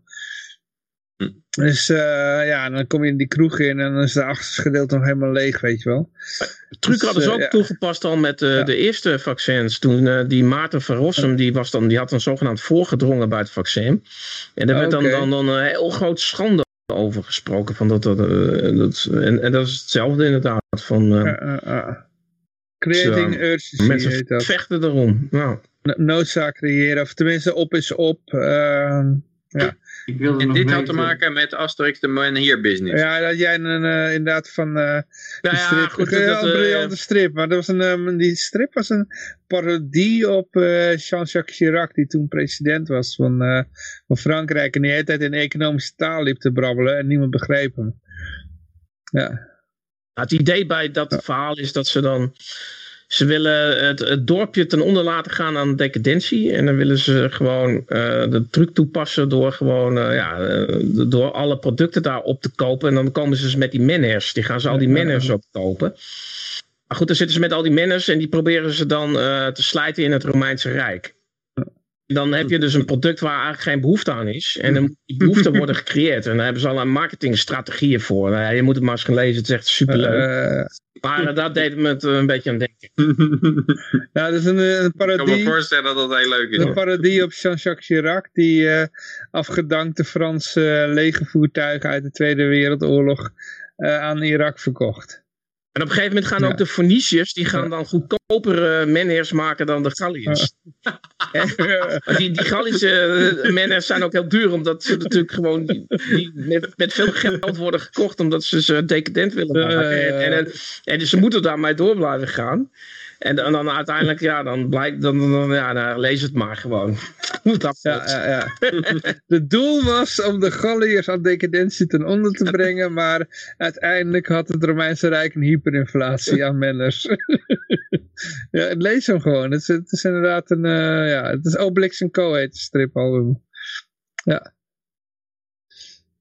Ja, ja, ja. Volgende. Ja. Heeft je nog wat in de chat gezegd? Ik zag wat oh. beweging trouwens, maar... Uh... Nee, dat hebben we al Oké, oké, oké. Labber gehad. Ja, dit was uh, wat een super... Ja, moet je misschien even F5 drukken. Uh, wat een superheld. oh ja, dit was eigenlijk op die... ehm, Ja, dit is hoe het allemaal gehyped wordt. dus die, die, die, die eerste geval die, die de moronic virus had... Uh, hoe dat? Uh, Eerst Amerikaan met het moronic ja, virus. Ja, Ik wil dan even vragen, ging het er nou om dat je voor die moronic virus, moest je daar nou drie shots voor hebben? Zijn dat dan de eerste twee en een booster, of zijn dat na die eerste twee nog drie shots? Uh, ja, je moest al de Volgens shots... mij zijn het eh, daarna nog drie shots. Je moet nog drie shots nemen, dan ben je er meteen Dus dat is dan vijf in totaal dan. Ja, Ja. en hij, had, hij had alles en hij was nog steeds uh, moronic. Eh, en voor de volgende variant moet je Nee, vier nee, hebben. deze, nee, deze vent had gewoon, deze, deze had gewoon drie shots. Oké. Gewoon. En, eh, en, maar, maar hij vertelde het ook zo. Hij, hij was helemaal flabbergasted dat hij, eh, hij wist niet wat er gebeurde. Hij, le- hij leek wel een soort supervillain. Want hij had het idee, ik heb alles volgens het boekje gedaan. Ik heb twee shots en mijn booster gehaald. En eh, nou ga ik eh, in, in, een, in een marathon rennen ook. En dan, eh, dan eh, wordt hij getest. En dat is ook wel grappig dat je dan een moronic variant kan hebben terwijl je de marathon rent. Nee, hij ging toch naar een conventie, ging hij. Oh nee, nee, ja, sorry, ja, conventie. Ja. Nee, Hij zat in een grote zaal met 53.000 man. ja, in de, de, in de anime convention, ja. Ja. En hij zat in een groep en half, de helft van de 35 mensen in die groep die eh, de, de- waren positief. Nee, eh, oh, sorry. Misschien was de groep van 35 personen uiteindelijk positief getest. Sorry. Het, mooie is dat het zo'n do-gooder was die alles volgens het boekje heeft, heeft gedaan. En dan ja, eigenlijk het idee heeft dat hij onschendbaar is. Of on, eh, dat, dat, dat hij dan de eerste moron, moronic is. eh. ja, dat is zo mooi. Het is een heel erg raar bericht eigenlijk als je het leest. Dan is het, het is heel erg onservisch, dit soort eh En natuurlijk, van, de, van, de, van het virus. natuurlijk hoort er dan ook bij. A lot of, a lot of it was just like, see, vaccines don't work. But in my opinion, they absolutely work. Because they reduce the amount of people who are in the hospital, he told Tribune. Dus dat is ook zo mooi. Dat doet een beetje aan die vent denken die allebei zijn benen verloren was. Eh, aan aan eh, bloedklonten. En die, die waren geamputeerd. En eh, die dan zeiden, ja, maar ik raad toch aan het vaccin te nemen hoor. Het is toch wel belangrijk dat je dat doet. De- deze, de- je kan natuurlijk alle kanten mee op. Je kan gewoon zeggen van ja, ik heb, ik heb het toch gekregen, maar het is veel milder dan het anders geweest was. Dus Ja, je moet het- heeft toch geholpen. Je moet het misschien nog wel dieper zien. En dat is dat deze gozer wordt het dus gegund. Die heeft al jaren de juiste dingen. Hij loopt de juiste mensen hun kont te kussen. Kissing the right butts. Hè? Ja. Eh, En, en, en nou krijgt hij dan COVID. Nou, en dan wordt hij er eventjes op deze manier in het zonnetje gezet. Omdat hij COVID heeft. De meeste mensen worden afgebrand als ze COVID Ja. krijgen. Ja, je kan, Maar, maar hij wordt even omhoog ge- geprezen. Want hij heeft wel... eh, het is een goede gozer, dus... Wat, ja, op zo'n moment kan je inderdaad nou ook- totaal afgebrand worden en, eh, en, en eh, afgevoerd worden naar een quarantainekamp. Ja. Of je kan eh, opgehemeld worden en, eh, Ja, hij, Eh, zette en dat- zich- dat- hij verdiende het echt niet, want het was zo'n goede jongen en hij Ja. zette zich er zo goed voor in en hij was er Maar altijd ik vraag me af, bezig. wat als hij nou dan, dan slecht afliep en dat hij dan, eh, aan de IC, in, in de IC lag met zo'n ding, lucht, zo'n pijp in zijn keel, weet je wel? Ja, dan speel je het volkslied en dan doet iedereen die denkt er even aan en dan is het daarna klaar. Dan kwam het door de Ja, ongevaccineerden. eh, eh, eh. Dus dat zal het wel zijn. Nee, maar, er, maar er is overal een oplossing voor. Ook, ook lees je nou steeds meer dat de, dat, eh, de status gevaccineerd gaat veranderen. Als jij niet je booster gehad hebt, dan word je dus ongevaccineerd. Dat betekent dus als jij twee shots gehad hebt en je gaat straks overlijden aan een, aan een hartaanval, Ja. dan ben jij een ongevaccineerde dode. Eh. En dan krijg je op een gegeven moment een moment dat gewoon de helft van Nederland dood is, omdat ze net niet, niet die derde prik Ja. konden hebben. Want dan- dan, die, tegen die tijd zal de zevende prik zijn. Ja, en die werkt ook pas na twee weken. Dus als het daarvoor gebeurt, dan eh, telt het ook weer niet. Eh. en dan, eh, dan is er gewoon ongeveer de helft van Nederland dood. En er zijn nog steeds de ongevaccineerden die, ongevaccineerden, En nog steeds, eh, ongevaccineerden die de schuld zijn. Ja, en, en nog steeds rennen mensen naar het ziekenhuis toe om eh, Ja. naar de GGD toe om een nieuwe spuit te halen. Omdat eh, ze denken dat ze daar beter En beschermd dan gaan ze zijn. nog zeggen, ja, maar er waren al die mensen die hun eh, QR-code hadden vervalst. ja, dat kan ook nog. Ja, eh, cognitieve dissonantie is een, eh, ja, werkt lang door. De neparm. Het is ook wel mooi aan dit soort kaartjes staat er nog zo'n kaartje bij waar de Omicron variant allemaal gezien is. En dan staat er dus heel de Verenigde Staten als één kleur. Maar goed, ieder, een, Jongens, een Ik ga Italiaan, dat toch zo mee ophouden, Ja. denk ik. jongens. Italiaan Dus- die, eh, die wilde eraan ontkomen, die had een neparm. Ja, Ja, maar die is helaas is die gesnapt. eh, eh, Hij had een eh houten arm. silic... ik denk dat die naald kon er niet in, de autoarm. het was Wat voor wel materiaal een hij silico- gebruikt? siliconenarm, maar ik denk dat, dat je dat toch wel snel door hebt. eh. Een Die opgeblazen kop. arm of zo. Denk je, ging de naald erin, zei die pang. Hij is zelf werkzaam in de Oké. gezondheidssector. Hij had het wel door hoe het werkt, maar ze waren niet ingetrapt. Nee. En Misschien waren ze er wel tien keer ingetrapt. Voordat ze de... Weet jij veel? Ja. Misschien heeft je tips gekregen van iemand die... eh, dat werkt goed, doe dat maar. Of alles Dus klopt, bij de zevende alles booster. klopte behalve de huiskleur. eh, kan ook. zou een hele domme fout zijn om te maken. De, de laatste die betrapt was, was een neger inderdaad. En je ziet een blank... Ja. ja. Eh, of andersom kan ook, hè. Nou, ik zie je dat het een, een blanke arm is. Dus, eh, hier op de foto. Ik weet niet of dit de bewuste arm is. Nee, dat is maar, een eh, stokfoto natuurlijk. Oh, oh, oké. Oh, oké. Dan, dan neem ik alles terug. Nee, maar dit is eigenlijk gewoon meer als het volgende bericht ook. Want, eh, ze proberen natuurlijk antifaxers eh, in, in een kwaad daglicht te, eh, te zetten. En dat, eh, ja, het volgende bericht is ook zo eentje. Eh, een Duitse vader die eh doodde het hele gezin omdat hij eh, vanwege de een vervalst eh, vaccinatiebewijs. Ja, voor mij zijn dat vier slachtoffers Ja. van een genocidebeleid. Ja. En voor anderen is dat eh, een eh, crimineel die zijn eh, familie uitmoordt. Kijk maar, eens, zo, zo zijn alle antifaxers en zo. Ja, maar die is- straffen- die zijn vader- ook belachelijk, Alleen die vader is de schuldige Ja. hè, in die mensen hun ogen. Want hij heeft niet alleen Ja. De QR-code eh, vervalst. Want dat is natuurlijk al hartstikke erg als je de QR-code vervalst. Hm. Maar daarna heeft hij uit de schaamte dat hij daarvoor gepakt werd... eh, zijn hele familie uitgemoord. En dat mocht al helemaal niet. Nou, goed, daar kan ik het wel mee, mee eens zijn. Maar het erge is natuurlijk dat mensen helemaal gek gemaakt worden van angst. En met die, met die enorme straffen ook. En, die En niemand heeft, er, niemand heeft een geweldsdreiging erachter, weet je wel. Dus nee, Ja. inderdaad. er zijn mensen die zich gek Ja. hebben la- laten lopen maken door de dreiging van geweld. Dat moet je natuurlijk ook nooit doen. Eh, moet je nooit gek je- laten als je- maken. Als je die gozer uit het vorige artikeltje Ja. op een andere manier in het nieuws neerzet, Ja. dan kan hij hem ook eh doortrippen. Nou, het, het valse QR-bewijs was eh, door, ha- haar- eh, door zijn vrouw gebruikt. En die, ehm, de, werkgever van die vrouw, eh, die heeft het ontdekt. En die heeft Ja. haar eh, verlinkt. Ja. Blijven Duitsers, hè? Ja, Uh, uh. nou ja, Duitsers, dat kan in Nederland ook gebeuren. Blijven, en, blijven NSB'ers, zeg ik dan. Ja, Ja, maar Nederland is ook, zelf eh, verlinkers zijn. Nederland zijn ook soort Duitsers. Ja, maar dat los Maar ervan. dan minder in Italië was succesvol. hetzelfde verhaal hoor. Ik bedoel, eh, Maken minder goede auto's. het maakt niet uit. Het heeft niks met nationaliteit te maken. Italië zal hetzelfde verhaal zijn of Spanje, wat dan ook. Dus, eh ja. Ja, ja, triest volgend Ja, ja, maar dit vind ik, ik vind wel, ja, er zit wel nog wat meer in hoor. Ik bedoel, de, ik denk, hoe, hoe gaan wij daarmee om eigenlijk? Dat, dat, dat- ja. Ik noem het genocidebeleid en ik Ja. leef in Lieberland als Yogi Livo. ja, maar wat zou jullie gedaan hebben? Ik bedoel, eh, zou je gewoon je spullen pakken en eh, gewoon, eh Ik zou geen gezin zijn gestart als ik afhankelijk was geweest Ah, ja. van zulke dingen. maar gezin zou hebben. Ja, nee, met de realiteit. Maar zal in een busje en dan naar een ander land gaan, buiten de EU gaan vluchten of zo?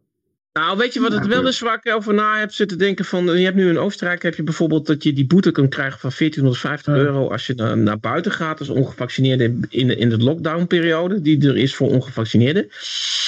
En ik zou er heel erg veel moeite hebben om die boete te betalen. Maar als ik dat niet doe, dan sluiten ze me op in een kooi.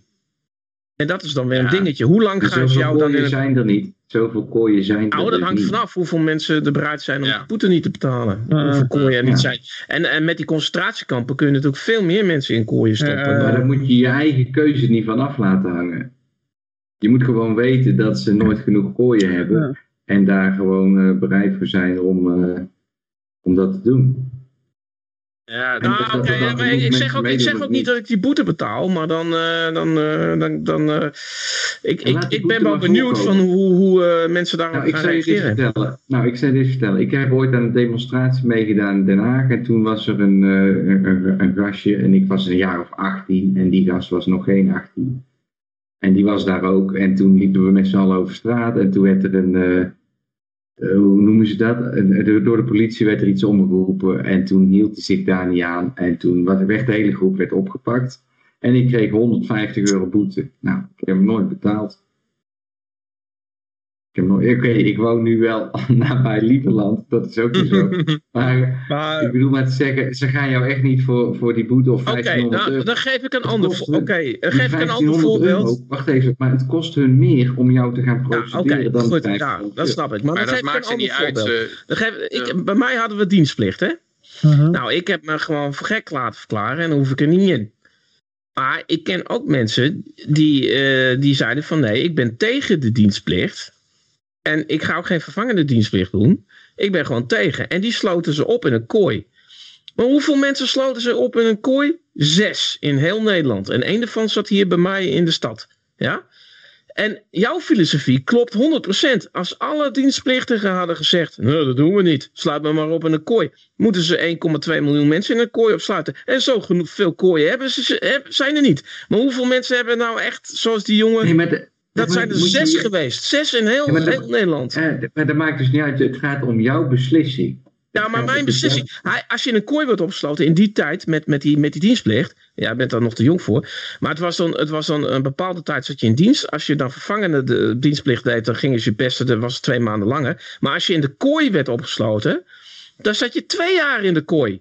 Nou, er waren er maar zes mensen in heel Nederland die hebben besloten om, om in de kooi te zitten voor twee jaar. Maar jouw Hebben theorie echt twee jaar klopt gezeten? inderdaad. Als iedereen Hebben had gezegd, echt- sluit me maar in de kooi, was er niet genoeg kooi. Hebben die ook echt twee jaar gezeten? Ja, die heeft twee jaar, fucking twee jaar gezeten. Want dat is natuurlijk een Ja. voorbeeld. Je bent een Maar het verschil is wel dit, en dat is dat hij geen bitcoin had en ik wel. Dat maakt die beslissing een heel stuk makkelijker. Want als jij al je crypto geld op een of andere crypto geldrekening onderbrengt en jij zit twee jaar in de kooi en je komt er dan uit, nou dan is je crypto geld tien keer zoveel waard. Dan heb jij de beste Dat was-. Ik heb, een, eh, ik heb trouwens over die afschaffing, van de, tenminste de opschorting van de dienstplicht. Ik heb een keer in een, eh, ik moest een borrels draaien bij Defensie. En ik heb eh, een keer een kolonel gesproken die betrokken was bij de, de, de opschorting. En die heeft heel erg gepleit voor, het, eh, voor die opschorting. Want wat, weet je wat zijn reden was? Het was omdat hij zei van ja, er komen zoveel Jan Doedels met die, met die dienstplicht. die schieten zichzelf in hun voet. Die weten niet eens hoe ze een wapen moeten vasthouden. Laten we hier gewoon mee ophouden. en dat is de, het is een bezuinigingsmaatregel geweest en dat, die, uh, dat het is opgeschoord.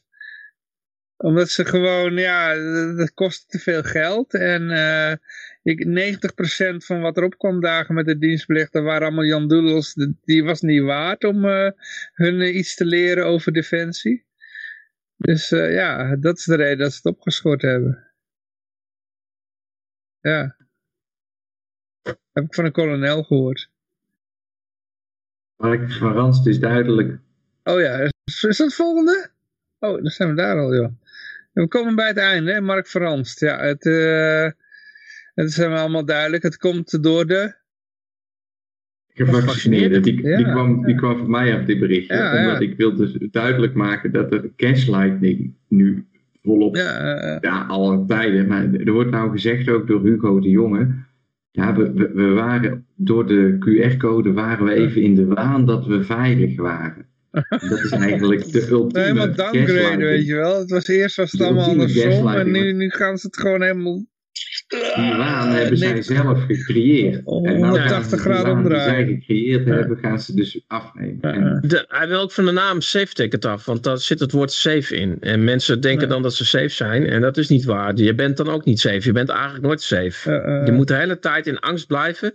Het is wel zo, misschien uh, driedubbel gevaccineerd en uh, zes mondkapjes, dan ben je misschien iets veiliger, maar je bent nooit helemaal veilig. Je moet, dat is dus hij, hij pleit voor het afschaffen van die naam. Uh. Peter is trouwens wel weg, hè? Peter? Oh, oké, oké. Okay. Dan is dat wel... Uh... Inderdaad, hij zei al dat hij, uh, dat hij niet even gedacht zei dan, ja. Jawel, dat is een paar keer gedaan. Maar we, hadden ook, we hebben nou weer zo'n berichtje van die Frederik. Uh, zo direct krijgen we er ook weer een van Monique in de, ja, ja, inderdaad, ja, ja ik ben er een beetje tegenin aan het gaan, want ik vind het allemaal zulke bullshit die ze aan het delen zijn. Ik weet niet of je het bekijkt, maar... Ja, goed, ja, misschien flikker... Alleen de Twitch-chat. Ja, de Telegram-chat, ja. Uh, maar goed, ja, Mark van Rans, ja, wat... wat uh... We hebben daar nog meer over te zeggen. Ja, gaslighting, dat, dit is de ultieme troll. En, ja, dat is uh, al lang bekend.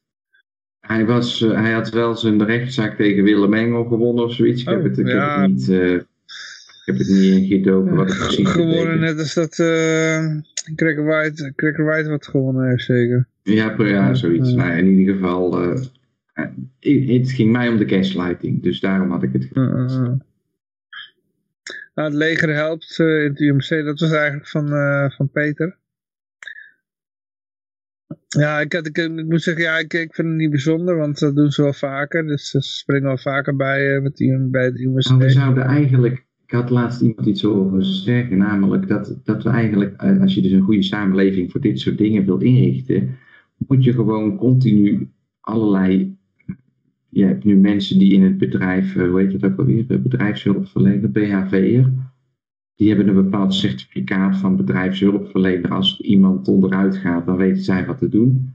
En zo moet je eigenlijk dat helemaal opschalen, steeds dieper maken. Mensen die dus mantelzorg geven aan, aan, aan, aan hun ouders bijvoorbeeld, die, die weten al op een bepaalde manier daarmee om te gaan. En dat moet je allemaal gaan mappen, zodat als er iets ernstigs, zoals een echte pandemie, uit zou breken, dat je dus de mensen met meer skills opschaalt naar een hogere intensiteit van zorg verlenen. Ja, maar wat is dat niet weer? Ik bedoel, kijk... Nee, iedereen kan zorg verlenen, Johan. Ik bedoel, niet iedereen. Nee, wacht even, sorry. Niet iedereen kan het maar. Ja, maar ik zou zeggen, laat het gewoon helemaal aan de particuliere sector over, joh. Uh, die vogelen dat al uit. Ik bedoel, daar hoef, je niet, hoef jij je niet druk over te maken. Dat, dat komt vanzelf op een gegeven moment... Het punt is dat de politici, die staan wat in de weg stort een meteoriet op aarde. En toevallig zijn er 17 miljoen mensen om jou heen die dezelfde taal spreken. En, en sommige daarvan die bloeden en andere niet. Dan is het handig als die mensen op elkaar zo ingespeeld zijn. Dat ja, maar dan moet het georganiseerd worden. En dat is het hele probleem. Ja, precies. Dat mensen dat vanuit nature wel weten wat ze moeten doen. Dus je moet zorgen dat, dat mensen dat gewoon uit nature kunnen doen. En de beste manier om dat te kunnen doen, is om de overheid weg te halen. De overheid zit in de weg, want nu, nu leer je gewoon dat mensen naar, de, naar Hugo de Jonge moeten kijken van, mogen wij wat doen? Ja, nee, daar Ja. heb ik het niet over. Nee, maar zo zit de wereld in elkaar. Je moet zorgen dat die overheid wegkomt. Want dan- gaan de mensen particulier, dan gaan ze zelf voor zichzelf Ja, nadenken, stem- weet je wel. Stemmen doe je met je portemonnee, kopen Ja. één gulden. Dus eh, het is Ja, god, ja. Ja, maar ze Oplossing breder, voor alles. het is breder dan dat, hoor. Ja, oplossing voor alles. Als je biefstuk gewoon te, te ver doorgebakken is, moet je gewoon één gulden kopen. precies, ja. Je juk, ja. ja. Eh, Zeker weten dat je toegang- beter voelt. Ja. Sorry De toegang voor jou zijn we nou bijna Oh, aan het oh. einde. Ja, ja, ja, Zeg wel volgens mij wilde, wilde Peter, die is, die is nou weg. Maar die wilde het over dat eh, leger, eh, dat, eh, dat bericht over het leger. Wilde hij zeggen van, ja, ik weet niet, volgens mij, wat zei hij nou? Ja, in ieder geval, er stond een opmerking in en daar ging het hem om dat het leger eigenlijk commercieel was of zo. En dat was het. Ik zal even kijken ja, er stond iets daarover in, maar... Ja, maar goed, maakt ook niet uit, joh. Eh, de toegang van eh, Jeffrey Epstein eh, tot het Witte Huis van Clinton blootgelegd. De toegang van Bill Clinton tot het... Nee? Oh, de toegang van Jeffrey Epstein tot het Witte Huis in de periode van Bill Clinton is blootgelegd. Ja. Ja, 17 keer ja was dit. Nou ja, Trump gaat dan toch misschien toch gelijk krijgen. Ja, een beetje laat. wat Trump heeft. Waar, waar verwijs je naar? Ja, you be, you be in jail, maar dat was dan Hillary Clinton natuurlijk, hè? Ze hebben wel, eh, er was een eh, Twitter-account die volgde die Epstein-zaak. Ja. Die heette iets met eh Ghislaine eh, Law Case Live of zoiets. En die, is, die had een heleboel volgers. En die is eh, door Twitter gecensureerd. Ah, ah, ah. Uit de lucht gehaald. Oké. Ze komen ze binnenkort op Memo. Heb jij nog een beetje gevolgd? Wat? Nou, de zaak, de Max- Maxwell? Nee, Oké. nee. Nee, want dat duurt toch nog wel even. En daar komt geen eind aan ook, denk ik. Nou, het lijkt wel een beetje op, op eh, dat eh, Bill Clinton voor de bus gegooid gaat worden, hè? Dus, ze dit op... Nou, er gaat zoveel nog gebeuren, dus Ja, dit is maar een bijzaakje. Dit eh, Ja, het laatste bericht was, dat, dat, dat doelde ik op in het begin van de uitzending, over het netwerk van George Soros. Die, ja, die, die subsidieert allerlei rechters in Amerika. En attor- attorneys en overal waar die eh, dan... eh, Ik denk in Nederland ook wel, of niet? ja, eh, zou best kunnen. Maar overal waar die rechters dan een, een bepaalde positie hebben, zie je overal eh, criminaliteit eh, toenemen. Ja. En dat was laatst weer een mooi stukje. Oh ja, het, het, het, eh, beeld van Pim Fortuyn uit Madame Tussauds was weggehaald. Oké. Ja, Ja. Er waren er ook allemaal mensen die zeiden dat dat kwam omdat Femke Halsema burgemeester was.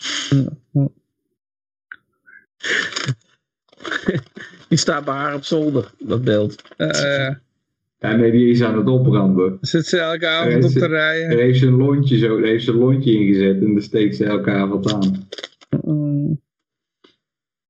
Nee, ja. Wat moet je ervan zeggen? Ja, ja. Helemaal niks. Nee, helemaal niks. Dat is ook zo. Ja. Oh, dat was ook meteen de 26e. Dat is het laatste, één, dat is het laatste bericht. joh. Soros. Dan kunnen we er nog wel wat over zeggen. Ja, zeg maar. Je, je ziet wel dat er, een, eh, dat er een bepaald beleid gevoerd wordt in de stad Amsterdam. Ja, maar overal, overal waar die rechters eh, aan de macht geholpen worden met de subsidie van eh, Soros, weet je wel.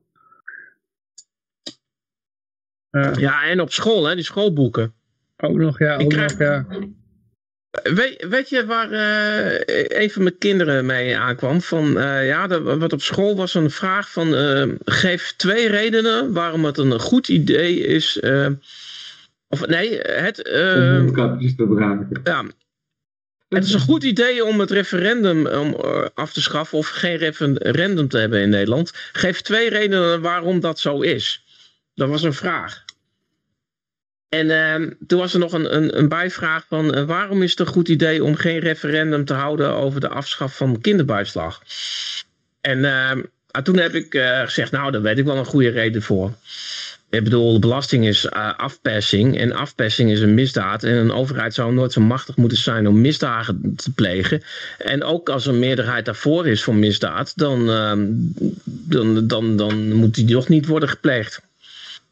Kijk, een meerderheid kan er ook voor zijn om uh, alle ongevaccineerden in een kamp te zetten.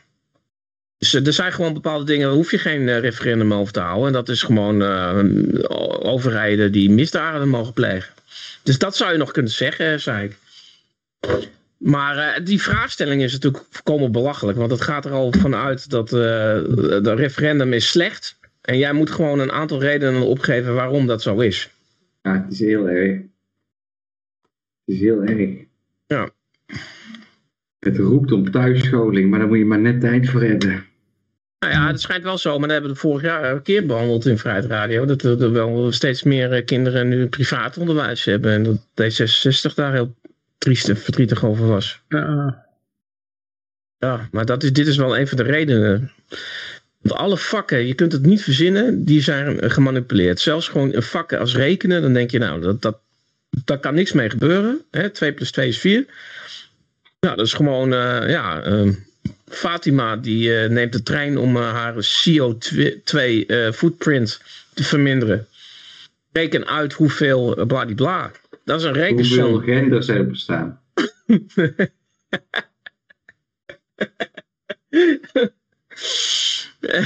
Als je het aantal genders aftrekt van de, van de CO2-uitstoot. Ja, precies. Nee, maar goed, uh, economie is echt een lachertje, jongen. Economie, dat is, dat is het meest geïndoctrineerde vak op school wat er is. Niet geschiedenis, niet maatschappijleer. Economie is het meest geïndoctrineerd. Maar ik zeg altijd, economie is net als kunst. Hè? En dat is dus hetzelfde. Daar kan, je kan daar dus ook mensen mee indoctrineren. Want uiteindelijk, je kan dus, en dan zeg je van, nou, dus de, de kunstenaar bedoelt dit. En als je dat maar op een goede manier kan uitleggen, dan klopt dat ook. En als mensen dat dan ook gaan doen, dan heb je de realiteit.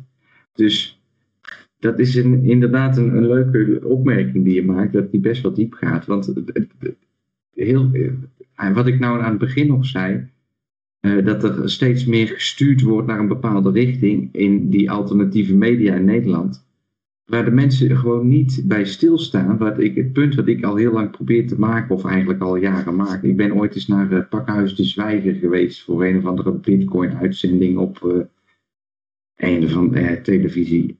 En toen zei ik: Het verschil tussen de euro en de Bitcoin is dat een euro een schuld is en een Bitcoin is een bezit. How dare you! En, en, en die psychologie achter dat feit gaat ervoor zorgen dat de hele maatschappij verandert. En, en dat heeft, hebben mensen niet in de gaten dat het zo'n grote impact gaat hebben. Maar dat is echt wat ik nog steeds geloof. En waarom dat ik nog steeds in die dingen geloof waar ik in geloof. Omdat niemand dat nog in de gaten heeft. Dus, nou ja, goed, we zijn aan het einde. En hè, ja, laat ik dat er nog even ingooien. Ik ben blij dat hij nog even erbij is gekomen in een helder momentje. Maar ja, het is echt... Uh, nou, ik denk dat uh, zeg maar in de, in de top dat ze doodsbang zijn juist. Voor de veranderingen ja, die, ze, die ze zien aankomen. Het is niet voor niks dat kinderen worden voorgelogen. Waarom moet een kind leren op school dat een bank aan zijn geld komt door spaarders? Daar is gewoon over nagedacht. Zij ja, liegen. Dit is niet, niet, niet omdat ze dom zijn. En, en maar tegenwoordig, ja Mark, ik weet niet of je dat weet, maar tegenwoordig is het dus veranderd. Hè? Nu is het zo, ik weet niet hoe oud jouw kinderen zijn, als jij mee over schoolboeken praat.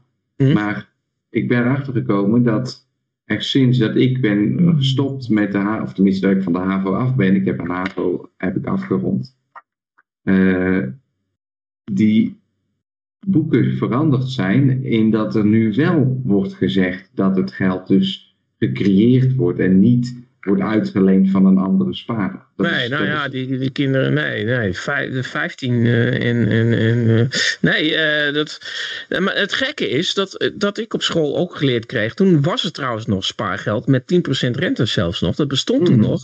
En, ehm, en toen werd er ook tegen mij gezegd van ja, centrale banken die de, de, de geld bijdrukken, dat kan helemaal niet, want dat zorgt voor inflatie, werd mij nog geleerd. Alleen dat gebeurde toen ook al. En, Mensen die dachten maar, dat het van het goud afkwam.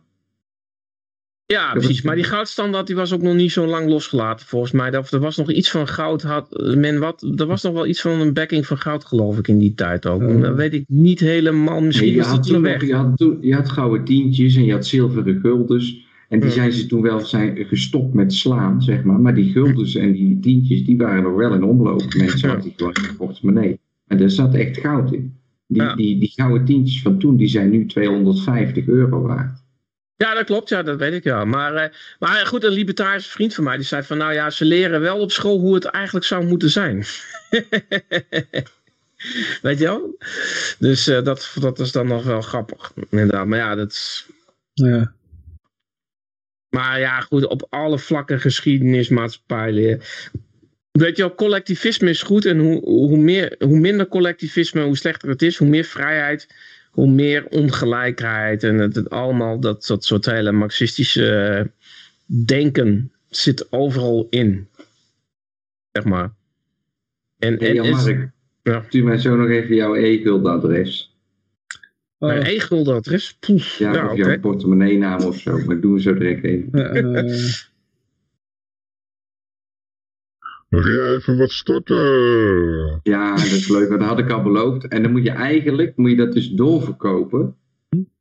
En dan moet je weer nieuwe gaan kopen. Snap je? Nou, die, in die, in die, een soort een beweging is op de exchange of zo, bedoel je? Ja, en dan moet je ook de mensen die dat dan vertelt over dat je die e-gulden hebt, die zeg je dan, ja, ik verkoop het jou nou wel voor eh 10 cent meer als dat het kost. Want het is eigenlijk 20 cent, maar ik vraag nou 30 cent. Want Ja. ik moet het allemaal regelen en ik heb het voor jou gedaan en dan koop ik weer nieuwe van. En dan moet je gewoon, eh, dan ben je dan transparant naar die mensen toe. En of je ze dan voor 20 of 30 cent koopt. Die mensen kopen nog steeds een Nederlandse bitcoin onder een euro. Nou ja, ik wil best nog wel wat. Ik, ik weet ook zeker dat ik er wat, wel wat vrienden nog wel wat kan motiveren of zo.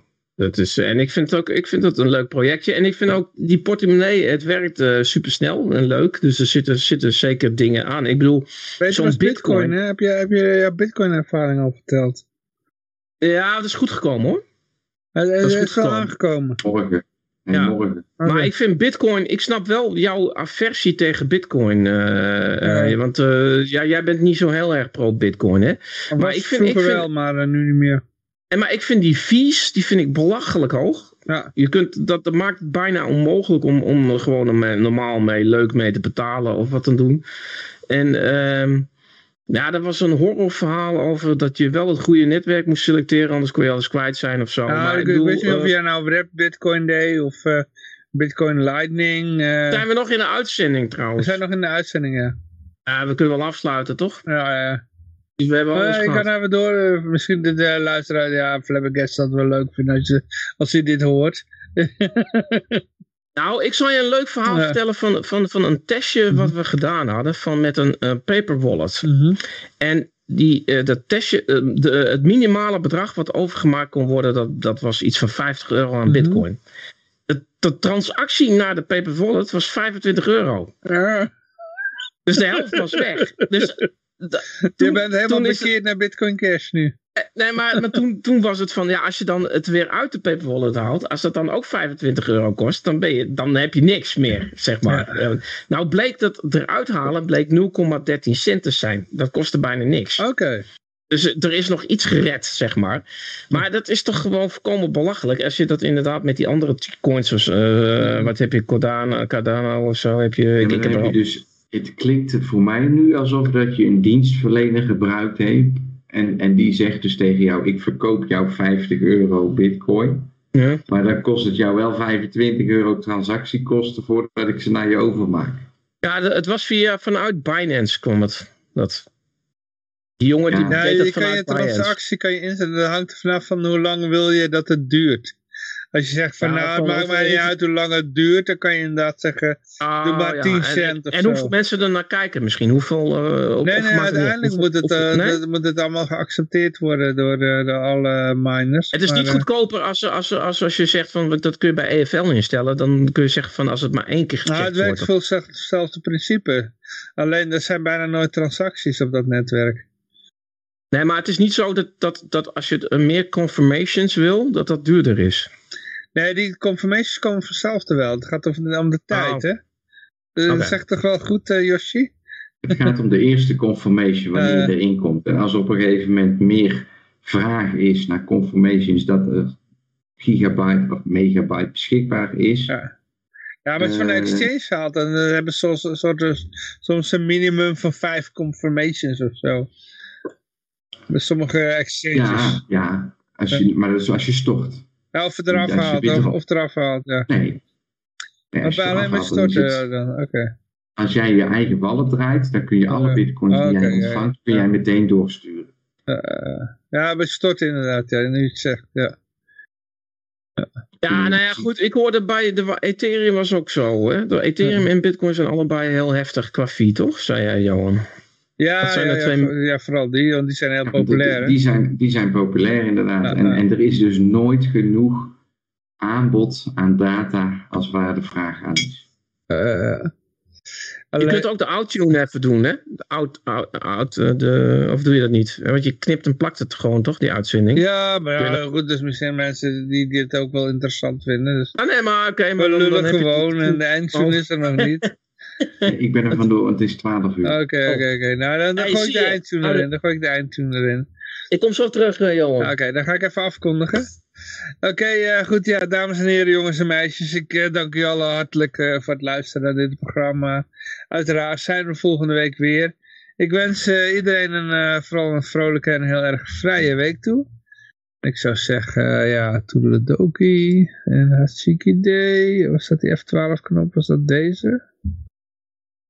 Nee, oh, dat is, dat is deze.